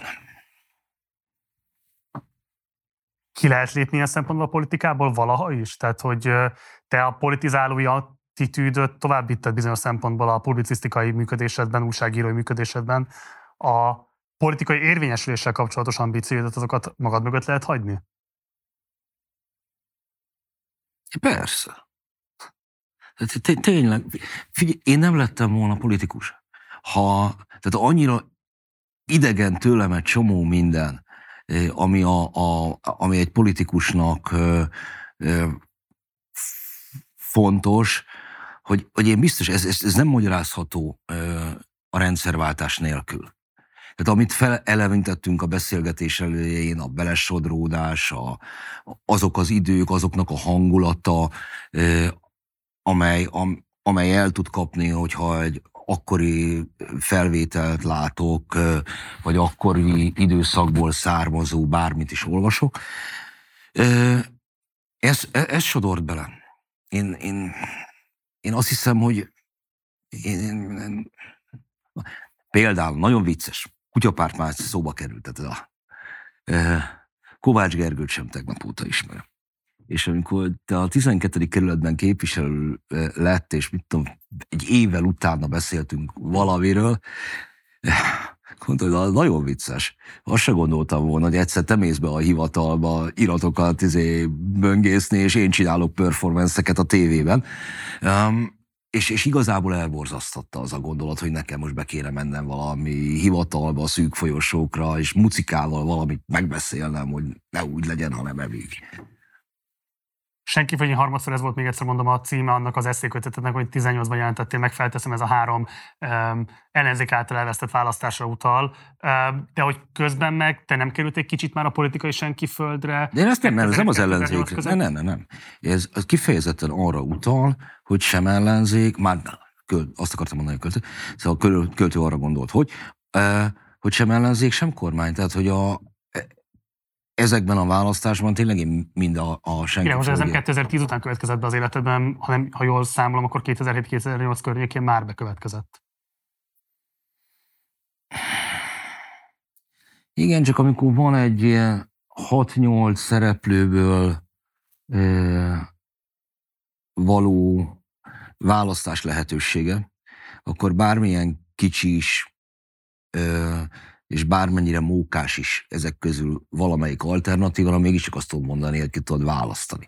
Nekem például kiválóan ott volt minden fogyatékosságával együtt, akkor szavazási lehetőségként a Magyar Demokrata Fórum.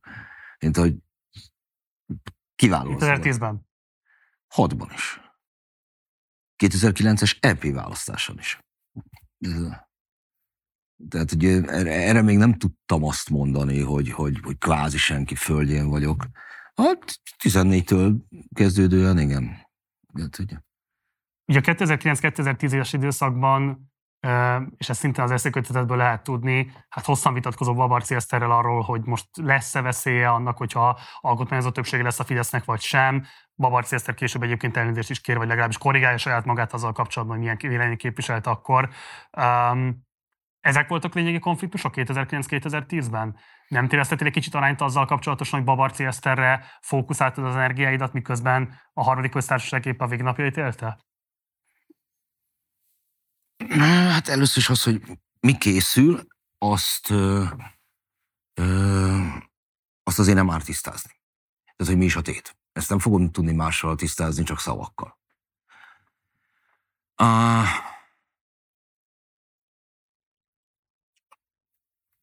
az, hogy a harmadik köztársaság összedől, el fog bukni, ez, ez számomra nem volt kérdés, ha ez így halad. Az ma kérdés, erre próbáltam előbb is utalni már, hogy baj hogy így történt. A vitánk, a szenvedélyes vita nem csak Babarci Eszterrel, másokkal is, ennek tagadása körül forgott.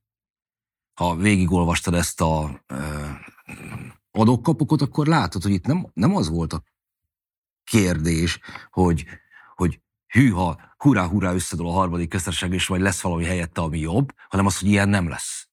És ugyanezt folytattam azokkal a jobberekkel is, akik ma már ballerek, de hogy akik azt mondták, hogy hát nincs itt semmi látnivaló, jó, egy kicsikét ilyen érdes a Fidesz hatalomgyakorlása, de, de ez azért ugyanaz. Én meg azt mondtam, hogy nem ugyanaz. Egyszerűbb lett volna azt a... Szerintem ez a vita eldőlt. Itt, itt, itt volt valaki, akinek igaza volt, és voltak emberek, akik nem volt igaza.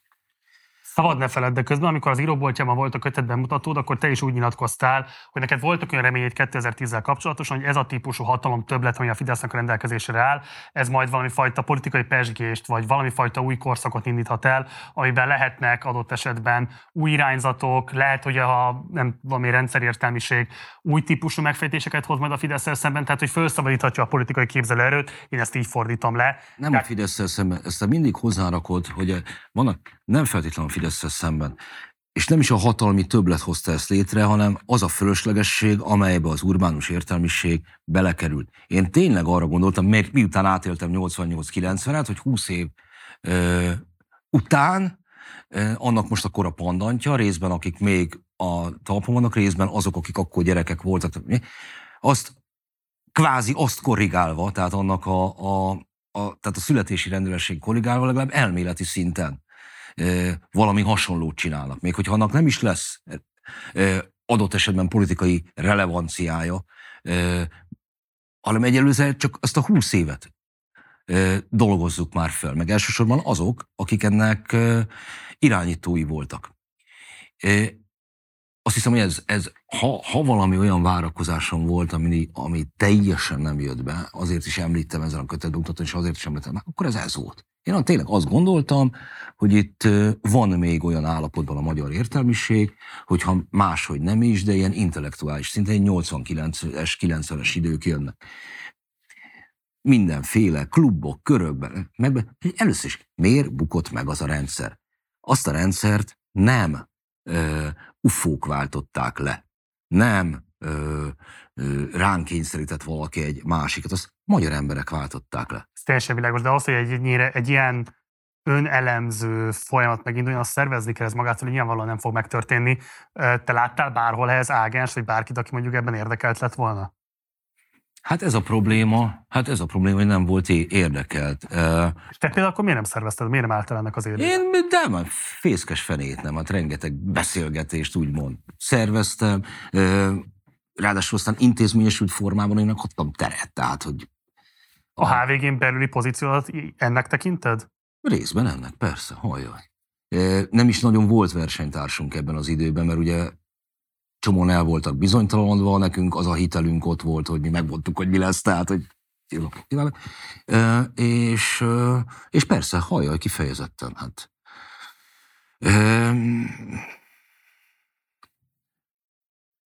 Részben ebben is csalatkoznom kellett, de, de igen, az, azt vártam, meg volt. Egyébként nem csak az, az történt itt, hogy a, a, a ö, hogy én csak elmondtam azt, hogy körülbelül mi következhet egy kétharmadból. Csak ez kevésbé ismert, noha megjelent a sajtóban.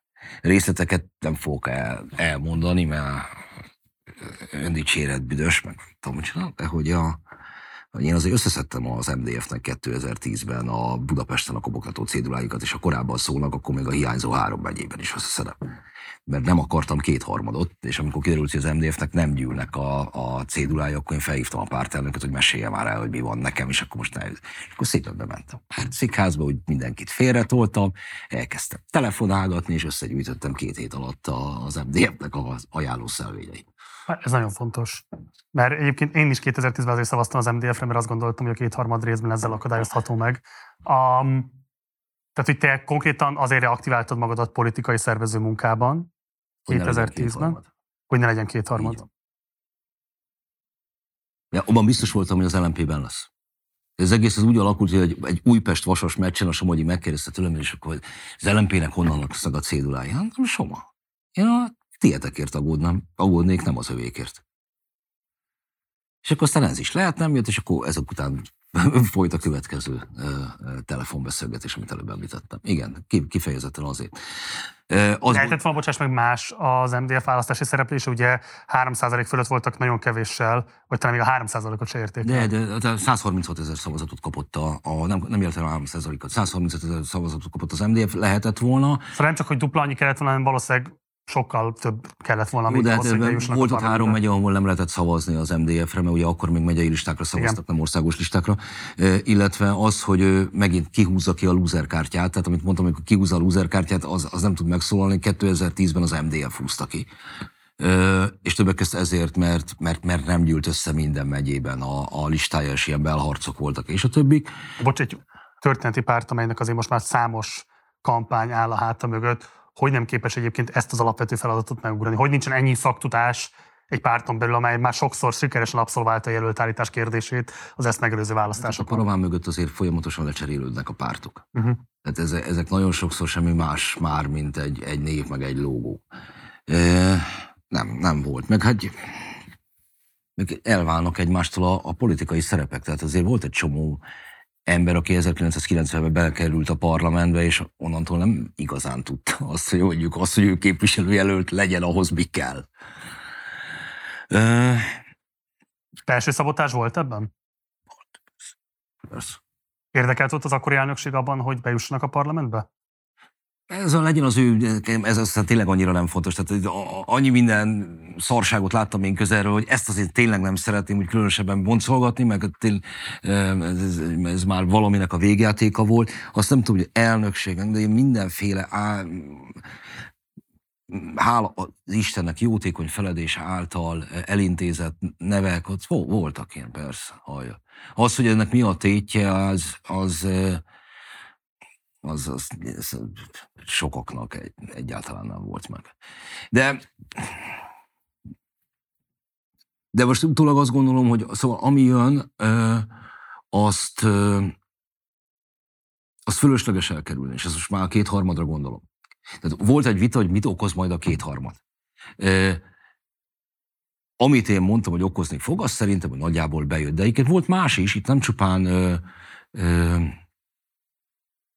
mm, a Eszterrel folytatott vitával a, hírszerzőnek, ami akkor én publikáltam, volt egy endorsement cikke a választás előtt, és abban ezt Govra Gáborral írtuk, és abban az szerepet, hogy nem szeretnénk, hogyha a közmédia úgy néznek ki, mint a méltán népszerű Echo TV. Nem szeretnénk, ha az alkotmány úgy néznek ki, mint a Fidesz alapszabálya. Tehát ebben leírtuk. Miközben, tehát ez két dolog mellett az, hogy ez is ez a választás az MSZP kormányzásáról szól, ezek az ő éveik voltak, nekik kell elszámolni, őket le kell váltani, tehát mert különben, másfél meg nem szeretnénk, ha a Fidesz jönne ezért és ezért és ezért.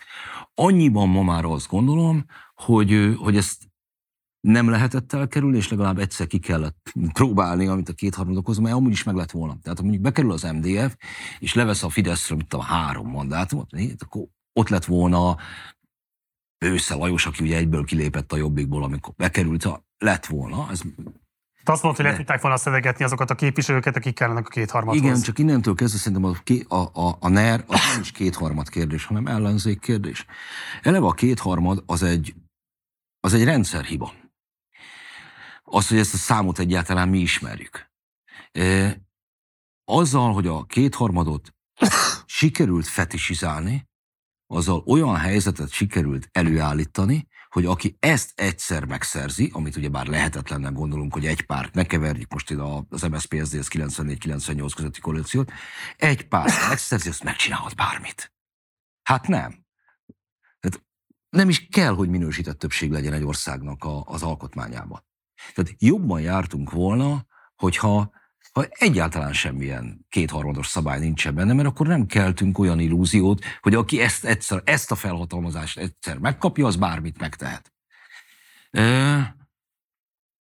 Mert akkor az lett volna, hogy, hogy hello, oké, okay, kisebbségben vagyunk, de akkor is vannak jogaink, kiállunk magunkért.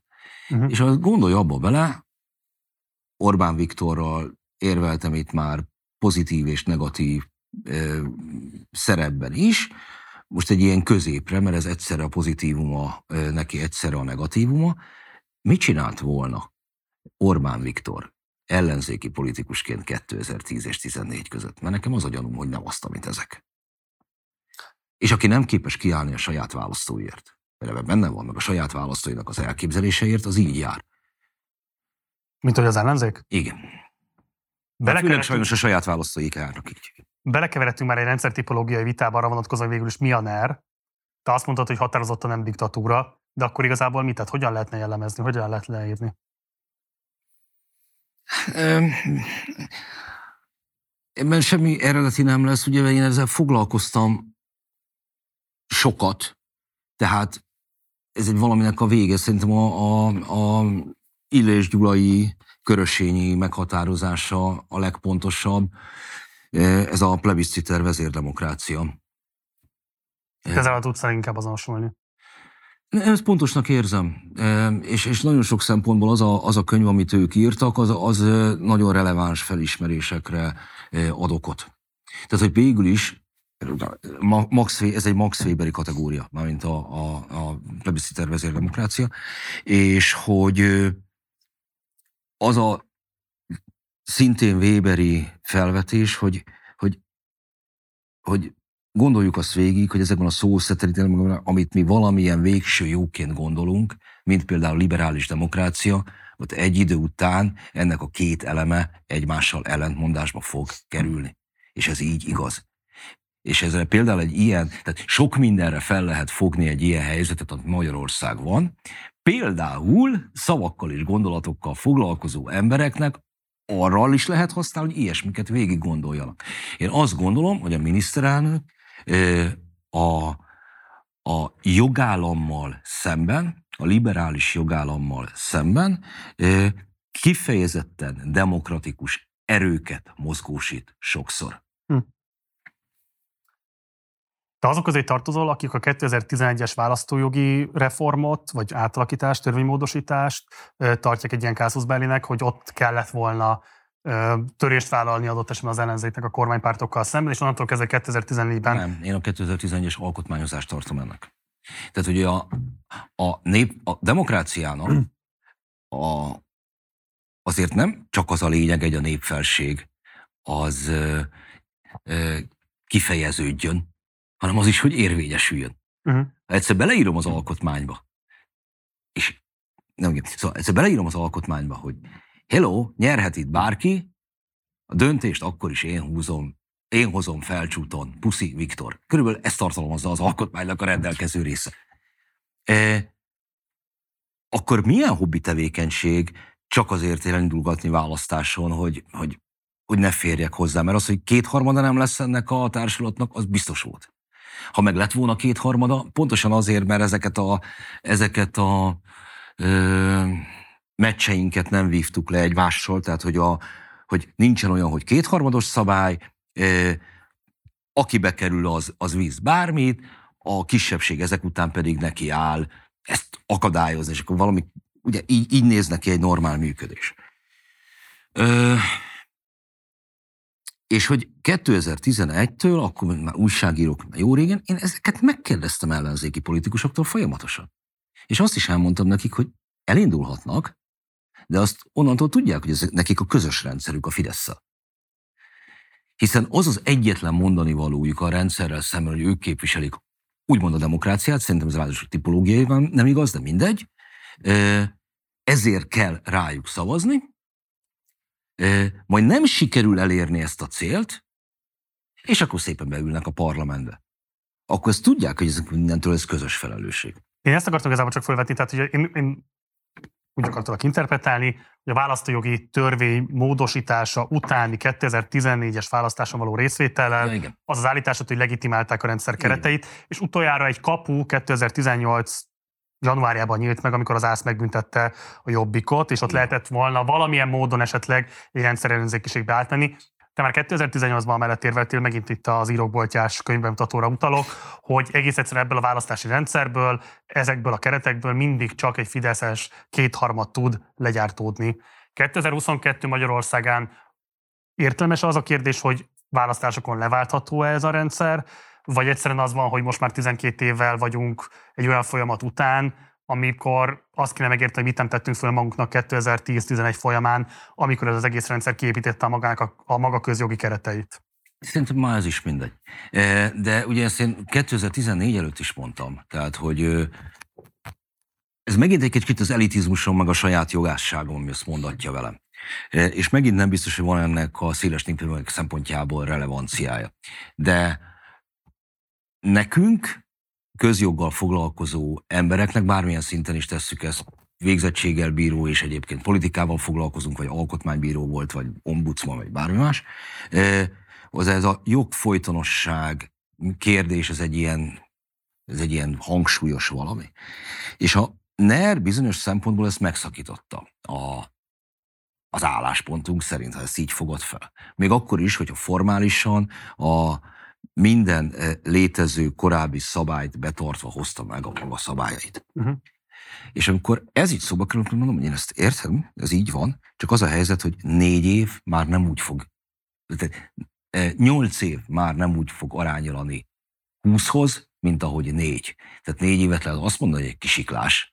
Ez egy, hát ez ilyen jogi micsuri megoldások összessége, de nyolcra már, már nem lesz igaz, pláne nem tizenkettőre. Pláne nem tizenhatra. Eh, Tehát ez nem kisiklás, hanem, hanem már rendszer maga. Szerintem ez, ez a része eldőlt a dolgoknak. Világos, de ellenzéki politikusként volt erre más út? Tehát most ugye ez nyilván egy szerepkonfliktus, és felteszem, nem mondok újat neked ezzel, hogy ellenzéki politikusként akármilyenek is a keretek próbálkozni kell azzal, hogy valamilyen módon a népképviseletnek az intézményében helyet kapj, lehetővé váljon az, hogy képviseleti pozíciókat nyerj magadnak, aztán próbálkozol így vagy úgy valamilyen módon megküzdeni a rendszerrel. Tehát valódi tehát így És ezért, és, ezért, és, ezért, és ezért kapsz na- nagyon sok pénzt a rendszer. Egyre inkább, és ez, ebben igazad van. De a kérdés az, hogy reálpolitikailag az egy valós pozíció, hogy képviselőket arra presszírozol, hogy adják föl ezeket a pozíciókat, és keresnek valami másfajta érvényesülést a fidesz szembeni politikájuknak. Szerintem túl vagyunk. Ez eldőlt. Tehát egy olyan kérdéshez, egy kérdésre próbálsz választ kicsikarni, mert egy kérdés már nincs. Tehát ez, ez, a, ez a rendszer, ez, ez, ezt a meccset Orbán Viktor megnyerte. De a meccs alatt mit értesz? Nem a, felteszem nem a 2022-es választást. Nem, nem a rendszer kiépítését.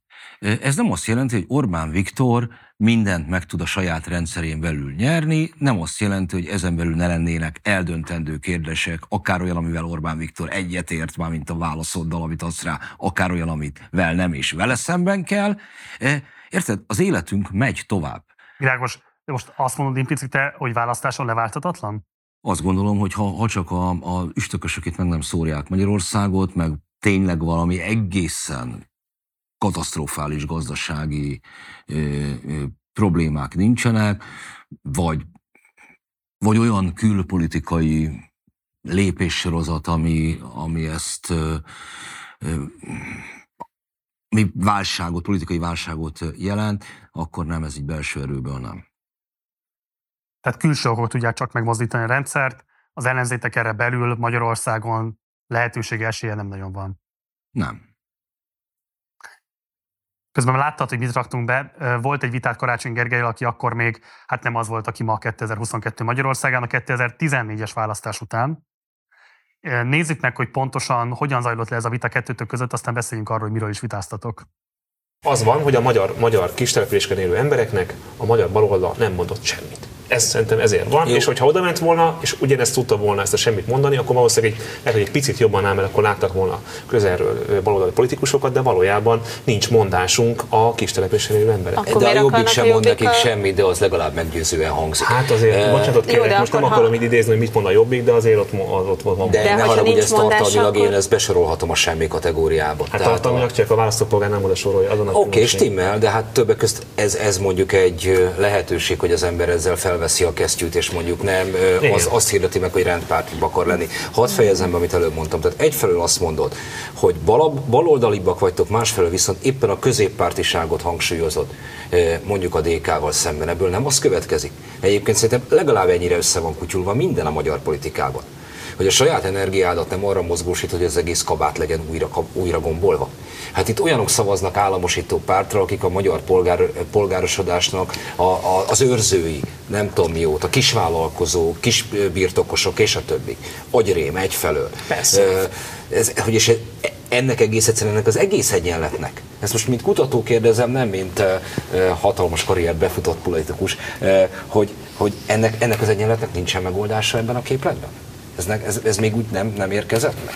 Vagy nincsen ilyen? Most azt, hogy újra gombolni a kabátot, az, az alatt én most úgy értem, hogy azt mondod, hogy legyen egy olyan politikai ajánlat Magyarországon, ahol az emberek nagyjából azt arra politikára szavaznak, amit úgy egyébként tényleg gondolnak, nem, és pont, nem valami. Nem, mert ezzel azt mondod, hogy szavazás és szavazás az egyenlőséggel. Én ezzel új 1989-ről beszélek, és egy olyan szituáció előidézéséről, amely kikényszeríti ezt a felekből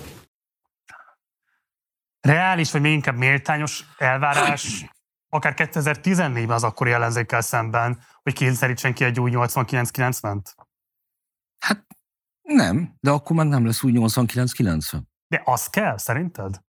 Ha komolyan vesszük, amit ők mondanak, akkor az kellett volna. De most Ezeket... 89-90-et aztán végképp demokratikus ellenzék kényszerítette ki, ott pont az következett amiről te beszéltél, gazdasági együttállás, államcsőd, közeli helyzet, és így tovább, a Szovjetunió összeomlása. Oké, okay, hogy megvártak egy olyan pillanatot, amikor ezt meg lehetett tenni, ebben neked igazad van. Tehát, hogy a pillanatot, a történelmi pillanatot nem az ellenzék gyártotta le, de a történelmi pillanatban nem is az állampárt, elképzelés szerint alakultak a dolgok, ahhoz egy felkészült, diversifikált, valós támogatottsággal rendelkező ellenzék kellett. És most a valós támogatottsággal nem azt értem feltétlenül, hogy a közölménykutatásokban akkor már, nem tudom, milyen mérhetetlen nagy támogatást mutattak ki nekik, hanem azt, hogy a magyar élettel kapcsolatban lévő, értelmiségiek, volt politikusok, annak leszármazottai. Tehát na, pontos, gondolom, kire ért. Biztos, hogy benne hogy nem úgy zajlott le, tehát miközben egyébként az ellenzék el volt foglalva azzal, hogy milyen közjogi módosításokat kell létrehozni, kerekasztal tárgyalásokon próbálták az átmentés békésen, vagy az átalakulás békésen le Igen. folytatni, közben valóban az átmenekítés meg zajlott nagy erőkkel az állampárti vagyonnak, magánvagyonokká konvertálása és így tovább, amiről egyébként te is maga a 90-es évben úgy írtál, hogy itt valóban egy olyan típusú antidemokratikus hatalomátmentés történt meg, amely kitermelte maga ellenerőjét a Fidesz képét, esetében, és aminek most 2022-ben is isszuk a levét? Ezt így gondolom, de, de ezt már nagyon korán is így gondolták ennek a folyamatnak a részesei is, hogy mindazt az energiát, amit a közjogi kérdések megvitatásába beleraktak, az bele kellett volna rakni a vagyonnal kapcsolatos diskurzusba is, csak hogy ugye az van, hogy az állampártnak a nemzeti kerekasztal tárgyalásokon az volt a taktikája, hogy ő megnyit egy ilyen gazdasági társadalmi kerekasztalt is, de hogy ez nem arról szólt volna, hogy ne vigyék el a gyárat, hanem arról, hogy terítse a felelősséget az ellenzékkel is, miközben az ellenzék egyébként helyesen mondta azt, hogy a felelősség azé, aki kormányoz. Ebben ő nem fog osztozni. Egyetlen egy dolgunk van, mégpedig az, hogy létrehozzunk egy olyan nulla pontot, ahol mindenki, akinek semmi felhatalmazása most nincs, el tud indulni, és lesz felhatalmazás, legitimációt teremteni. Hogy mindeközben e, tényleges hatalmi struktúrák e, jöttek létre a magánszférában, és ez nem csak vagyont jelent, hanem mondjuk például elbocsátott titkos szolgálati emberek és kapcsolataik, elbocsátott rendőrök és kapcsolataik, és így tovább, és így tovább. Erre, ezzel kapcsolatban a rendszerváltó elitnek nem volt tudása, és, és nem volt érképe hozzá. A mostanak valószínűleg van hozzá tudása, de kérdés, hogy bármilyen eszköze van-e? Tehát, hogy érted, bármilyen szempontból 2010 óta volt-e valaha olyan kezdeményező helyzetben az ellenzék, ahol érdemben tudta volna opponálni, megtörni, megrúgyasztani az Orbán De én ezt már de én ezt már nem érzem feladatomnak. Az bánom azokat a szavakat, amiket úgy fogalmaztam meg, ezt is mondom ebben a tavalyi eh, riportban, hogy úgy hangzik, hogy mit kell csinálni ma már úgy fogalmaznék, hogy ha ezt mondod, akkor ebből az következik, hogy. Uh-huh. Én nem akarok az ellenzéknek tanácsokat osztogatni ezen a, a, a ponton túl, és mondom még egyszer, bánom azt, akár ezt is azt mondjuk, most végignézve ezt a riportot, hát, hát nem is értem, hogy ez a fantasztikus népszerűségem közeleti körökben honnan származik. Azt hiszem, én se szeretném magamat. Tehát akkor bocs, azt, hogy ez ilyen, egy ilyen normatív igényel föllépő közéleti kukac vagy, azt te magad is elismered, hogy sokak számára megalapozott a letirítáló? Hát nem. uh, oh, idegesítő lehet, persze. Um, Bocs, azért akkor a, hadd csatlakozzak ide, mert ennek szerintem van egy olyan vesztesége, ami most vehetünk rajta, de felteszem, hogy téged személyesen is meg kell, hogy lehet, hogy viseljen mert ugye a 2010-es években a HVG-nek valóban egy nagyon fontos rovatvezetője voltál, és ilyen szempontból a közéleti diskurzusnak egy alapvető formálója, és ott volt egy olyan szövetségeset Tóta V. Árpád személyében, aki 2018-ban még ajánlást is írt a kötetednek a borítójára, és még egyszer utoljára hivatkozok most már erre az íróboltyás beszélgetés, ott úgy nyilatkozol, hogy mik a jövőbeli tervei, tehát például a videó blogot fogtok majd indítani mm. a Tóta V-vel, valóban lett belőle pár rész, de ez a szakmai kapcsolat igazából ez megszűnt, vagy felszámolódott. Talán nem túlzás úgy utalni Tóta vagy álláspontjára, hogy kifejezetten azt gondolja, hogy te lefeküdtél a dernek. Mi ment szét a ti kapcsolatotok, vagy igazából mi miatt kerültetek ennyire távol egymástól? Ez kizárólag a Covid-nak tudható be? Szerintem a Covid-nak ebben, ebben kis része van. A, annyiban van nagyobb része, hogy ebben Árpád ezzel nincsen egyedül, hogy a, az arányok megítélése. Tehát azt én mérhetetlen provincializmusnak tartom, és ezt most nem a tótára mondom, hanem számtalan, és azért mindegy, hogy hogyan ítéljük ezt meg. De történik valami a világgal. Vagy azért, mert ez egy egészségügyi ká, kockázat, káosz, bármi. Vagy azért, mert túl van hajtva, viszont akkor meg a jogállammal történt valami olyasmi, ami még korábban, akkor embereket semmi más nem érdekel változatlanul, csak hogy mi a neve a magyar miniszterelnöknek. Ez röhely. Számomra egész egyszerűen elfogadhatatlan. Rátérünk majd a Covid kérdésre. De, de várjál, de nem, azt akarom mondani, hogy ez nem, tehát hogy az a, az a fajta vita, az, az meg közöttünk meg volt 14-ben is. Tehát ugyan, és ugyanúgy személyeskedve zajlott, ezt azt hiszem, hogy egyikünk sem veszi a lelkére. Azt nem gondolom, hogy Árpád azt, hogy effektíve gondolná, hogy, hogy én lefeküdtem a, a nernek, hogy ennek ennek, hogy is mondjam, csak a, a, a, a DK-s roham kommentelő szintjén hinné ezt, hanem inkább gondolom ez is ilyen vagy szimbólum, vagy azt gondolja, hogy már ezt gondolom, vagy mást, mint ő, de hogy a, hogy a, a vitáink azok legalább ennyire szenvedélyesek voltak 2014-ben is. Akkor valamiért volt egy közösség köztetek, tehát hogy 2013-ban még együtt rögtök a szárszai találkozó, és tudósítotok róla a HVG-nek, eltelik 9 év, 8 év, és hát effektíve két oldalán vagytok az ároknak, amit közösen ástatok ki. Nem tudom, hogy közösen ástuk ki. Hát nem értünk egyet, és az, hogy a, az, hogy a, az egyetnemértésnek milyen felületei vannak, vagy kell-e felületeit csinálni az egyetnemértésnek, azt máshogy ítéljük meg. Mondjuk, hogy nem, nem, ne várjunk csak a tóta nyakába, azért van nekem mint más kudarcon HVG-vel, és ezt viszont a Fidesz okozta. E, és ugye már utaltál rá, hogy amikor Népszabadságba írtam lábjegyzetén. Egyébként azért kezdtem el a Népszabadságba írni, mert a heti válaszban egyszer e, meg akar, megcsonkítva akarták csak lehozni egy cikkemet. Nem szerkesztve, nem olyan, mert hát az ember szerkesztőkkel vitatkozik, nem, kifejezetten politikai szempontból szerkesztem benne, és akkor mondtam, hogy jó, kész, pont én ide többet nem írok, zárójel bezárva írtam a Népszabadságban, ahova akkor egyébként írtak fideszesek is. És én nagyon szerettem volna olyan rovatot szerkeszteni, ahova fideszesek is írnak be.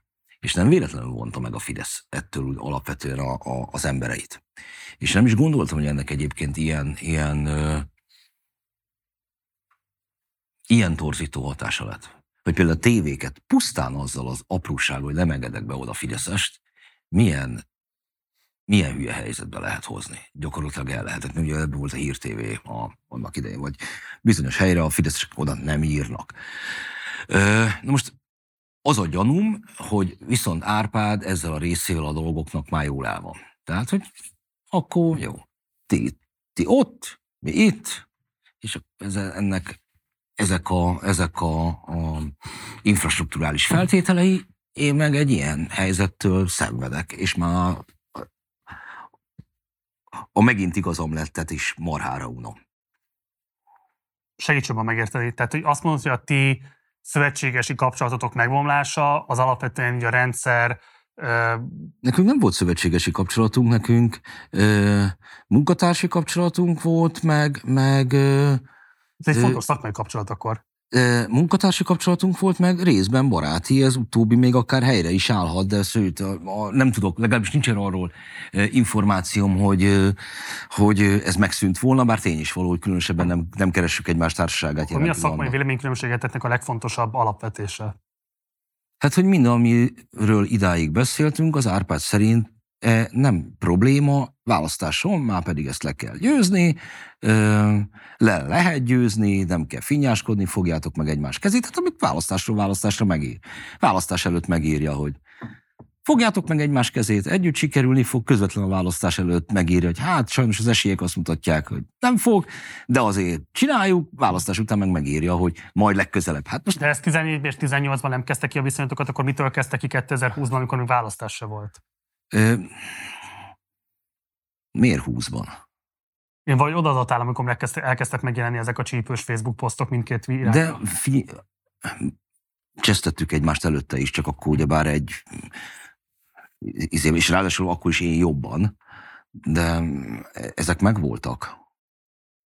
Ö... Szóval Szóval ezek megvoltak. Más, ez, ez lehet, hogy csak a kívül számára ilyen furcsa ez. Tehát mondjuk ugye az Árpád Index iskola, ott azért mondjuk egy új Péter Szili nem is pengeváltás, hanem egymás gyomrában való tolforgatást azért végignézve, de nem egy olyan nagy csoda. De itt tény is való, hogy itt, itt 2022 előtt, és még csak nem is a Covid, szerintem mondom, itt inkább az, az zavar engem, hogy ez a, ez a provincializmus, hogy változatlanul mindennek az alfája és omagája, hogy Orbán Viktor még a magyar kormánya élen áll, miközben ennél azért fontosabb kérdések vannak. Mely fontosabb kérdésekben, na ez meg a következő, tehát hogy a, hogy a Fidesz és köztem, amiket sorban ismertettél, van néhány vitáspont. Azon túlmenően, amiket felsorolt, tehát az, hogy én érdekelt vagyok a többpárti versengésben, vagy azt tartom jónak, nem szeretem az olyan fajta küzdelmeket, ahol az én létemet az ellenfél létezése adja meg, vagy létem értelmét az ellenfél létezése adja meg. Vegyük még azt is hozzá, hogy 2010 óta mondom azt, hogy Európa az Európai Unió és a Fidesz hatalomgyakorlása konfliktusba fog kerülni egymással. Ez nagyon-nagyon korán is elkezdtem, mert ez egyszerűen nem fér bele abba a logikába, amiben az, amire az Európai Unió létrejött, vagy amely az Európai Uniót megszervezte. És ez még mindig nem mond semmit arról, hogy ebben a konfliktusban viszont kinek van igaza. De ez csak, ezek csak mind arról szól, hogy kvázi mi lesz, vagy mi az, ami, ami, amit nem akarunk. De van egy csomó olyan kérdés, világnézeti kérdés, a, a, a világot, a világ szellemi életét foglalkoztató kérdés, eh, amelyben én tényleg a fidesz értek egyet. Tehát ennyiben ez a megfejtés megállja a helyét, hogy én a ellenzék, mit tudom én, egyvelekhez képest valóban olyan válaszokat mondok, amelyet egyébként egy átlagos fideszes vagy fideszes politikus mondanak. Mi tud, sőt, tehát ugye ez a szekértolás, tehát nem arról van szó, hogy, hogy én tolom a szekeret, hanem csomó esetben a Fidesz egyszerűen beparkolt elém. Amikor 2017-ben megint csak gyakorlatilag egyedüléként elkezdtem a MeToo-val kapcsolatos fenntartásaimnak nyilvánosan hangot adni. Borzalmas, ami egyébként utánam történt. Pedig nagyjából annyi történt, hogy ami most az Amber Heard, Heard perben kicsúcsosodott, tehát ne, nem ácsolhatunk olyan ö, ö, eljárást, amelyben bemondásra gyakorlatilag jogkövetkezmények lehetnek. Márpedig, ha valaki elveszíti az összes film szerepét, az olyan, mint hogyha eltiltanák a foglalkozásának gyakorlását. Summa summarum, ekkor a, a, a Fideszes sajtó ugyanúgy nekem jött, és ugyanúgy megpróbált meghurcolni, mint, a, mint, a, mint az Amazonok. Tehát, hogy a, a TV, TV2-ben volt, a HVG és Hont megerőszakolná, aki beül hozzá a kocsiba. Ugyanúgy Origó, ezt megcsinálta. És most pedig, hát persze, nyilvánvalóan a véleményünk egyezik, csak ezt akkor nem vállalták. Én ott vagyok. Cancel culture kapcsolatban jó, abban mondjuk a, a Fidesz is csak ő is mondjuk egy csöndben volt, és, de egyébként a Covid-ot is ide vehetjük. Uh, Szóval itt tényleg van egy csomó esetben, ha eltenkintünk attól, hogy milyen politikai berendezkedést akarunk Magyarországon, akkor a véleményem nagyobb részt fog a fidesz találkozni, mint a Fidesz ilyen-olyan színezetű ellenzékével. Ez van. De ez egyébként volt 2010 Bocs, ez, szerintem ez, ez egy tök oké, csak akkor azt nem értem, hogy miért háborít fel az, hogyha például akár kommentelők, akár bárki más, aki mondjuk ellenérdekelt a Fidesz hatalmának a gyakorlásában, meglétében, adott esetben élesen kritika alá vesz téged, vagy adott esetben kifejezetten emiatt neked megy kommentekben, nem tudom én, levelekben, és így tovább. Azzal, hogy valaki élesen nekem jön, nekem semmi bajom nem szokott lenni. E, amire ugrok, és azt szerintem mindenki ugrik rá, akinek van valamilyen önbecsülése, és egyébként nem csak a saját személye miatt, hanem azért, mert ha ezen a szinten folytatjuk a beszélgetéseinket egymással, akkor, akkor akár abba is hagyhatnánk az első névelőnél, hogy te biztos azért mondod, mert ez az érdeked. Ugye, van az a pénz. Me, na látom, megvett a Fidesz És ugyanezt csinálja egyébként részben a Fidesz is. Tehát el, elvitatja azt, gondolkodó lényektől, hogy valamiféle következtetésre maguktól képesek jutni hogy emberként lehet önálló vélemény. Biztos. Mindig elmondod, András, de bocsánat, azért azt feltételezem, hogy azok az emberek, akik például egy konkrét Facebook csoportot létrehoztak, és úgy hívják magukat, hogy a Nem szeretném, nem szeretném. De, de, de, de. Én nem feltételezem, hogy mindegyikük egyébként azzal vádolt téged, hogy te ezt pénzügyi vagy anyagi érdekek miatt képviselni kizárólag. Nem tudom, hogy mindegyiküket tényleg kitiltottad a Facebook lapodról, részben nem is érdekel.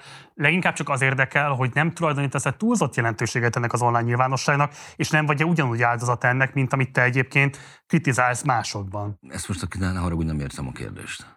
Mi jelentőség van annak, hogyha egy Facebook kommentelő azt írja, hogy maga ez biztosan anyagi érdekek miatt képviseli? Én a Tótától való diskurzustól indultunk ide. Igen, de már így nem ott tartunk. Aki, ott aki viszont nem egy, nem egy Facebook kommentelő. De ő azért szerintem ilyesmivel nem is vádolt téged. Dehogy nem. Mármint szóval a, a, legalábbis a szavak szintjén. Igen, tehát az á... Megvádolt vala azzal, hogy kifejezetten anyagi érdekek miatt változtattál hát talán ez nem hangzott el, de ez a, az, lehetett így is érteni, tehát mondjuk a, a... De ez a tótáról szól, vagy pedig a te érzékenységedről, amit lehet, hogy pont ezek a kommentelő folyamokkal való folyamatos foglalkozás alakított ki benned? Szerintem ez egy alapvetően, de nem, nem foglalkozom én folyamatosan, ez egy, megint csak egy tévedés. Uh, számtalan Facebook posztot szól arról, hogy az előző posztod alá milyen vélemények születtek, vagy milyen vélemények nem születtek meg. Nyilván, ez még mindig a folyamatos foglalkozástól távol áll. Hogy, hogy szerintem ez elég tipikus. Tehát ez nem, nem feltétlenül ö, Facebook kommentelő, ez, ez egy tipikus álláspont, hogy elvitatom a másiktól azt, hogy ő, hogy ő ezt, hogy neki van valamilyen meggyőződése. Ez is tipikus, És az is tipikus, hogy ha valakivel nem értek egyet valamiben, lényeges kérdésben, akkor nem érthetek vele egyet semmi másban sem. Hogy ezt elvárásként fogalmazódik meg. Én, én azt hiszem, hogy ez nem, nem a, a Facebook kommentelők kérdése, hanem a közéletünké, meg a közbeszéd. Nem, de te magad is problematizáltad nem csak most, hanem korábbi írásaidban is, meg megszólalásaidban is, hogy ez a típusú algoritmus logika hogyan élezik ki és polarizálja azokat a viszonyokat, amelyek nem biztos, hogy ennyire elvadultak lennének, ha egyébként nem ilyen nyilvánosságterekben élnénk a közéleti disputáinkat, és én nem látom, hogy a te megküzdésed az hogyan javítana ezeken a viszonyokon. Azt látom, hogy te magad is beleállsz ezekbe a konfliktusokba, és termeled ezt a típusú logikának az újratermelődését. Nem, szerintem pont, hogy nem. Az algoritmus logika az azt eredményezi, hogy igazából ne találkozzál olyannal, aki nem ért veled egyet. Ne találkozzál olyannal, aki más szempontok szerint próbál veled vitatkozni. Muszáj megkérdezem, nem baszkodott ki szisztematikusan tömegével azokat, akik egyébként ugyanígy nem értenek egyet veled a saját Facebook oldaladról? Mm, nem. Ha valaki kritikát fogalmaz meg, nem. Tömegesen, Mi kell ahhoz, hogy valakit kitűnjön? Tömegesen, tömegesen basz... Olyan, olyan ö, alapállás kell például hozzá, hogy én úgy ítéljem meg, hogy, a, hogy a, az engem követők ö, nem fogják komfortosan érezni magukat. Ahogy... Ez, ez, ezt fejtsd nem értem.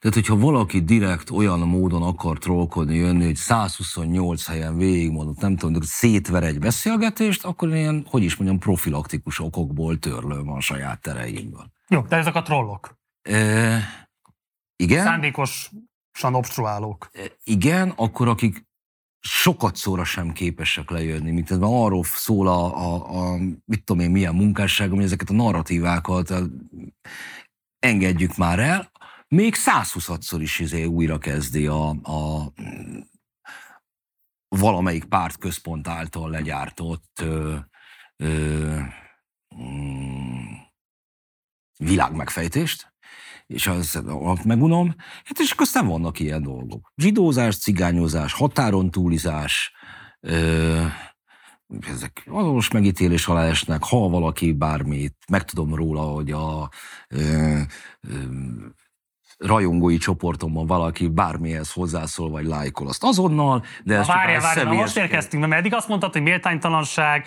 gyűlöletkeltő tartalom, vagy bármilyen más ilyen destruktív magatartás. Most viszont ez az van, hogy van a... Ez az én személyes kicsinyességem, ez így van. Ezt én vállalom. De ez, ez nem szólásszabadság kérdés, és mindenkinek... Ez, az ez egyik meg... legnagyobb elérésű. De ez rám semmilyen felelősség. Közvélemény formálja vagy ennek az országnak.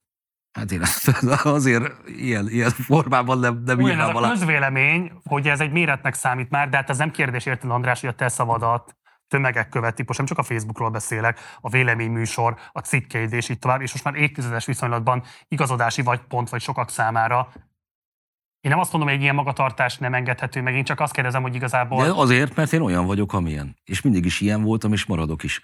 Tehát, hogy ezt, ezt én, én nem gondolom... Nem az, hogy akik nyilvánosságban véleményt formálunk, nekünk az indulatainkat is kell tudnunk valamilyen módon korlátozni, adott esetben visszafogni, tehát hogy egész egyszerűen nem élhetünk azokkal az eszközökkel, mint egy hétköznapi ember ilyen formában, mert rossz minta mert erősít olyan káros folyamatokat, amelyeknek mi magunk is az áldozatai leszünk, és egyébként a teljes politikai közösségünk az áldozata. De én azt gondolom, hogy, hogy az, hogy feltételezem a másikról, hogy önmagától hülye, én azzal teljesítettem a méltányosságot a társadalomom felé, más tőlem nem várható el. Itt húzódnak a határaim, amikor valaki azt próbálja elmondani, hogy nem, te azért vagy hülye, mert megvettek. De az, hogy hülye vagy, politikailag kevéssé korrekt szavakkal tudok, hogy is mondjam, előhozakodni a véleményem alátámasztására, vagy illetve a másik megsértésére, én azt gondolom, hogy ez belefér. Ez kicsinyesség. Ez nyilvánvaló. De hogyha te saját bevallásod szerint te magad is kicsinyes vagy, akkor milyen alapon várod el, hogy mások ezt feléd ne gyakorolják? De ez nem kicsinyesség. Az egész az, az, az hazugság, és, és annyiban romboló, hogy, hogy tényleg ez a logikája a, a gondolkodásunknak, hogy csak érdekek vannak, nem, csak érdekek vannak, és, és csak táborok. Még az, hogy azon belül, hogy emberből vagyunk emberi gyengeségekkel, az egy szerintem egy másik kategória. Uh-huh. Hát azért nem, nem, és bizonyos dolgokat meg nem kell tűrnöm. Tehát, hogyha valaki azt gondolja a szabadidős tevékenységeknek a hátam mögött izé, akkor nekem ehhez nem kell feltétlenül mosolyognom. Oké. Okay.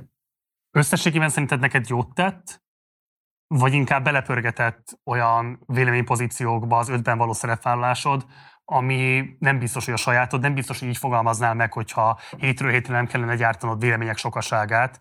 Ugye ez az a műsor, nyilván mindenki ismeri, aki nézi a Partizánt, hiszen nagy az átfedés a nézőközönség között, de hogy itt ugye te a kezdetektől fogva alapcsapattag, vagy talán egy-két adás volt, amikor nem voltál bent a műsorban, rendkívül teljesen kell polarizálni ahhoz, hogy legyen megfelelő színvonalú műsor, mindenről kell véleménye rendelkezni, ez önmagában szerintem hihetetlen fárasztó munka lehet. Számodra ez egy komfortos helyzet, és te ezzel maximálisan ki vagy békülve, vagy azért kellett magadnak is módosulni ahhoz, hogy a műsor színvonalát tartani tudjátok? És ha igen, akkor ebben mik voltak azok az adott esetben vett kompromisszumok, amelyek azért elgondolkodtatnak téged? Nem volt kompromisszum. Nem arra gondolok, hogy a Gavra, aki a főszerkesztő műsorok leszól, hogy milyen véleményt képviselj, hanem csak az a kényszer, hogy hétről hétre véleménnyel kell rendelkezned nagyon változatos témákban. Óhatatlanul azért valahol azt gondolom, hogy jár azzal a kompromisszummal, hogy nem biztos, hogy minden véleményed annyira átgondolt, mint a hozzá egyébként alapvetően intellektuális érdeklődésben közel álló témákról. Nyilvánvalóan nagy eszét ezekből nem írok, ha elmondok pár percet, de itt szóval úgy állítjuk össze a témákat, hogy nekünk van egy csoportunk, és oda bedobálunk javaslatokat. Ha? És akkor lesz abból egy shortlist, és abból szavazunk. És a Gábor végül eldönti. Nagyon-nagyon kevésszer van ennek következtében olyan téma, amelyel egyikünk vagy másikunk nem foglalkozna napi szinten. Mert, mert ezt ugye bár kirostálódik eleve. Tehát nem fogok a halbiológiáról beszélni, vagy, vagy olyan jellegű gazdasági kérdésekhez, amelyhez nincsen affinitásom. Valamilyennek meg valamennyire meg legyen a gazdasághoz affinitásod, ha a közéletben megszólsz valamilyen dolognak. Nézzél, azt, azt mi az, hogy monetáris politika, azt tudjad meg, hogy e, jegybanki alapkamat emelés, meg, meg mire mondja azt a kormány extra profit. Szóval azért ennyi elvárható közélettől foglalkozó emberektől. Akár azt is olyan módon, hogy, hogy mondjuk tőle távol eső területekről tan, egyetemi tankönyvi könyveket elővegyenek. Összességében mit gondolsz az ilyen vélemény agregáló műsorokról? Ugye már szerepeltem nem egyben, ennek ugye egy része az gőzleeresztés, a benne szereplő részére meg fizetség. Alapvetően tekintettem én úgy rá, mint hogy egyébként a mérhetetlenül rosszul fizetett ö, ö, magyar sajtó munkatársainak ö, keresett kiegészítése. Az ötről más gondolok ennyiben. Tehát, hogy ez, ez nagyon sok embernek önazonosságot, de nem is viszonyítási pontot adott. Ez például az a műsor, amit néznek két oldalról. Tehát ezt nézi Fideszes is, meg nézi ellenzék is. Amit egyébként nagyon fontos dolognak tartok. Mert ö, még Úgyhogy ugye ezt a, ezt a 12 évet én nagyon erőteljes ö, ö, Fidesz kritikával, való viaskodással, általuk való megbélyegzéssel kezdtem, de soha egy másodpercig nem gondoltam azt, hogy ne lehetne ö, ö, valaki magától megokoltan Fideszes, ne, ez ne lehetne egy, egy választható opció. Időről időre szembe akaszkodom a, a, az ellenzékkel, mérhetetlen nagy átverésnek érzem a létüket alapvetően, de nem gondolom azt, hogy az az ember, aki nem szereti a, a regnáló kormányt, viszont ennél tovább nem akar elmélyedni a, a, a politika útvesztőjében, hogy már még csak azt se akarja meghallani, hogy de értsd meg, amiről itt beszéltünk, hogy nem lesz belőle kormányváltás, úgy ez nem érdekli. Mert ha marad is a kormány, neki csak annyi fontos, hogy nem szereti ezt belőle, aztán majd valahogy elbolog. Szóval hogy ez ne lehetne egy adekvát és tisztességes válasz. És például a, a, a moderálási alapelveimnél ez meghatározó, hogy rendszerszerűen ne legyen valakinek elriasztó egyik vagy oldalra, másik oldalra a léte. Tehát az, hogy olyan módon akar megszállni valamit, hogy ezt az egyik vagy a másik, nem az konkrét személy, egyes konkrét kommentelő tűnik el, vagy egyes konkrét követő, hanem, hanem mindazok, akik, akik vagy a fideszesek, vagy az ellenzékiek itt ennyiben. Ez, ez, szóval ez, ez, ez, ez, ez, egy fontos dolognak tartom, hogy legyenek, legyenek legalább mutatóban olyan helyek, ahol, ahol ö, ö, a bóvó nincsen megbélyegezve valamelyik oldal. Mennyire kell egy ilyen műsorban szerepet vállaló személynek a politikai következetesség szempontjait figyelembe venni az álláspontja kialakításakor? Hát nyilvánvalóan mindannyian próbáljunk a politikai következetességet ö, ö, őrizni. Hát most mennyiben sikerül, mint minden emberi feladat, vagy amikor megbicsaklik rajta az ember. Feltétlenül találkoztatok már azzal a kritikával, ami Márkizai Péter előválasztási sikerét magyarázza részben az ötben tapasztalható valamelyes pozitívabb elfogultsággal az irányába. Milyen a választotok, vagy mit gondoltok erről a kérdésről? Fő, fő, főként amiatt is kérdezem ezt, mert hogy a választási kampányban meg aztán éles kritikusai voltatok az ő miniszterelnök jelölti teljesítményének a kampánycsapata működésének. Na várj, erre akkor is lenne válaszom, hogyha igaz lenne az, amit te mondasz. Tehát, hogyha ha bizonyos pontig lelkesen támogatott Márkizai Pétert, majd bizonyos pont után elkezdett verni a fejét. Nem így történt, de ha ez így történt volna, akkor is teljes egészében legitim lenne, abban az esetben, ha úgy gondolod, hogy Márkizai Péternél történt egy törés, te vagy következetes, és nem arról van szó, hogy te vagy következetlen, hanem ő. Egyébként ez Márkizai Péter esetében ö, szerintem kimutatható. Ő anti-establishment jelöltként nyert előválasztást. Ehhez képest elkezdett egyből hetedik frakcióról beszélni. Az a más kérdés, bocs, a második forduló előtti időszakban te legalábbis örültél annak, hogy ő fönn van a páston, és remélted, hogy képes lesz megverni Dobrev Klárát. Én még nem is a Dobrev Klárát, hát várjál, meg itt nagyon, nagyon szofisztikált véleményem volt. Én azt mondtam, hogy a, hogy szerintem miniszterelnök, miniszterelnöknek személyében a megnevezett jelöltek közül a Dobrev a legalkalmasabb. Ezt többször elmondtam. Szerintem a karácsonynak van a, a legnagyobb esélye, és hogy szerintem nem tartottam elképzelhetőnek, hogy végül nem az, nem az jön ki, hogy a karácsony mögött hozzák össze. Na, parancsol még egy tévedés, de hogy, hogy ezt is el tudja rontani az ellenzék, amikor ezt, ezt nem gondoltam volna. És hogy a, a Márki Zajnál meg éreztem azt, hogy az ellenzéki szavazók, és ez nem a Márki Zajról szóltam, az ellenzéki szavazók, akik tudták azt, amit az ellenzéki politikusok nem akartak elfogadni, hogy ez így esélytelen, ez így megalázó, ez, és ők kerestek valamit, ami ebből a 12 éves, rosszul összerakott kiút, és ők ezt Márkizai Péterben, vagy Márkizai Péterre leadott szavazatban találták meg. Szerintem ezek az emberek akkor is fontosak, hogyha valaki mondjuk adott esetben kormánypárti, vagy, vagy hm? ez, és észre kellett volna venni az ellenzéki politikának a nem Márkizai Péter személyében rejlő okait Márkizai Péter győzelmének nem MZP-t látni ebben, hanem az MZP szavazóit. Egyébként én nem, nem azt mondom, én azt mondom, hogy nem voltam bánatos, pont emiatt nem voltam bánatos, tehát hogy a visszaélésszerű ellenzékiséggel szemben leadott protest szavazat, a, a Márkizai Péterre adott szavazat. De, de én nagyon hamar azt mondtam, tehát mondtam, kérdeztem tőlem valamit, de miért mondja ezt? Mondom, azért, mert egy barom. Tehát ez közvetlenül ugye a megválasztásakor volt hát, hogy, a, hogy is mondjam, bírtam némi kritikával a működésével kapcsolatban. Egyetlen egy pont volt, ami megtévesztő volt, amire azt gondoltam, hogy talán ő is okult valamit a korábbi évekből, a, a 18-as választás utáni fellépésekorból, csomó olyasmiből, amit én hülyeségnek tartok. Hát én ebben a választási folyamatban én összevitatkoztam az MZP-vel a saját rádió műsoromban Ajaj. a feles alkotmányozásról, nem, még csak nem is a, a választás, még, még az előválasztásnál. Ö, szóval, hogy ezek megvoltak, de a, az első miniszterelnök jelölti vita. Szerintem torony magasan az MZP volt a legjobb, mármint a, az előválasztások.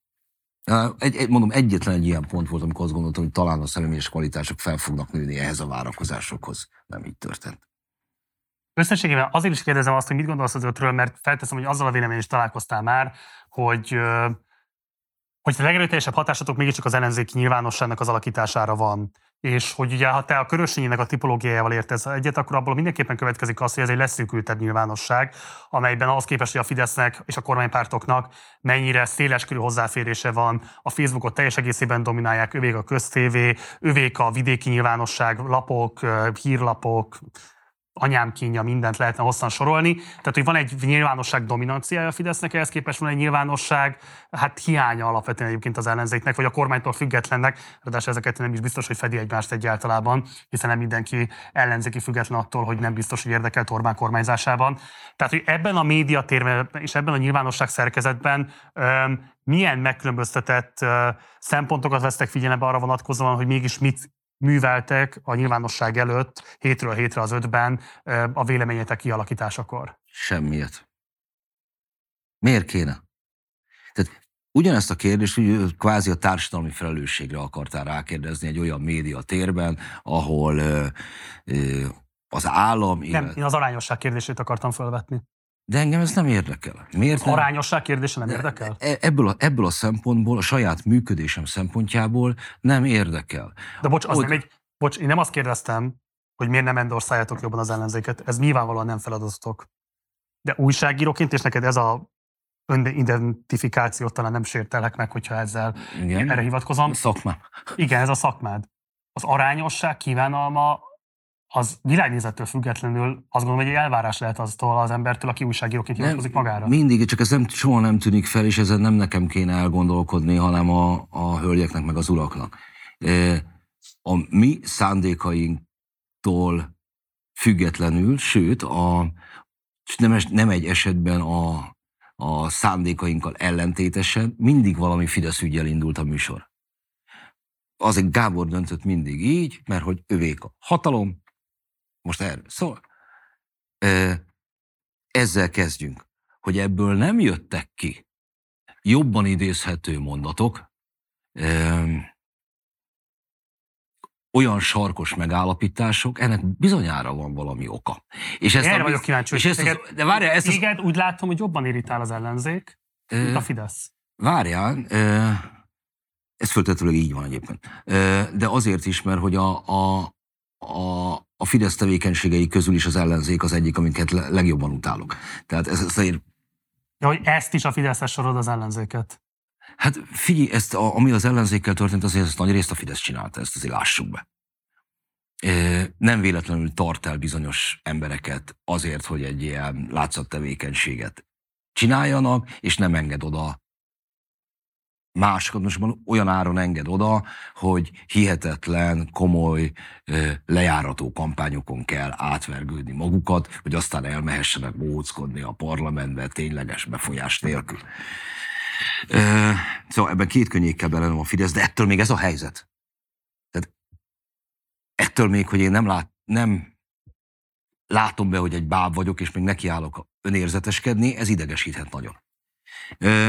De szóval az arányosságra visszatérve, nyilvánvalóan azt fog tudom mondani, ami foglalkoztat. Szerintem egyébként addig, amíg ez az ellenzék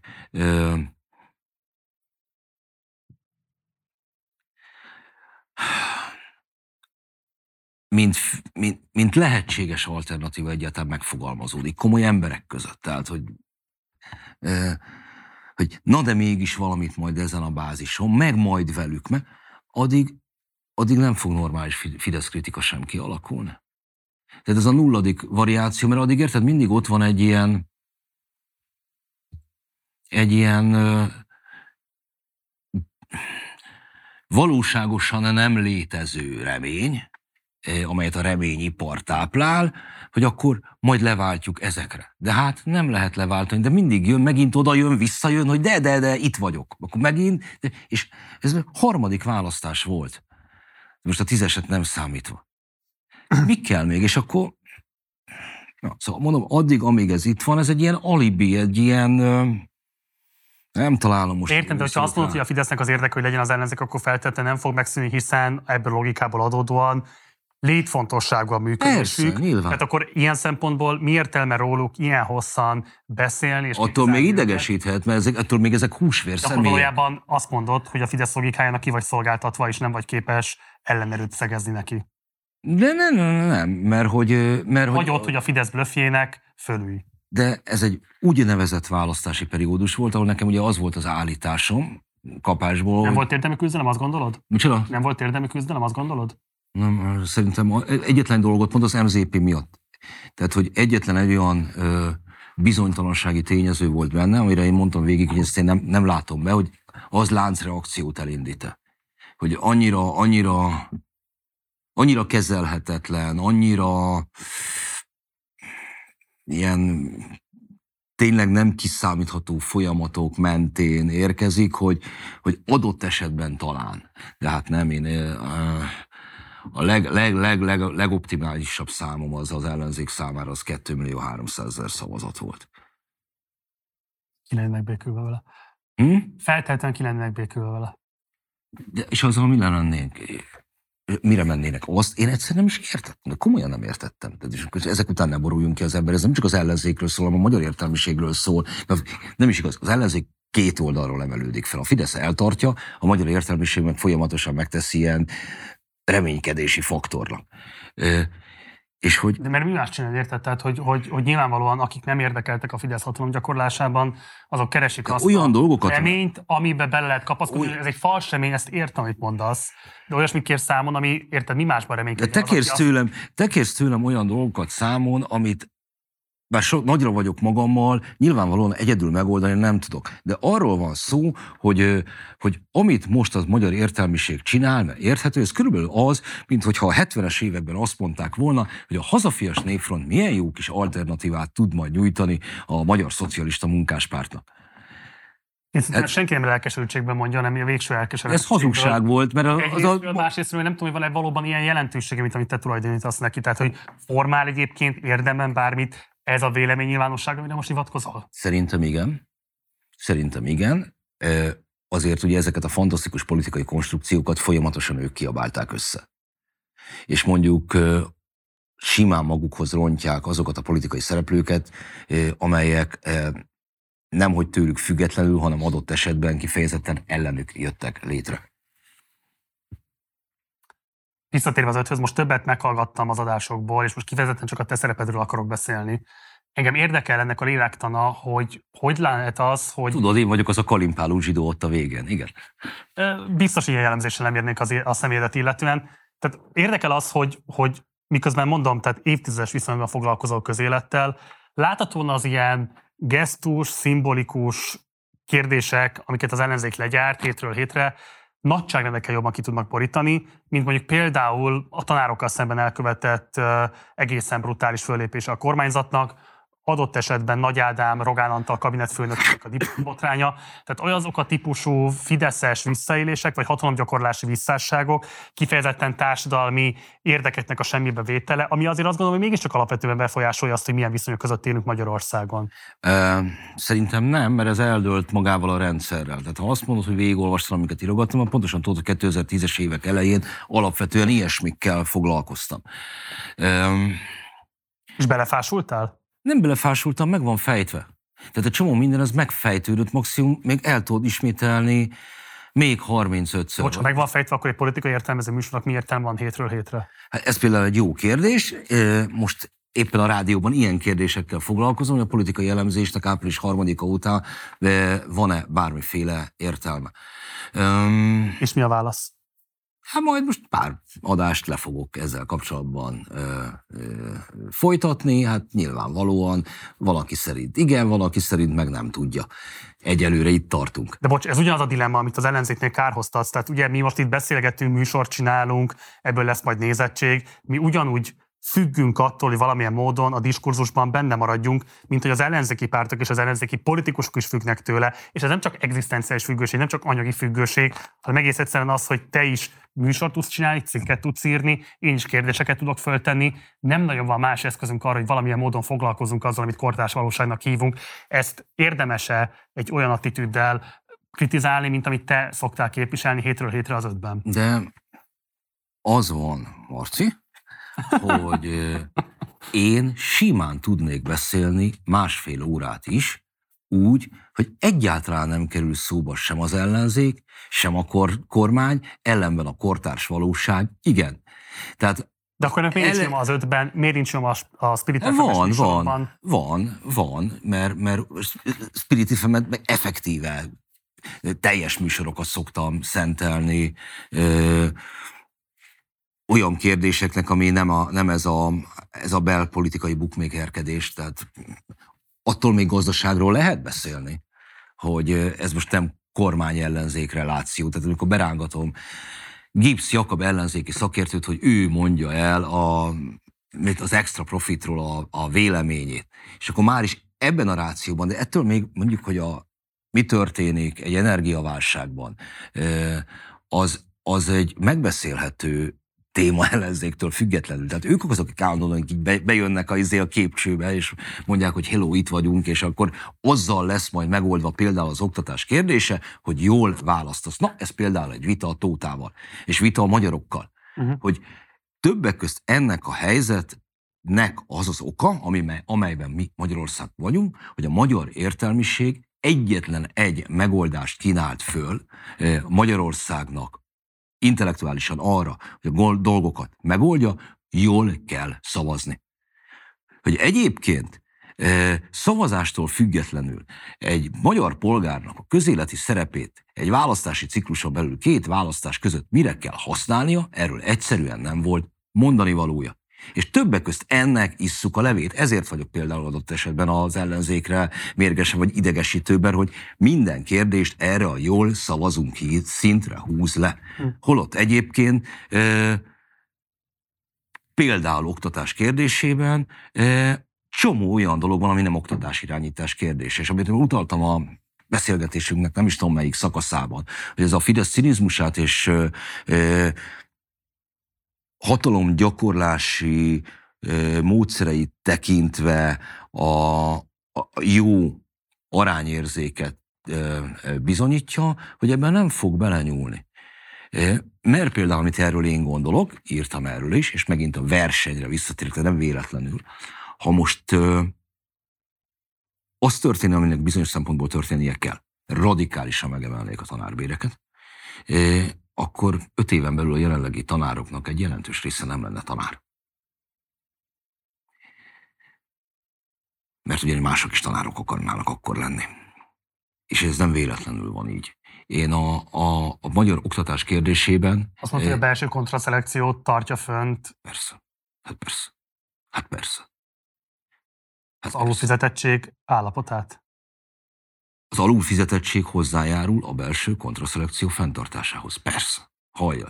És most, számomra, most, számomra, számomra, azt mondta, hogy azért nem sztrájkolt több, mint 30%-a mondjuk adott esetben a tanároknak, mert nem érdekeltek abban, hogy vonzóvá váljon a pályás adott esetben nekik maguknak is kelljen versenytársakkal találkozni? Hát az, hogy természetesen a több pénzt elfogadnák, úgy, hogy ez járjon együtt azzal, hogy azt ők nyugdíjig tervezni tudják, nincsen még egy, még egy ilyen karrierpálya Magyarországon, ahol szinte biztosra veheted azt, hogy akkor ha nem, ha nem csinálsz valami olyat, vagy nincsen más ambíciód, nem akarsz emelni korona nyugdíjba is fogsz tudni menni. Szóval számomra az oktatás kérdés, és ezért hogy ki ebből, de az nem tanárkérdés, hanem gyerekkérdés, jövőkérdés. És ez nagyon sokszor ellentétben van egymás. Ezt, hogy is mondjam, csak 12 év magyar oktatásának elszenvedőjeként azért csak el tudom mondani. És az, hogy hány olyan ember, akit egyébként nem is engedhettek volna a közelünkbe. és nyilvánvalóan ebből rossz lett a helyzet, és ebben benne van, de ez tőlem ne várt, hogy akkor én, én, én mit tudom én, kitűzzek a kockás hínre egy nem tudom milyen szalogat, és azt mondja, hogy na, ez csak a ö, pedagógus béremelés kérdése pusztán. Meg, meg, meg az is, hogy ugye, nyer az ellenzék, holnaptól finnoktatás lesz. Egy frász lesz finnoktatás. Ilyet azért senki nem mondott. Igen.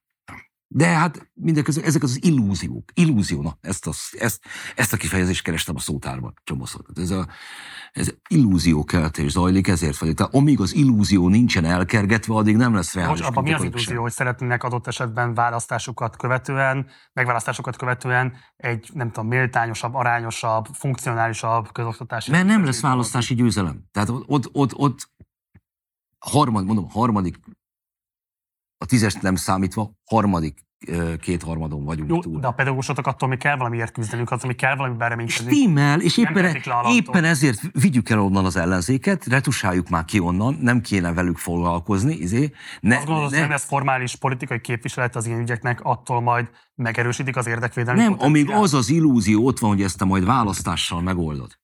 Én nem fogom tudni elmondani most, hogy minden a tiltakozásnak, meg, a, meg az oktatás szervezésnek milyen olyan kérdései vannak, ami el lehet érni eredményeket most itt ebben a rendszerben.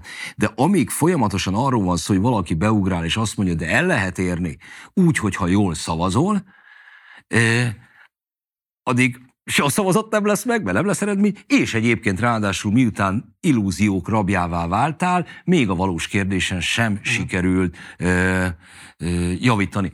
Na, oktatásnál maradva, és Facebooknál, hogy a viszonylag korán, tehát még az első ciklusában a ner jöttek ilyen tanárcsoportok létre.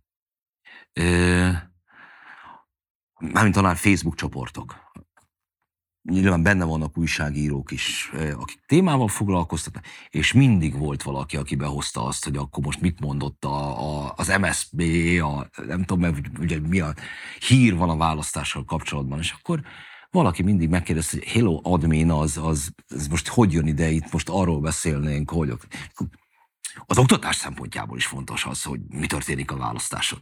Ez így lett szétcseszve. Igen, valószínűleg 12 év dű az érezhető rajtam. Igen. De nem a hatalom irányába. De érted, a hatalommal addig nem is lehet foglalkozni, amíg valaki egy illúziót foly, fúj köré, hogy, hogy hogy majd a hatalom által okozott gondok, vagy más utak, vagy bármit máshogy gondol, na azt ő majd megoldja hát hogy is mondjam, egészségügy. Van egy egészségügyi helyzet. Van ott mondjuk egy páciens. Még csak azt sem mondom, hogy beteg, egy páciens Magyarország. Rajta ilyen-olyan beavatkozásokat kéne végrehajtani, vagy hajtanak végre, vagy hajtottak végre a múltban. És mi az első, a, amikor azt megpróbál megállítani, hogy szüksége van ebbe a gazdagodásra, mi a megfelelő gyógymond, milyen orvost hívjál. Mi az első nulladik lépés? Azt, hogy először is elküldöd onnan a sarlatánt. Mert az biztos, hogy nem. Majd ha a sarlatánok elmentek, visszatérünk. Egyébként pedig, de, meg volt mondom a dühöm egy csomó területtel kapcsolatban azokat annak idején megírtam, nem értem, hogy azáltal a világ miért lenne jobb, hogy én ezt folyamatosan megismétlem. Viszont az napi renden van, hogy négy évente behúzzuk magunkat ebbe a hülyeségbe, hogy na akkor majd most ezt választáson dől el a közoktatás kérdésétől, a mit tudom én, a kresszig minden, miközben nem. És, és van a harmadik, amit viszont nem akarok a, a vékonyan rejteni, erre külön kitértem, az, hogy vannak olyan világjelenségek, amelyben én a fidesz értek egyet szemben az ellenzékkel is. Jó, ezek alapvetően kulturális kérdések. Hát nem feltétlenül, lehet adott esetben külpolitikai kérdés is.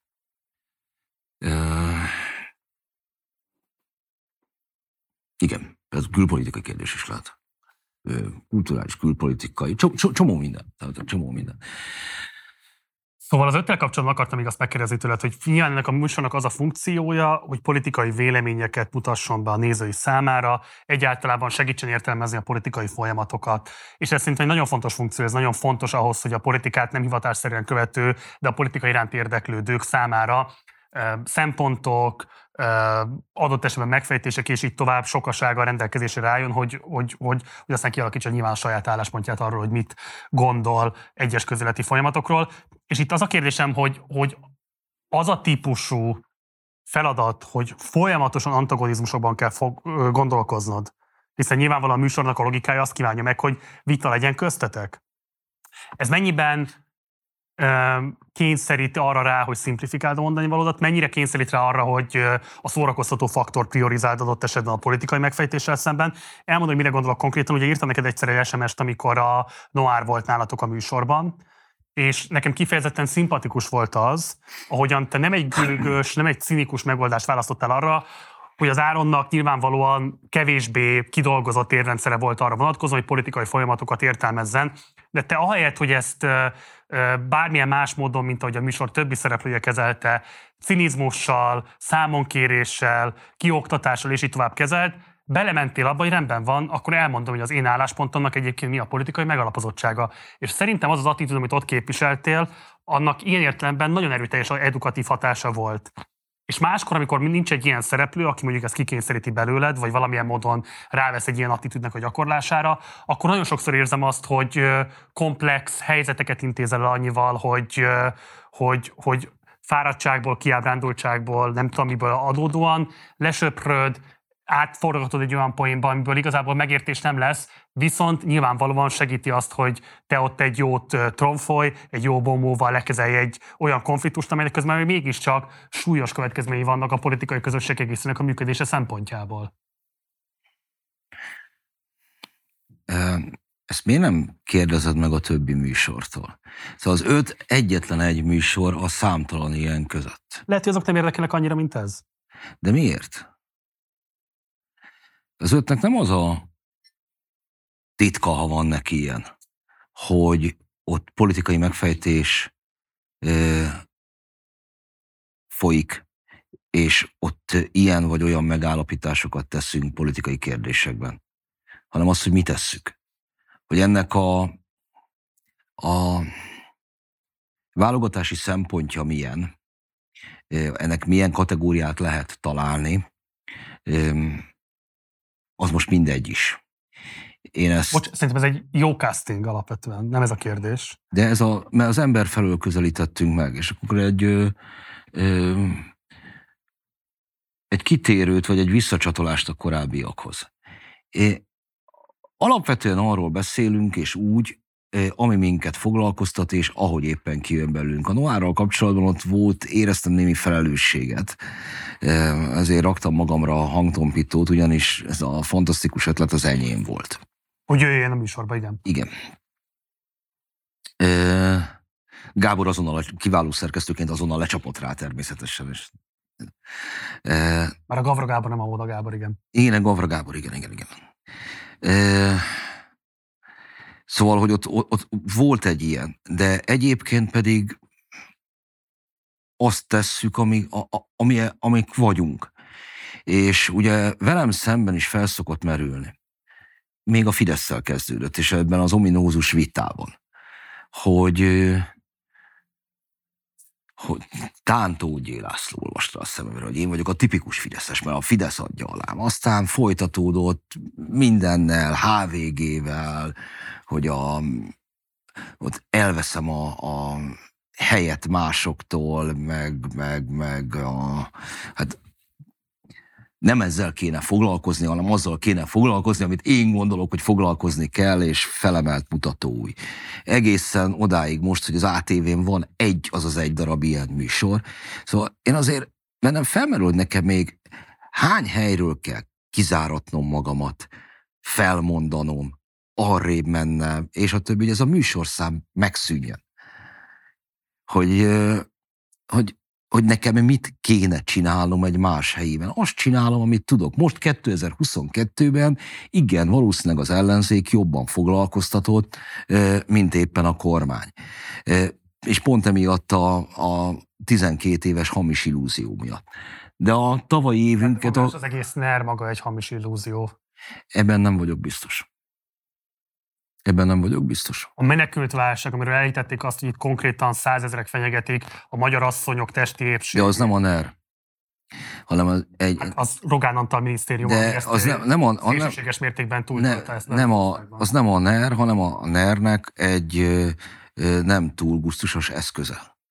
A szívcsakráját, bocsáss meg, hát mi más tárgyát de ne, ne, ne, mert a... a hatalmat 2018-ban és 2022-ben, mint ez a típusú megdolgozása a közvéleménynek. Nem, nem morcuk. Ez egy technikája a NER hatalom, vagy a NER-en belül a NER krémjének a hatalom megőrzésének. De ez nem a NER. A NER az egy alkú, amely a magyar nép egy jelentős része, és Orbán Viktor között köttetett. A, és vannak ennek olyan részei, amit illenék komolyabban venni, mint hogy néhány sarkos megjegyzéssel elintézzük. Például, amire te választás után valamelyik adásban utaltál. Tán akkor, amikor éppen a hatházinak ugrottál neki. Abban az adásban volt. Nem vagyok minden partizán felvétel néző, és alapvetően munkásságot... Tessék? Eloldozzak, ne aggódj.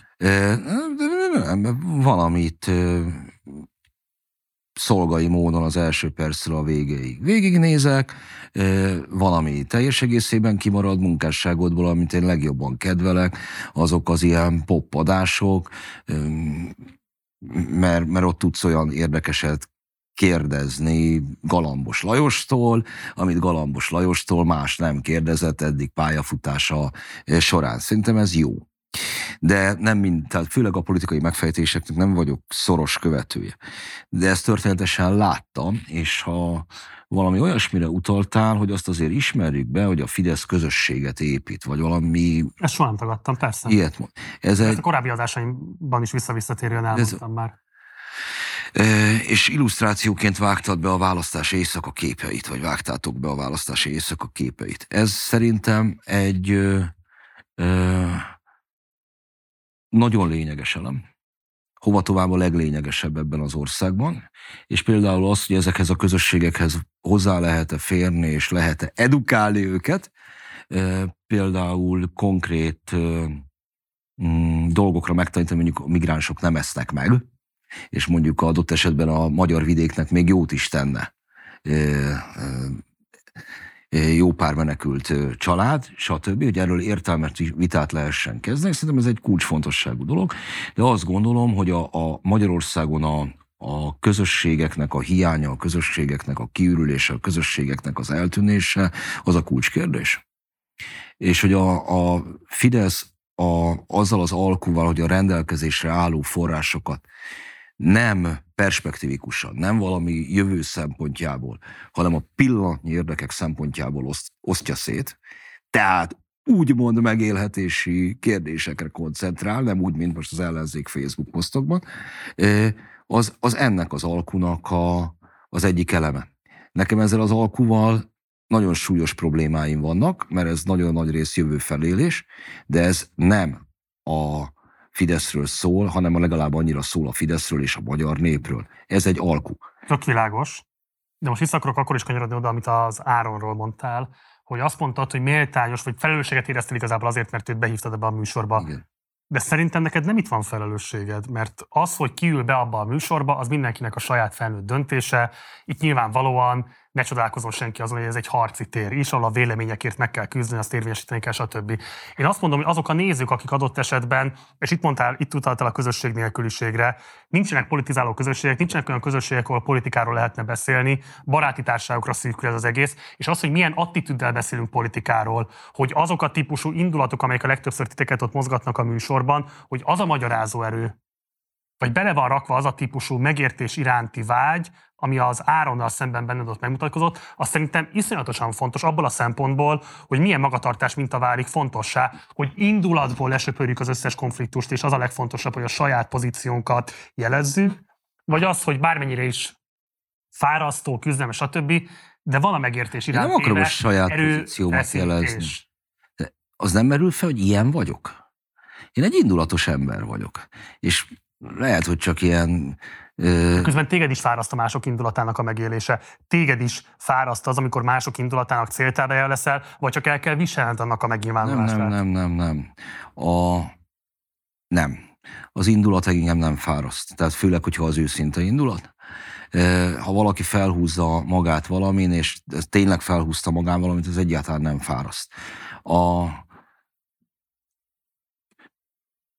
összeverődünk egy bármilyen összevegyült összetételű társaságban, és az egyetlen fegyverünk az marad, hogy egymás között gúnyolódunk, valamint, tehát, hogy ilyen csoport megítélésekre azt gondoljuk, hogy univerzális, na ez fáraszt.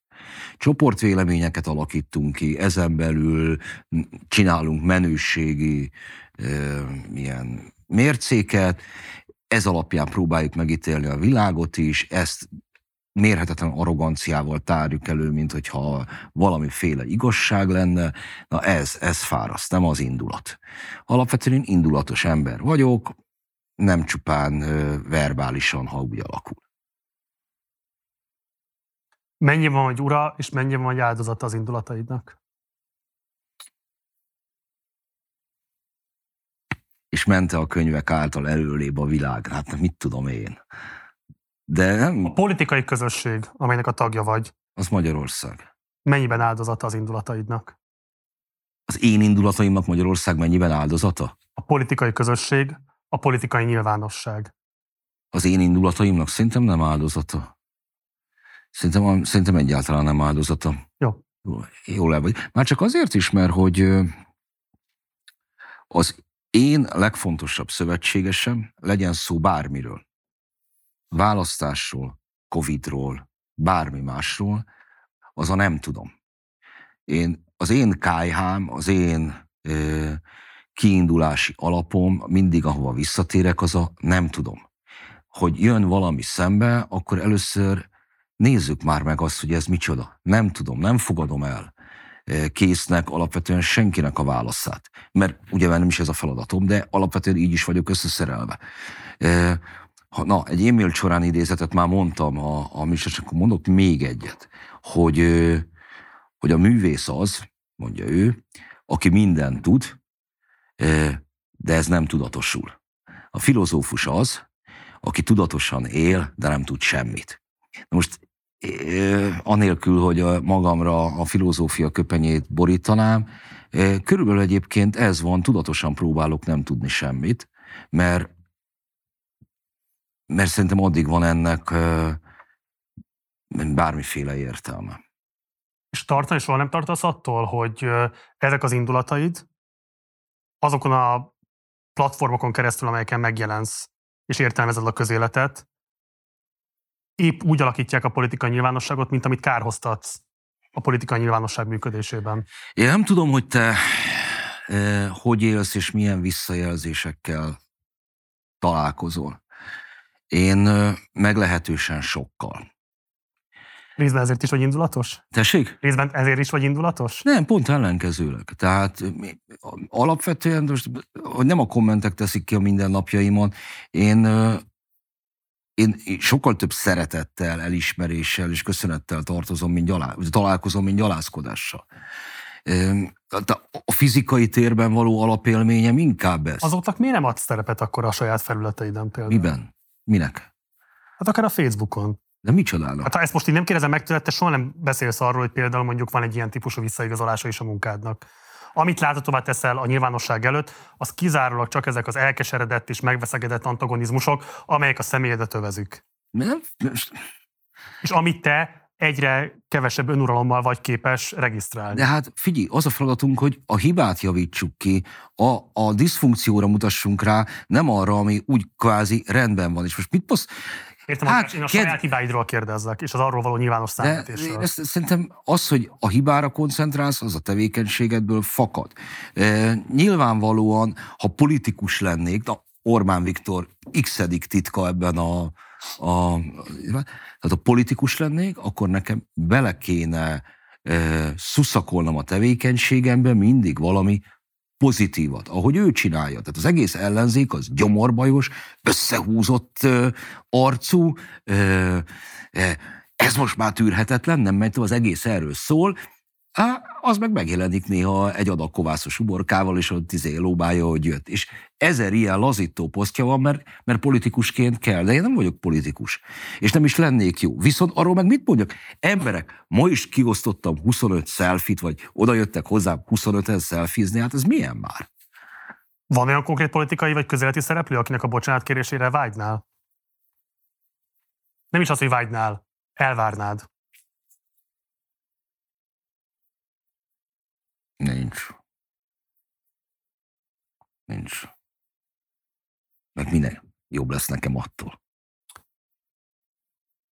Felteszem, pontosabban sejtem, hogy mi lesz a válaszod a kérdésemre, de ettől még fölteszem, és aztán legfeljebb majd, nem tudom, ugorjuk, vagy valamit majd lesz ezzel kezdve, hogy hát volt az ötnek egy fontos alapító tagja, aki egy jó ideje már nem szerepel a műsorban, Ugye a nézők annyit láthattak, hogy volt a Turul szobor körüli vita, ugye Ács Dániel filmje után ez újra föllángolt, és ebben ti markánsan különböző álláspontot foglaltatok el, ez két műsoron belül is tematizálódott.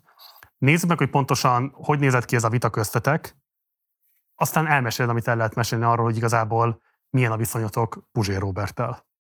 Ti mit tennétek a Turul szoborral? Lebontanám, én a Zolival értek egyet teljesen. Nincs semmi keresni valója egykori nyilas pártház előtt. Én természetesen nem bontanám le, szerintem rossz ország ahol szobrokat lebontanak, én átnevezném. És nagyon meglepő átnevezést hajtanék végre, a Turul szobrot végre átnevezném Turul szoborra. Pukorni Zoltán ugye azt nyilatkozta, hogy ő arról ábrándozik, hogy ő egy reggel arra ébredne, hogy ez a szobor már nem lenne ott. Szeretném jelezni, hogy Pokorni Zoltán egy polgármester abban a kerületben. Ha ő azt túlhajtja, hogy azonnan bár, bár csak eltűnne, neki nem ábrándoznia kell, ő neki azt onnan el lehet bontani. Akkor én még a Fővárosi Kulturális Bizottság tagja voltam, és ezt a turult nem szavaztam meg, pont azért nem szavaztam meg, mert a konnotáció maga alkalmatlan rá. Az a, de ettől függetlenül most már ott van, nem élezed a konfliktust. Ez a nyomorult helyezkedés, amelynek a keretében ő semmi más nem akar, csak a kis polgármesteri székét megőrizni álljon bele. Álljon meg az ászlós menet, tehát azért ez nem, nem ez van a munkaköri leírásában, hogy 12. kerületi polgármester és turul karban tartó, tehát nem, nem, nem, nem, nem így jelent. Hát ennyire, az. cinikus vagy, te ennyire cinikus vagy, de komolyan. Én vagyok cinikus, de, Robi. De, ne vicceljél már. De ilyen megátalkodottan. De komolyan. Mi a, az ő kerülete, ő a polgármester abban a kerületben nem felelős azért a szoborért? Nem felelős, azt mondod? Azt mondtam, hanem Ács Dániel a felelős, nem kellett volna elkészíteni ezt a dokumentumfilmet, mert politikai furkos volt szegény is. polgármester ellen. Még csak Komolyan? Nem is, hát nem is ezt mondom, hogy nem kellett volna elfilmt, mert ugyebár ez alapvetően Zoltán Gábor könyvével kezdődik, és aztán a rabnak a mozgó világban e, megjelent írásával. Ez azért így történik, és dehogy nem. Ezeknek nem, el kell készülni. Ezek után, ezek után az egész sztorit kifuttatni magára a pokornéra, ezek után cikkeket hozzáküldeni, ezek után megágyazni, mint hogy ez az ő ügye lenne. Úgyhogy ezek átment bizottságokon, fővárosi közgyűlésen, különböző színezete testületeken, és ebben, ebben vannak szándékok, vannak emberek, akik más látnak bele, mint te. Úgy gondolod, hogy ott a helye, nem szabad elbontani, hanem ott kell, hogy legyen, mert nem sérti az áldozatok kegyeletét. Jól értem? Szerintem az áldozatok kegyeletét az sérti leginkább, hogyha a, a direkt szimbólumok körül akarsz, vagy akar bárki politikai vircsaftot csinálni. Tehát a, nem a turul, hanem a turul elbontásának a kísérlete sérti az áldozatok emlékét és kegyeletét. Így érted? Hát abban az esetben, ha ezzel sikerül azt elérni, hogy turul nélkül ott egy szélső jobboldali kegyhely lesz, akkor azt gondolom, Robi, hogy igen. Szerinted a turul tartja vissza a szélső jobboldaliakat attól, hogy ott... Nem, de így és kell. És hogyha elviszik a turult, ne akkor lesz kritikával. Nem most kegyhely. Én értem. Kritikával foglalkozol, marketinggel, ügyekkel, issúval és a többivel. Ha elbontják onnan a turult, szerinted az ott milyen kegyhely lesz? Hát ezt tudom kérdezni. És kaptál rá választ? Mármint a Robitól? Bizonyára, nem tudom.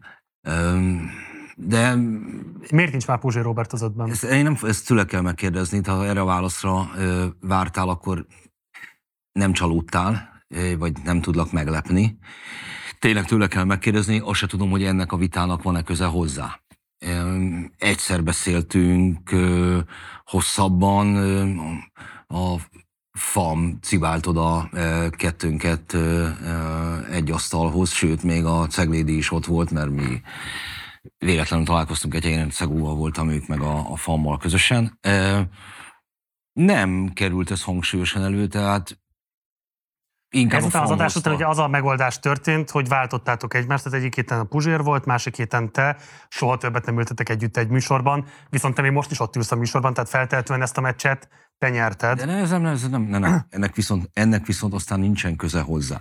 Mert hogy ugyebár időközben azt objektív is abban maradt, sőt, most az elmúlt hónapokban a rádióban sem volt.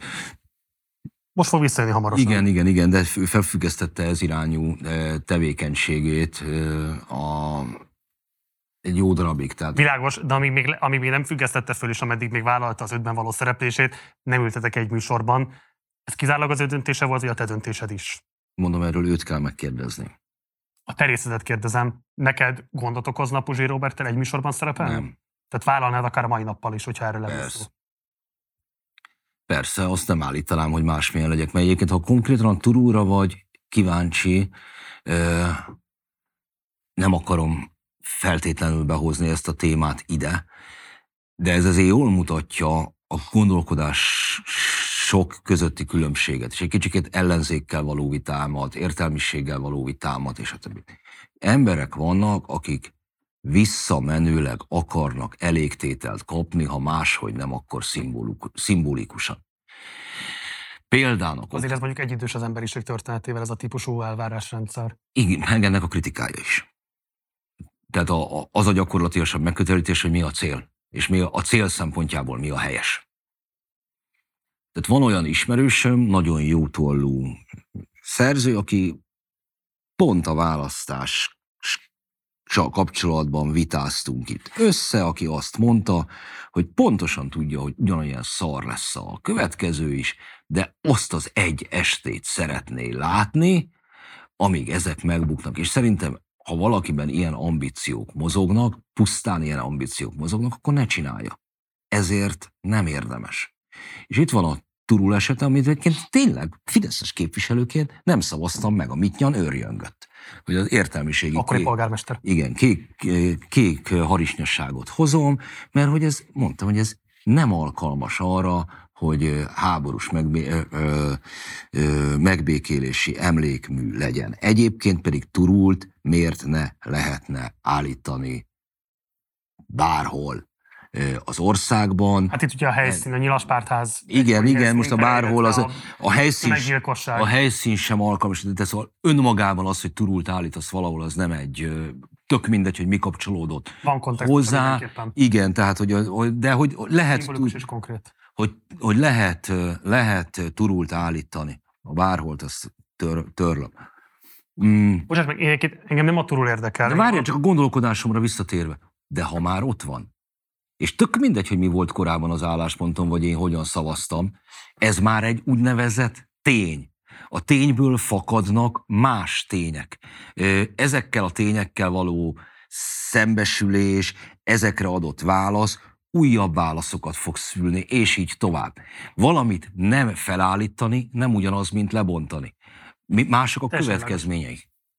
Engem alapvetően az érdekel, hogy egy, egy ideig, amíg volt Puzsé Robert az ötben, Igen. azt lehetett látni, azért kettőtök között van egy erőteljes értékazonosság. És ide sorolom még Siffer Andrást is. És nagyon izgalmas szerintem a hármatoknak a, a, a pályafutása. Ugye mindhárman próbálkoztatok közhivatal vagy választott tisztség betöltésével. Ugye Siffer András pártalapító volt, Puzsé Robert főpolgármester jelölt volt, te egy ideig Erzsébet városi képviselő voltál, és aztán polgármester jelölt is. Voltam fővárosi képviselő is. És ott, ott is voltál. Mindhármatokat jellemez egy erőteljes rendszerkritika, ti vagytok talán a legélesebb kritikusai a nyugati identitáspolitikának, és más típusú értékazonosság is kimutatható hármatok között. Szerintem van egy meghatározható réteg a magyar nyilvánosságban, ez egy ilyen urbánus körnek képzelem el, de lehet, hogy vannak Budapesten kívüli leágazásai is, akik szerintem politikai orientáció kérdésében meghatározó jelentőséget tulajdonítanak nektek, és felteszem, hogy ideig úgy is percipiáltak benneteket, mint hogyha ti valami fajta párt nélküli, de a párt igényét valamilyen módon mégiscsak jelző intellektuális triumvirátus lennétek. Ti valaha beszéltetek erről, hogy van-e azon kívül, hogy a véleményeteket kifejezitek, nagy autonómia igényel fölléptek a e, véleményformálás piacán, hogy ezen túlmenően van-e bármilyen fajta közösségiség, ami összekovácsol benneteket, egyszerűen gondolkoztatok-e abban, hogy akár ti hárman lehetnétek bármilyen típusú közösségi kezdeményezésnek az elindítói? Hát, mint a mellékelt ábra mutatja, nem vagyunk éppen Roberttel beszélő viszonyban. De hogy sem? Mire, mire, mire gondolsz? Tehát, hogy mi, tehát ez konkrétan nem mit jelent? Milyen közösségi kezdeményezés? Alapítvány, párt, iskola, micsoda? Fogalmam sincs, csak abból a tapasztalatból kiindulva, hogy mindhárman mennyire markánsan jelen vagytok a magyar közéletben, ordít rólatok, hogy ti szeretnétek befolyásolni nem csak a közvéleményt, hanem valamilyen módon a politikai folyamatok alakulását is. Ebből előbb vagy utóbb azt gondolom, hogy azok az emberek, akik ráadásul ennyire kívülről legalábbis könnyebb beazonosíthatóak egymással, vagy rokon lelkettek láthatóak politikailag, azt gondolom, hogy elkezdtek együtt gondolkodni arról, hogy hogyan lehetne megtöbbszörözni az erőtöket, van-e bármifajta ilyen informális, akár csak informális beszélgetés köztetek, vagy ezt most abszolút én vetítem bele ebbe a hármasba? Hát a Schifferrel gyakran szoktam beszélgetni, ezt már mondtam, meg lehetősen régen ismerjük egymást. Az, hogy vannak-e terveim, akár velük, akár másokkal, amit még Magyarországon csinálni lehet, vagy csinálni érdemes, az is egy fontos kérdés, az, hogy ehhez zab van-e, az viszont a másik fele. Hát ha például elintézed a partizán támogatóival, hogy nekem is jutassanak némi indító tőkét, akkor, akkor elképzelhetőnek tartok ilyen kezdeményezést. De hát, alap... Én bocsáss meg, ha ti hárman kiálltok azzal, hogy van valamilyen mozgalom, nem tudom, bármi, amit a ti hármatok személy fémjelez, nem gondolod azt, hogy arra ezrek és százak mozdulnának meg egészen biztosan? Nem tudom, én ebben például, tehát hogy mikről nem beszélünk az ötben, vagy mit nem csinálunk, vagy mit nem csinálok máshol, annak Például vannak olyan okai, hogy ha nem is az összessel, de a korlátaink egy részével tisztában vagyunk. Én például ebben baromi ügyetlen vagyok. Én, én, én nem Szervező munkában? Nem, fundraisingben. Én nem vagyok jó, meg saját magamat sem tudom árulni. Én nem tudok, nem mondta politikusként miért nem vagyok jó, én nem tudok ö, ö, visszatükrözni például, nem tudok elevárásoknak megfelelni, nem tudok olyan nem érdekel a népszerűség se. Tehát, és az összes olyan, olyan dolog, ami, ami ezt mozgatja. Azért képzelni, hogy tök szimpatikus. Engem csak az érdekel, hogy a népszerűség nem érdekel, de, de mit gondolsz arról, amikor azt mondják esetleg veled szemben, hogy, hogy jellemez egy olyan típusú empátia hiány, amit igazából semmi nem indokol. Nevezetesen megmondom, mire gondolok, itt ez az ellenzéki közvélemény ezerfelé tagolt, ez sem egységes. Vannak benne DK-sok, jobbikosok, tök mindegy, nagyon sokféle népek vannak benne, baloldaliak is. Um, egymással is rettenetes konfliktusaik vannak, pláne nem a hatalommal. 12 éve konstansan a lúzerség állapotában vannak tartva, és nem is lehet belátható időn belül olyan élményük, hogy érdemi hatalmat fognak az általuk választott képviselők gyakorolni. Van két millió szavazó, aki nem a Fideszre szavazott, és abszolút azt érzi, hogy semmifajta képviselete nem lesz az ő érdekének a következő négy évben sem, az elmúlt 12 évben sem volt. És minthogyha az ebből adódó frusztrációk, az ebből adódó megviseltséggel, az ebből adódó kiábrándultsággal, düvel, indulattal szemben sokkal kevesebb empátia lenne benned, mint mert a hatalommal szemben. Mert ezt a, mert ezt a ö, történetet végigjátszottuk nem is egyszer. Volt, hogy kellő empátiával mondtam el, hogy én ezt értem. Az ebből fakadó összes létező frusztrációt értem. Lesznek szívesek nem rajtam leverni, hanem először sajátjaikon. Tehát, hogy ö, azt én egy ö, ö, inkorrekt dolognak tartom, hogy hiszékeny vagyok, a hiszékenységemet kihasználják az illúziókeltésre, aki kihasználja, az milliókhoz jut ezért havonta, majd ö, gyepáljuk a hontot, mert azt mondta, hogy ez nem működik, és én hülye hiszékeny vagyok. Hát igen, az voltál.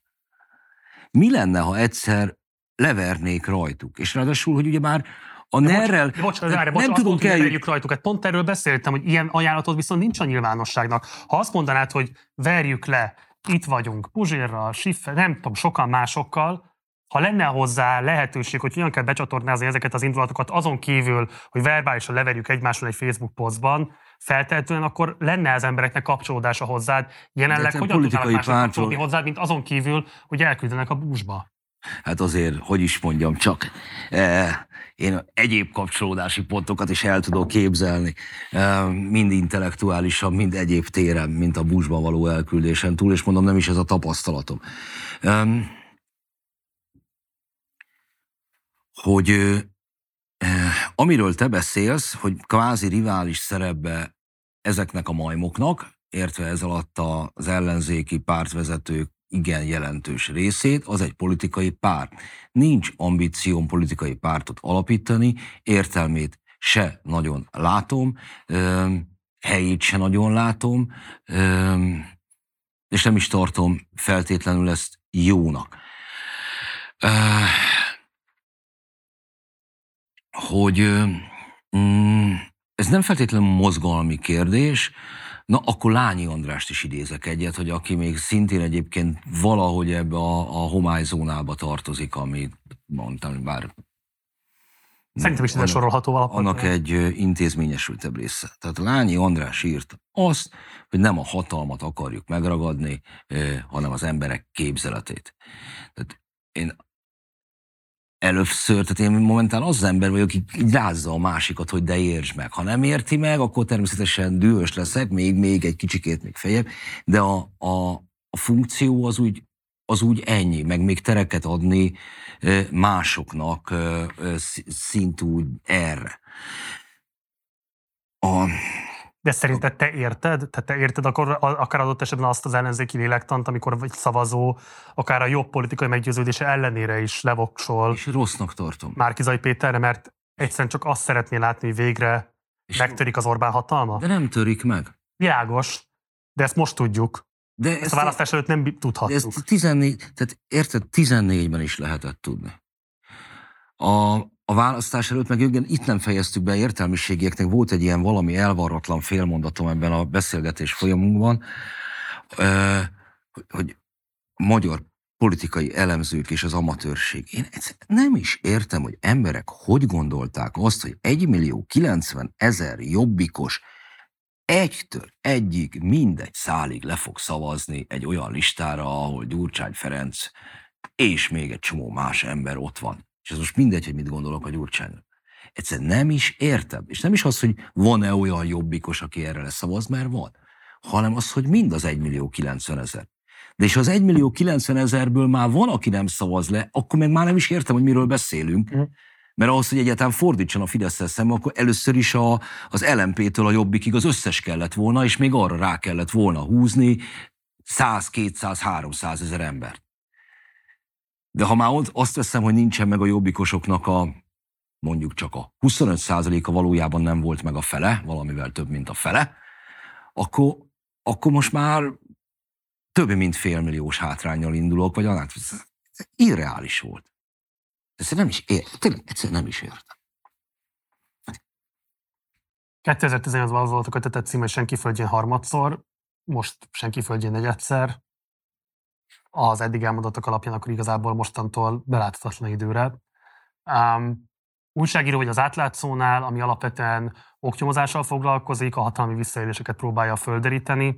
Um, nyilván kérdés az, hogy ennek igazából mi a társadalmi visszaigazoltsága egy ilyen történetben. Én nem mondok ezzel kapcsolatban semmit, csak leírom ezt a dilemmát, illetve politikai elemzéssel foglalkozza az ötben, illetve a rádió műsorodban. Te magad fogalmaztad meg, hogy valószínűleg kérdéses az, hogy ennek mekkora létjogosultsága van szintén egy ilyen hatalmi rendszerben. Úgyhogy igazából ez az áró kérdésem hozzád, hogy mit látsz magad előtt, mi most a feladat? Hát először is ennek a kérdésnek a megvitatása.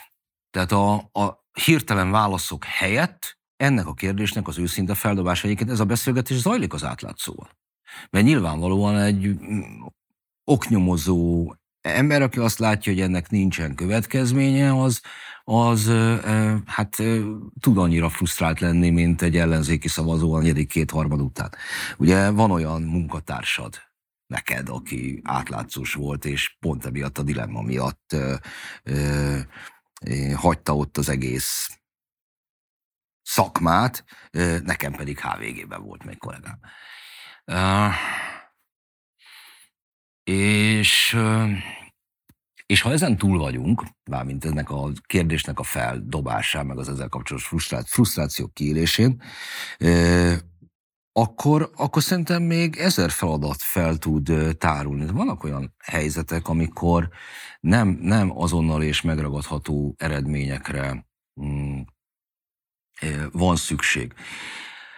Tehát például, ami, amit a nerben folyik, ami, ami minket körülvesz, az, ez így lehet, hogy egyes választási évekre szűkítve, az mm, meglehetősen fásult beletörődéshez, tudom is mikhez vezet, olyan, olyasmikhez, olyan kérdésekhez, amelyekre aztán nem fogsz tudni megoldást találni. De ha ellépsz kettőt hátra, és nézed a nagy képet, hogy mi történik egy országgal, amelynek ez csupán egy fejezete, ami Magyarországon zajlik, a, az országgal magával azoknak a folyamataival foglalkozol, abban például a NER működése roppant hasznos egy csomó minden megértéséhez. Mondjuk a, a magyar emberek és a magyar állam viszonya, hogy miért nincsen nálunk egyetlen egy konfliktus sem a végéig kiélezve. Ezért van egyébként NER is, mert nem volt kiélezve a, a konfliktus. Magyarország Gon, ahol nem volt tisztességes polgárháború például, illetve ha volt, az függetlenségi harcnak volt álcázva, Rákóczi szabadságharc. Szóval, ahol nincsen olyan élmény, hogy nem a külföld, nem az áram, ármánykodó erők állnak szemben a hazafiakkal, hanem az ország egyik része a másikkal, és hogy az nem lesz jó, ezért mi lekaszaboljuk egymást, hanem ennek valamiféle moderált, intézményes, alkotmányos megoldást kéne találni, hogy az egyet nem értéseinket hogyan rendezzük. Szóval az, hogy mindez meg volt spórolva a magyar történelembe, vagy el volt térítve eleve, az jól látszik a NER működésében. Akkor bocsánat, ebből azt következik, hogy azt mondod, hogy a NER kizárólag valami fajta polgárháború lesz képes majd kibillenteni a helyéről. Nem, azt, hogy a... Hogy az van a kívánatos politikai, és nem valami külső behatásnak az eredményeképpen, hogyha változó a politikai Lehet, felállás. hogy nem polgárháborúkkal intézzük már az ügyeinket a 21. században, de a magyar az, hogy ilyen, ilyen módon alakultak a dolgok, az abban benne van az, hogy a magyar történelem úgy alakult, ahogy. világos. Tehát, de akkor élezni kell ezt a konfliktust, ezt az hát- antagonizmust addig, amíg ki nem billen, és valamilyen megoldást nem nyerünk hát, vele? Élezni kellett volna például. Igen. Jelenleg 2022-ben mit Azt kell? nem tudom, hogy 2022-ben élezni kéne, mert szerintem nincs semmit, de hogy mondjuk ezeket a folyamatokat leírni, az államhoz való vizet, meg, meg egyébként lehet sztorikat mesélni. Ez az oknyomozókra is igaz. Mert a, lehet, hogy egy idő után az, hogy mit hogyan veszel el, már nem lesz érdekes, már nincs is rá szükséged, de az, hogy mit hogyan költesz el, az hirtelenjében érdekes lesz. Ráadásul én az átlátszóval nem is ezzel foglalkozom, hanem nagyon-nagyon-nagyon fiatal emberekkel, adatokkal, és ott is, ha két lépésre hátra lépsz, nagyon érdekes dolgokat tudsz. Meg tudod érteni magadat. A megértéshez kell hozzájárulnom, nem a, a cselekedethez. De akkor a politikai vélemény nyilvánítás és az adatelemzés a számodra kellőképpen ambicionált pozíciót biztosít a következő évekre? Hát vagy meg ami ebből kisül. Tehát, hogy az, az, hogy, az, hogy van egy homályzóna, azt én is érzékelem, hogy az el nem kötelezetteknek a, a, a társulata van, azt én is ér, érzékelem, hogy van ennek lehet-e intézményes kerete, azt nem tudom. De kívánatos volna? Elképzelhető és akár még az is, hogy te ebben valamilyen típusú szerepet vállalj. Hát mire gondolsz? Politikai Kérdezem, pártot nem fog nem, nem, nem. csinálni. Direkt nem akartam erre leegyszerűsíteni, te is nagyon magas absztrakciós szinten fogalmaztál róla. Ezen a magas absztrakciós szinten, ami nem a párt, valamilyen szerepet ebben vállalnál le? Hát például a saját szakmámon belül ilyeneket, igen. Mont András, nagyon köszönöm, hogy elfogadtad a meghívásomat, és azt külön köszönöm, hogy ilyen hosszan engedted, hogy kérdezelek és válaszoltál is a kérdéseimre. Kérem majd máskor is. Hello. Ez volt az életinterjú beszélgetésem Honta Andrással, hogyha kíváncsi vagy a teljes vágatlan beszélgetésre, akkor egyrészt vagy látogass el a podcast platformjunkra, a korlátozás nélkül hangban meg tudod hallgatni a beszélgetést, vagy pedig fizes elő a Partizánra a Patreon felületünkön keresztül, ahol képben is megnézheted ezt az interjút. Ehhez a linket megtalálod a leírásban. Ha bármilyen kérdésed vagy észrevételed lenne az elhangzottokkal kapcsolatban, akkor várunk a komment szekcióban. Egyébként mindenképpen iratkozz fel a csatornára, ha még nem tetted volna meg. Munkatársai nevében köszönöm szépen a megtisztelő figyelmet, hamarosan újra találkozunk. Addig is, ciao.